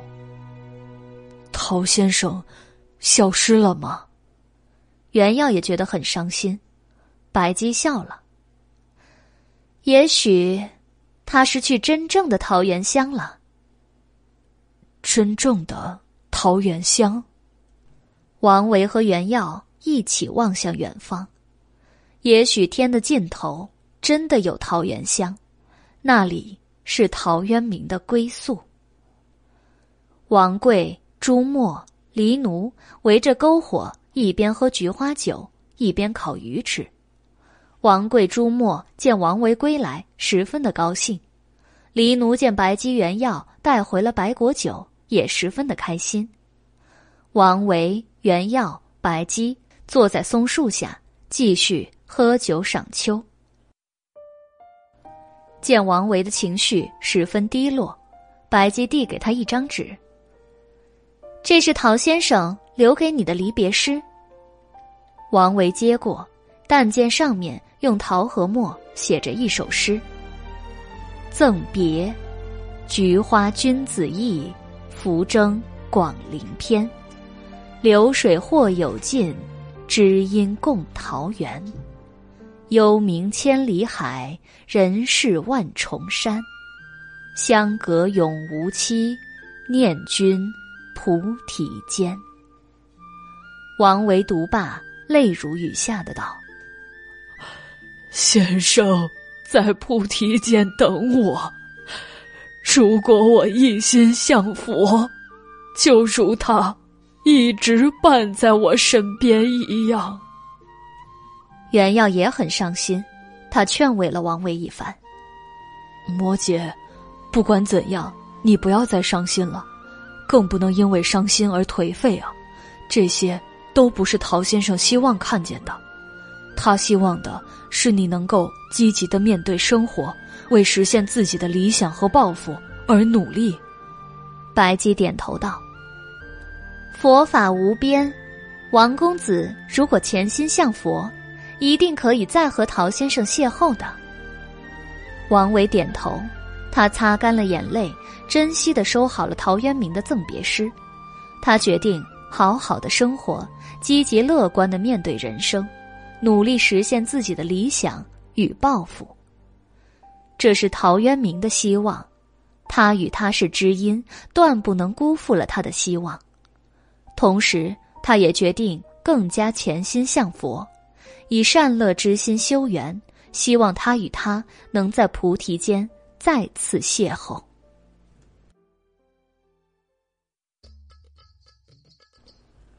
时光如梭。重阳之后，又过了几天。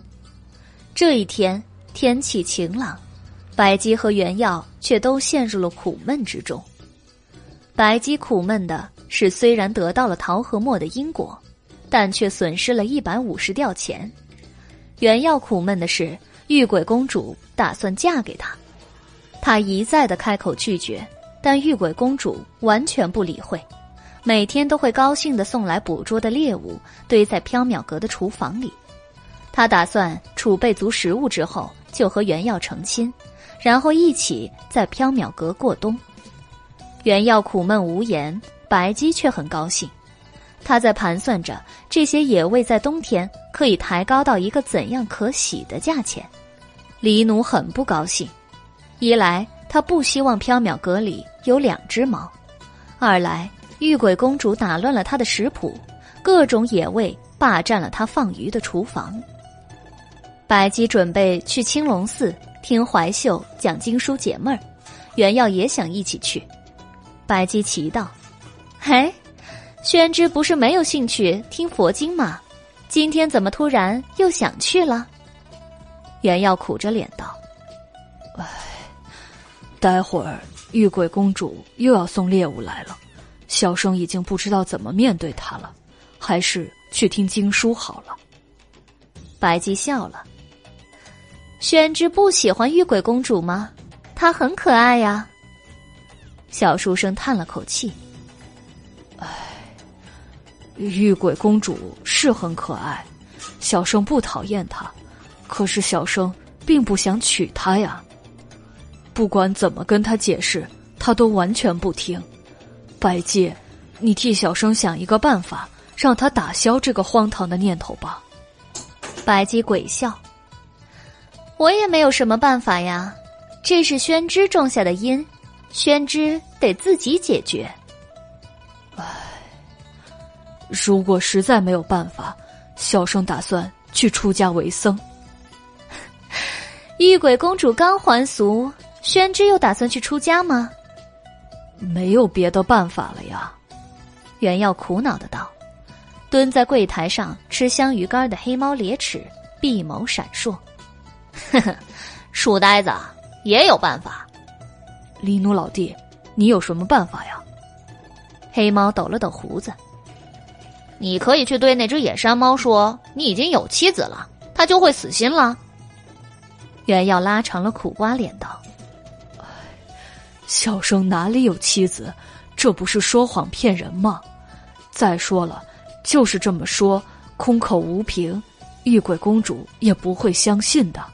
小生临时上哪儿去找一个妻子来作证？再者，玉鬼公主根本就不听小生的话，她不会死心的。那倒未必。白姬笑了。猞猁一族中崇尚夫妻忠贞不渝，一生一世只有一个伴侣，生死相随，患难与共。如果知道宣之已经有妻子了，玉鬼公主说不定。就会死心了，不然她肯定会很伤心的。袁耀挠了挠头，小生跟他根本就不合适，暂时伤心也比永远痛苦好啊。他将来一定会找到一个和他生死相随、患难与共的佳偶。那么现在的问题是，小生上哪儿去找一个妻子来，让玉鬼公主相信？并且死心啊！白姬以秀眼唇，可以去找韦公子啊，他之前已经和宣之拜过堂了呀。白姬，请不要再提那件更荒唐的事儿了。袁耀生气的道：“黎奴提议，哎，去找阿飞那个家伙帮忙吧，他最擅长做戏了。”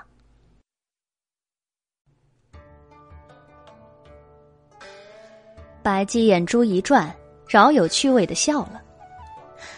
这个主意倒是不错。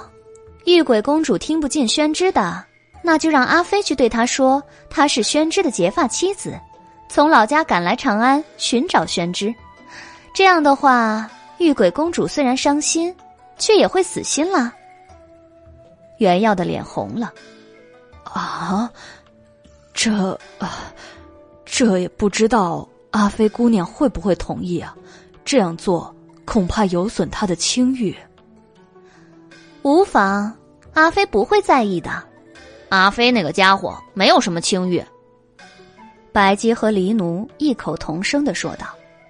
袁耀还是不好意思去找阿飞说，就央黎奴去。黎奴老弟，你去替小生求阿飞姑娘帮忙吧。如果她同意了，就替小生致谢。如果他实在为难，那就算了，也不必勉强。黑猫拍了拍胸脯，一口应下了。行，一切包在爷身上，爷一定替你办好这件事儿，让野山猫不再纠缠你。多谢黎奴老弟了，小书生感激的说道。呵呵，书呆子不必客气。之前呢，爷欠你一本《论语》，这次帮你一个忙。我们就两清了。于是，白姬和袁耀去青龙寺听怀秀讲经去了。袁耀心中有事儿，也没有心思仔细听经。好容易等怀秀讲完经书，已经过了中午了。白姬、袁耀在青龙寺吃了斋饭，留下香火钱，就告辞了。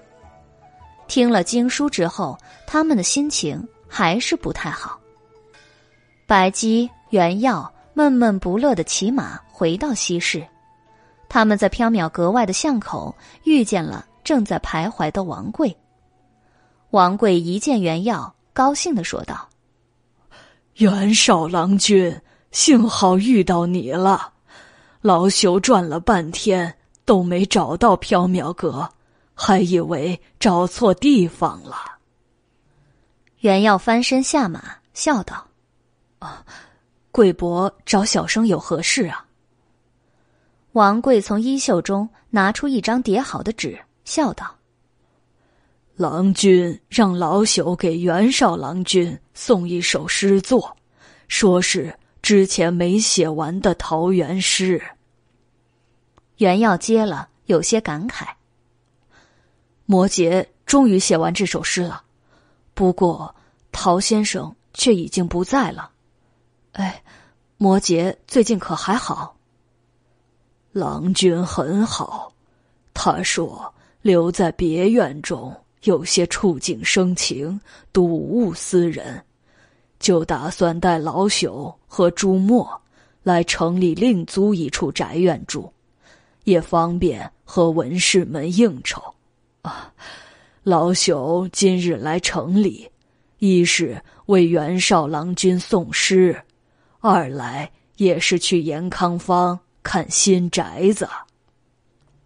袁耀道：“这样也好，摩羯定居之后，小生一定去拜访。”王贵高兴的道：“哈 哈，到时啊，袁绍郎君一定要常来。”王贵送了诗，就匆匆离开了。袁耀把诗放进衣袖里，打算回缥缈阁之后再仔细品读。白姬闷闷不乐：“唉，桃花源真是烦恼之源。”白姬，别再惦记你那几吊钱了，至少摩羯、陶先生都看到了他们想看到的桃源乡，实现了心中的愿望啊。白姬纠正原要道：“错了，不是几吊钱，是一百五十吊。不管怎么说，你也得到了一个因果呀。但是这个因果实在是太贵了。”白姬、袁耀吵吵闹闹的走到缥缈阁门口，一只花狸猫大哭着狂奔而出，正好撞在原药的左腿上，花狸猫跌倒在地。原药低头一看，正是玉鬼公主。花狸猫望着袁耀，万分伤心的哭道：“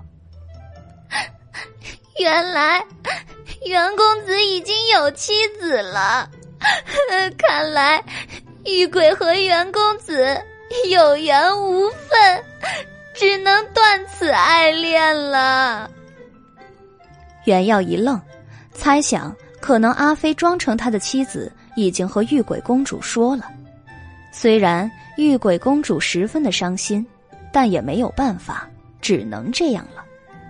原耀道：“啊，小生蒙公主错爱，实在万分惭愧，请公主不要伤心，您将来一定会找到一个与您有缘有份的佳偶。”花狸猫一跃而起，泪落如雨。太伤心了，太伤心了！玉鬼万年俱灰，还是再去剃度，常伴青灯古佛好了。袁耀心中发苦，请公主三思而后行啊！花狸猫完全不听袁耀的话，一溜烟跑走了，泪洒满地。白姬抚额，宣之，玉鬼公主又去剃度了。袁耀叹了一口气道：“唉，随他去吧。他剃度和不剃度其实也没有很大的区别。”唉，玉鬼公主对宣之一往情深，宣之却害他如此的伤心。白姬，小生对他并没有儿女私情。而且和他也不太合适，如果稀里糊涂的娶了她，才是真的害了她。白姬凑近袁耀，盯着他，好奇的问道：“那小生对谁有儿女私情呢？”白姬的脸和袁耀的脸近在咫尺，他的鼻子离他的鼻子只有一寸的距离。袁耀大窘。满脸通红，心跳加速，一时间语无伦次。这这个，小生儿女没有儿女，没有。百姬扑哧笑了。宣之还没有成亲，当然没有儿女啦。小书生生气。小生是说，小生没有儿女私情。白姬转身走进缥缈阁，嘻嘻鬼笑。不过里面倒是有一位宣之的结发妻子呢。袁耀反应过来，哦，对了，小生得去谢谢阿飞姑娘，帮了小生这个大忙了。缥缈阁中十分的安静，黎奴不知道去哪里了。白姬、袁耀来到里间。透过薄薄的金菊屏风，看见了一个绰约的女子倩影。原耀以为是阿飞，恭敬的作了一揖，说道：“多谢阿飞姑娘帮忙。那女子从屏风后探出身子，尖细着嗓音道：“主人和书呆子回来了。”那女子穿着鲜艳的衣服，梳着两个半翻髻，脸上涂着厚厚的香粉和胭脂，脸白如雪，腮红如血，几乎把本来的面貌都遮住了。白姬和原耀吓了一跳：“你是谁啊？”那女子不高兴了，起身走出屏风，伸袖擦去脸上的脂粉，恢复了黎奴的容貌。她细声的说道。是我，啊，嗓音一下子转不过来。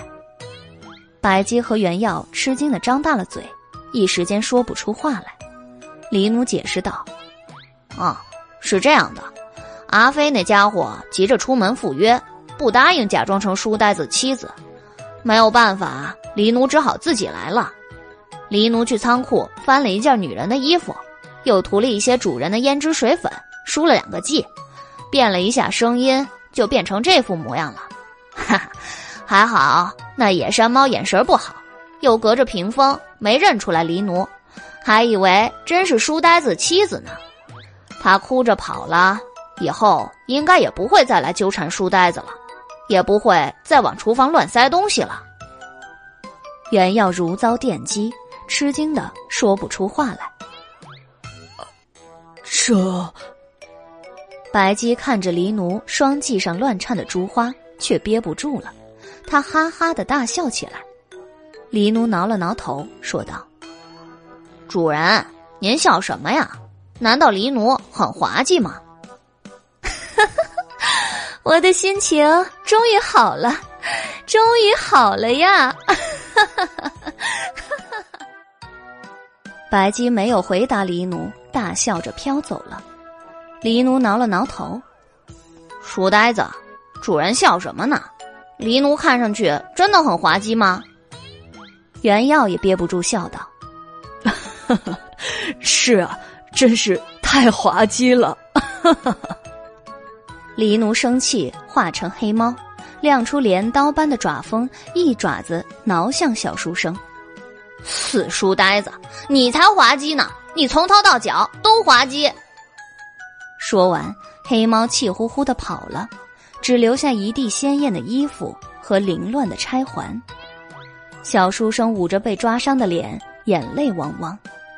他叹了一口气，在清月岸边坐下，倒了一杯清茶喝。不管怎么说，玉鬼公主应该不会再来要求和他成亲了。等过几天，他打算雇一辆马车。把玉鬼公主储备在厨房里准备过冬的野味给她送回凌霄庵去，顺便再向她道一个歉。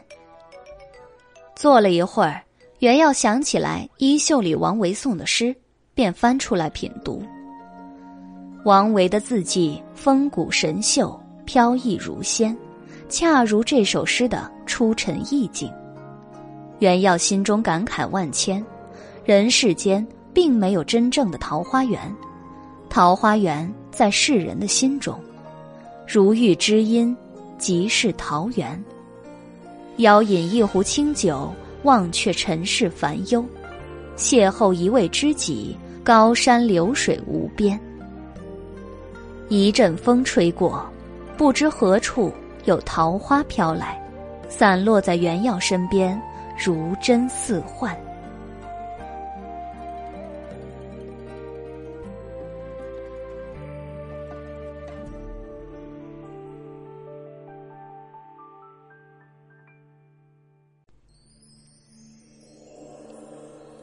曲江边，一江秋水淡寒烟。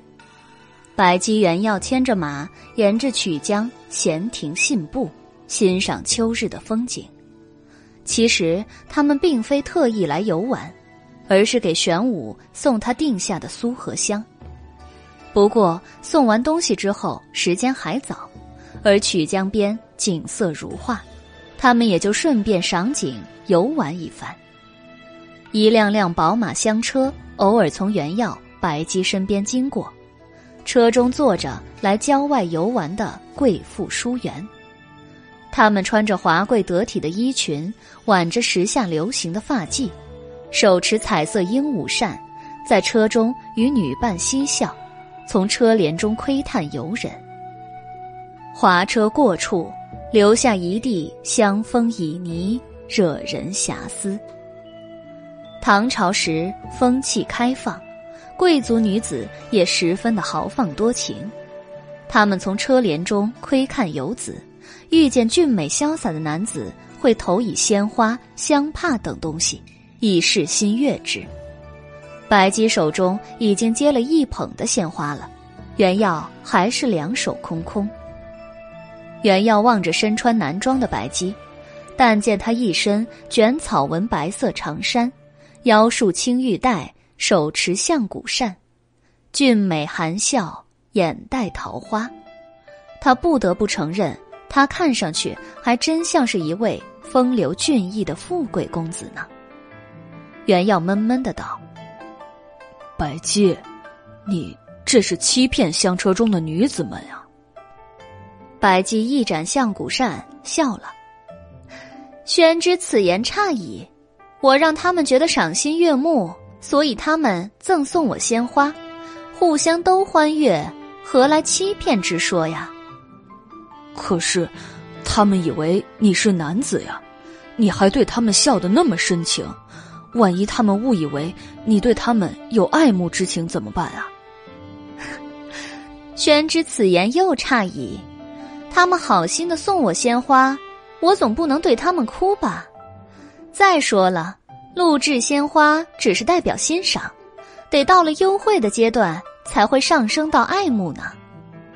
袁耀瞪眼，难道你还打算去和他们幽会？白姬嘻嘻一笑，不做回答。为什么没有女子欣赏小生呢？袁耀幽怨的说道。一辆马车接近，一只纤纤玉手伸出车帘，将一朵秋海棠投过来，海棠正好掉在袁耀的肩膀上。袁耀十分的高兴，十分激动，手忙脚乱的接了。他正想向香车里的家人回一个笑容，以示感谢，谁知道车窗里的女子们嘻嘻笑道：“ 哎呀，手一滑，投错了。就是，请给那位白衣公子。”袁耀的笑容僵在了脸上，木然的把秋海棠递给白姬。白姬对车中的丽人们深情一笑，香车中又飞出了一块手帕。白姬伸手去接，但没有接住，手帕被秋风一吹，迎头扑在小书生的脸上，遮住了他逐渐拉长的苦瓜脸。香车渐渐远去，车中传出女子们嘻嘻哈哈的笑声。哎，那位白衣公子长得真好看啊！那个穿青衫的书生真傻。唉，袁耀把脸上的手绢扯下，递给白姬，垂头丧气的说道：“果然没有女子欣赏小生。”白姬将手中的鲜花香帕放在马背上，弯腰从草丛中摘了一串铃兰花，抛给袁耀，笑道：“我很欣赏宣之哦。”袁耀接过铃兰花，虽然花朵很小很普通，不如贵妇们抛掷的鲜花繁艳，但他的心情却突然变好了。袁耀也摘了一串铃兰花，抛给了白姬，笑道：“ 小生也很欣赏白姬呢。”两个人哈哈的笑了。袁耀、白姬来到水边，闭了眼，感受水的灵性。白姬把鲜花和香帕都放入水中，让水流将这一份份美好的心愿送往远方。袁耀望着远去的鲜花，说道：“白姬，你把它们丢掉，不会太可惜了吗？这都是欣赏与爱慕的心情啊！如果有意，还可以通过鲜花、香帕与他们的主人结下更深厚的情谊啊！”白姬阴森一笑：“ 贵妇们的情谊虽然美好，但也很危险。还是点到为止更好。太过接近，太过沉沦，会被鬼引哟。莫名的，袁耀打了一个寒战，他问道：“什么是鬼引？”白姬笑得更诡异了。鬼引就是被鬼吃掉，彻底的消失。袁耀心中没来由的升起一阵恐惧。在曲江边玩到正午光景，白姬和袁耀就骑马回城了。袁耀的肚子饿得咕咕作响，但又不太想回缥缈阁去吃黎奴做的鱼。他提议道：“白姬，我们吃点东西再回去吧。”白姬同意。也好，我也饿了。那我们去哪里吃什么呢？白姬想了想。啊，有了，我们去吃万珍楼吧。万珍楼是长安城中首屈一指的大酒楼，它以食不厌精、快不厌细闻名。即使是最挑剔的食客，也会对万珍楼中色香味俱全的菜肴赞不绝口。最神奇的是，天南海北乃至番邦异国的菜肴都能在万珍楼中吃到，而且。口味正宗。万珍楼十分神秘，他禁止客人打听厨师以及厨房的情况，从来没有人见过万珍楼的厨师，也没有人进过万珍楼的厨房。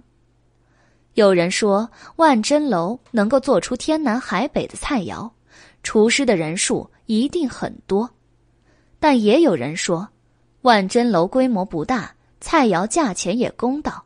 雇不起这么多的厨师，所有的菜肴都是一个厨师做的。有人说他夜探万珍楼，发现万珍楼里没有厨房；也有人说万珍楼的厨房在地底下呢。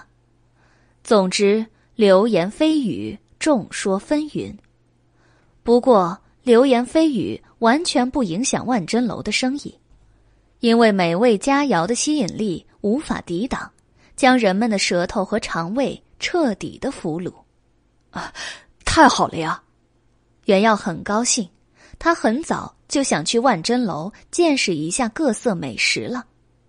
白姬笑道：“偶尔也换一换口味嘛，不能总吃猫做的食物啊。”袁耀沉浸在美食的幻想中，没有细想白姬这句颇有深意的话。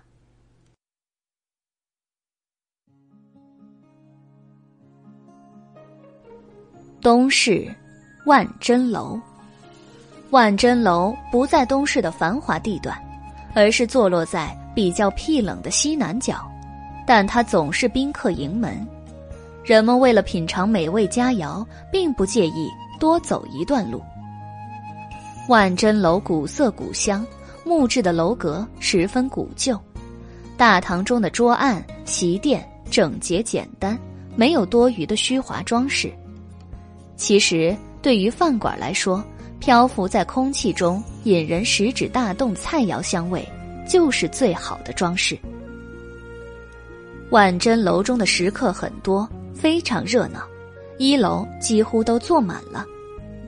一楼、二楼是普通座，桌案与桌案之间没有屏风间隔；三楼是有屏风间隔的雅座。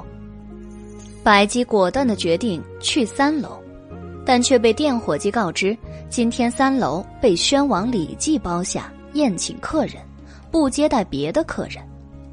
白姬问道：“宣王请了多少客人？”店伙计道：“大约十几个人吧，还有五名从平康坊请来的歌姬。”白姬撇了撇嘴：“就算是二十个人，也用不了整整三楼啊！给我和宣之安排一个雅座吧。”店伙计说道：“宣王已经付了包下三楼的银子，请两位客官体谅，不要难为小的呀。”白姬望了一眼倚在柜台边拨算盘的掌柜，笑道：“ 那我去为难一下徐掌柜。”白姬，算了吧，楼下虽然人多一些，但也不影响吃喝呀。袁耀刚要阻止，但白姬已经走过去了。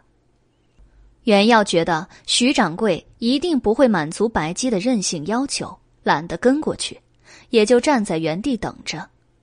他望向大堂，但见四五名穿着灰褐色短打的伙计飞快的穿梭来往，他们手持托盘为食客送菜，他们身手灵活，来去如风，食盘中连一滴汤都未洒出。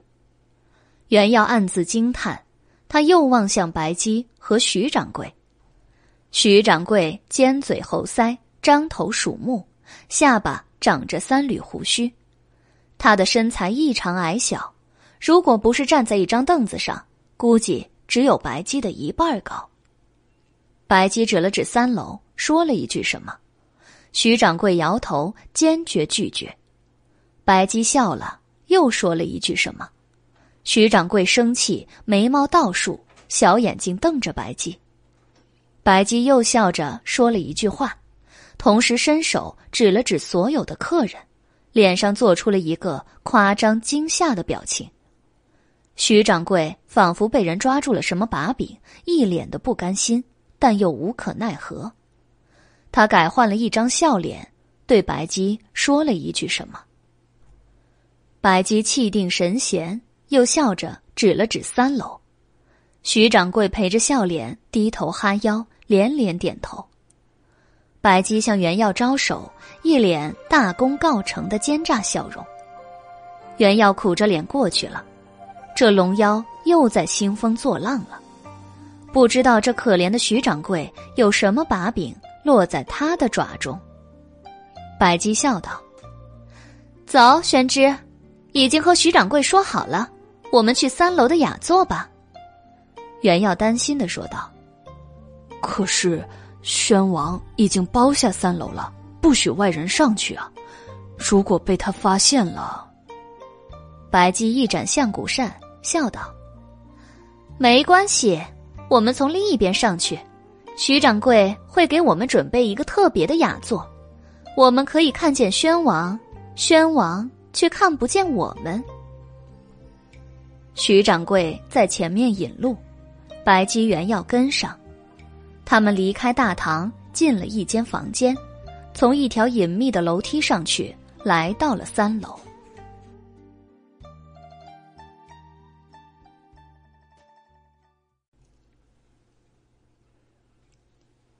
三楼的正中央，分隔雅座的屏风被撤去，布置成了一个雅致的宴堂。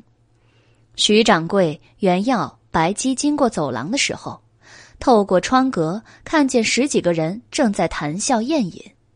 他们锦衣玉饰，不是王公便是显贵。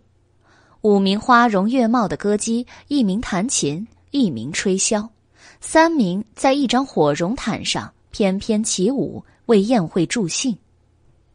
哎，丹阳也在里面。袁耀眼尖，从宴饮的人群中看见了韦燕。韦燕和一名神色憔悴的锦衣公子对饮，他好像很有兴趣的在问对方一些什么，但锦衣公子似乎没有弹性，只是闷头喝酒。白姬定睛偷望，笑了：“ 这个宴会好像很有趣啊。”徐掌柜将食指放在嘴边，示意白姬和袁耀小声一点说话，不要惊动了宴饮的人。百姬原药跟着徐掌柜进入大堂旁边一间房间中，房间不大，但布置典雅。南边是临街的窗户，可以将东市尽收眼底；西边是三楼的大厅，中间隔着一面墙壁，但不知道是什么缘故，竟然可以清楚的看见大厅中的宴会情形，也能听见人们的交谈。从大厅中看。这面墙壁上挂着一幅很大的百花图，看不到室内。徐掌柜对白姬陪笑道：“哈哈，这是我自己吃东西的地方，一般不招待客人，您就屈就一下，在这里用餐吧。”白姬在木案边坐下，饶有兴趣的望着歌舞升平的大厅。袁耀则觉得这里很不妥，有窥探他人隐私的嫌疑。白姬笑道：“很好，宣之，你想吃什么？不要客气啊，今天徐掌柜请客。”徐掌柜继续陪笑，但笑比哭还难看。袁耀冷汗，不知道这徐掌柜有什么把柄落在白姬手上，被他如此敲诈。他心中有些同情徐掌柜了。哦，嗯，够两个人吃的简单菜肴就好了，不用太麻烦，也不用太贵。白姬却笑道：“宣之说要万珍楼中最贵最美味的菜肴，煎炸煮炒生冷荤素，一样也不能少。食单上有多少种，就上多少种吧。”徐掌柜的脸色渐渐黑了。摇摇欲坠，袁耀吼道：“小生没有那么说。”好吧，刚才是说笑，请徐掌柜给我们推荐几样可口的菜肴，够两个人吃就行了，再配一壶好酒。徐掌柜松了一口气，擦去额头上的汗水。啊，没问题。徐掌柜行了一礼，退出去张罗了。袁耀好奇的问道。白姬，徐掌柜到底什么把柄落在你手上了？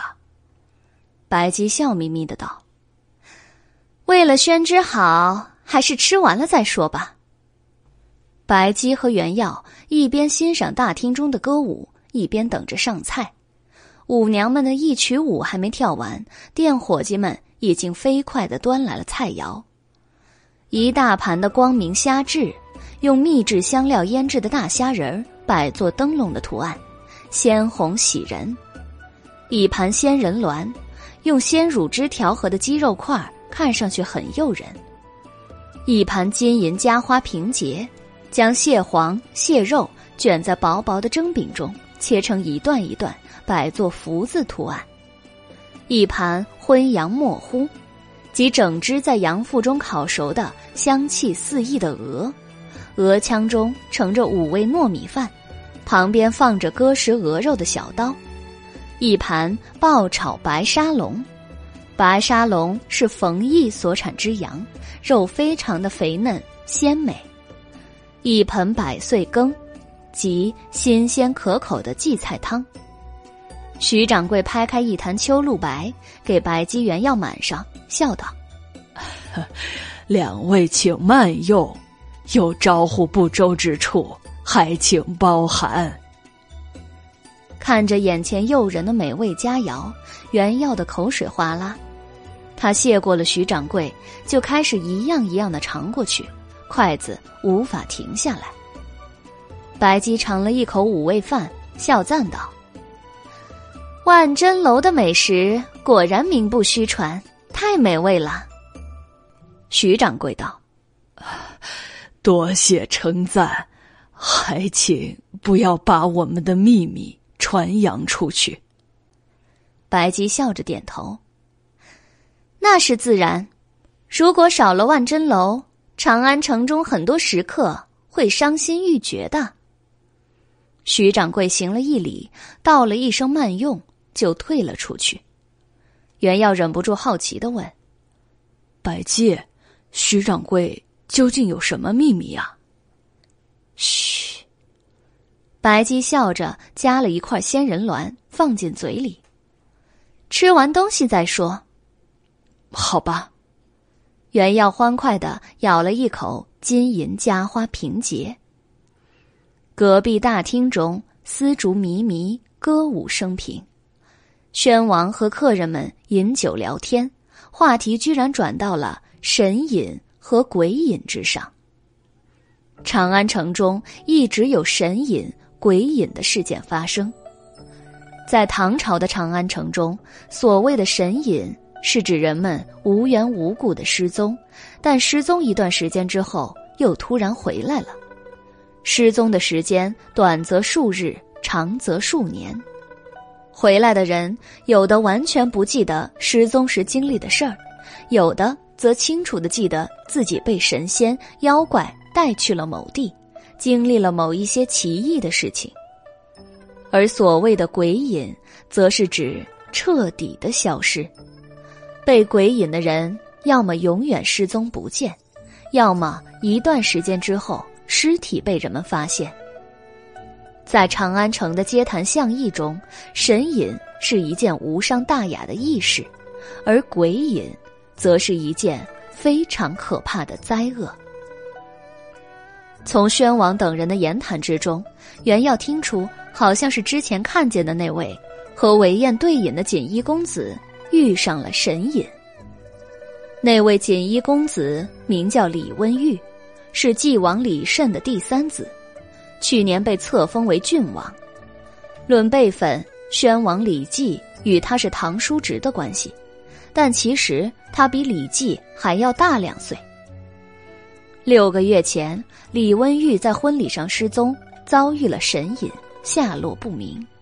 直到半个月前，他才突然回来，被人发现昏死在城西的石桥下。家人追问他的去向，他只说遇见了神女。与神女在一处仙府中过了大半年神仙眷侣的日子。李温玉的神色一直很苦闷，英俊的脸也消瘦而憔悴。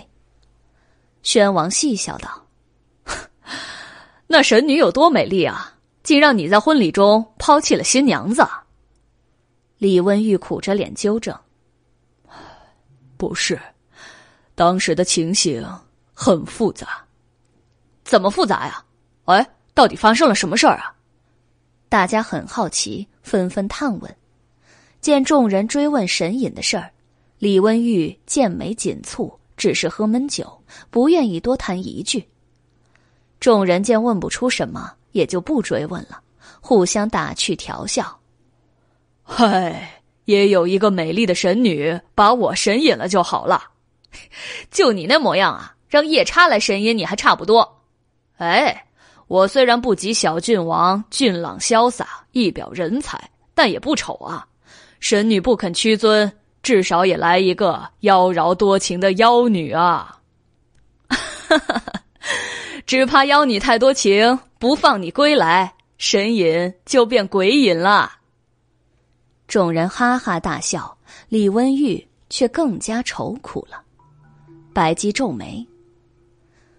太奇怪了，什么奇怪啊？袁耀一边啃着鹅腿，一边问道：“神隐的事儿，这有什么奇怪的？既然确实有非人存在，那神隐不是很平常的事儿吗？那位兄台估计真的邂逅了神女啊。这些男子不是王族，就是显贵。”长安城中的狐仙和神女绝不会选择他们神隐的，嗯，为什么呀？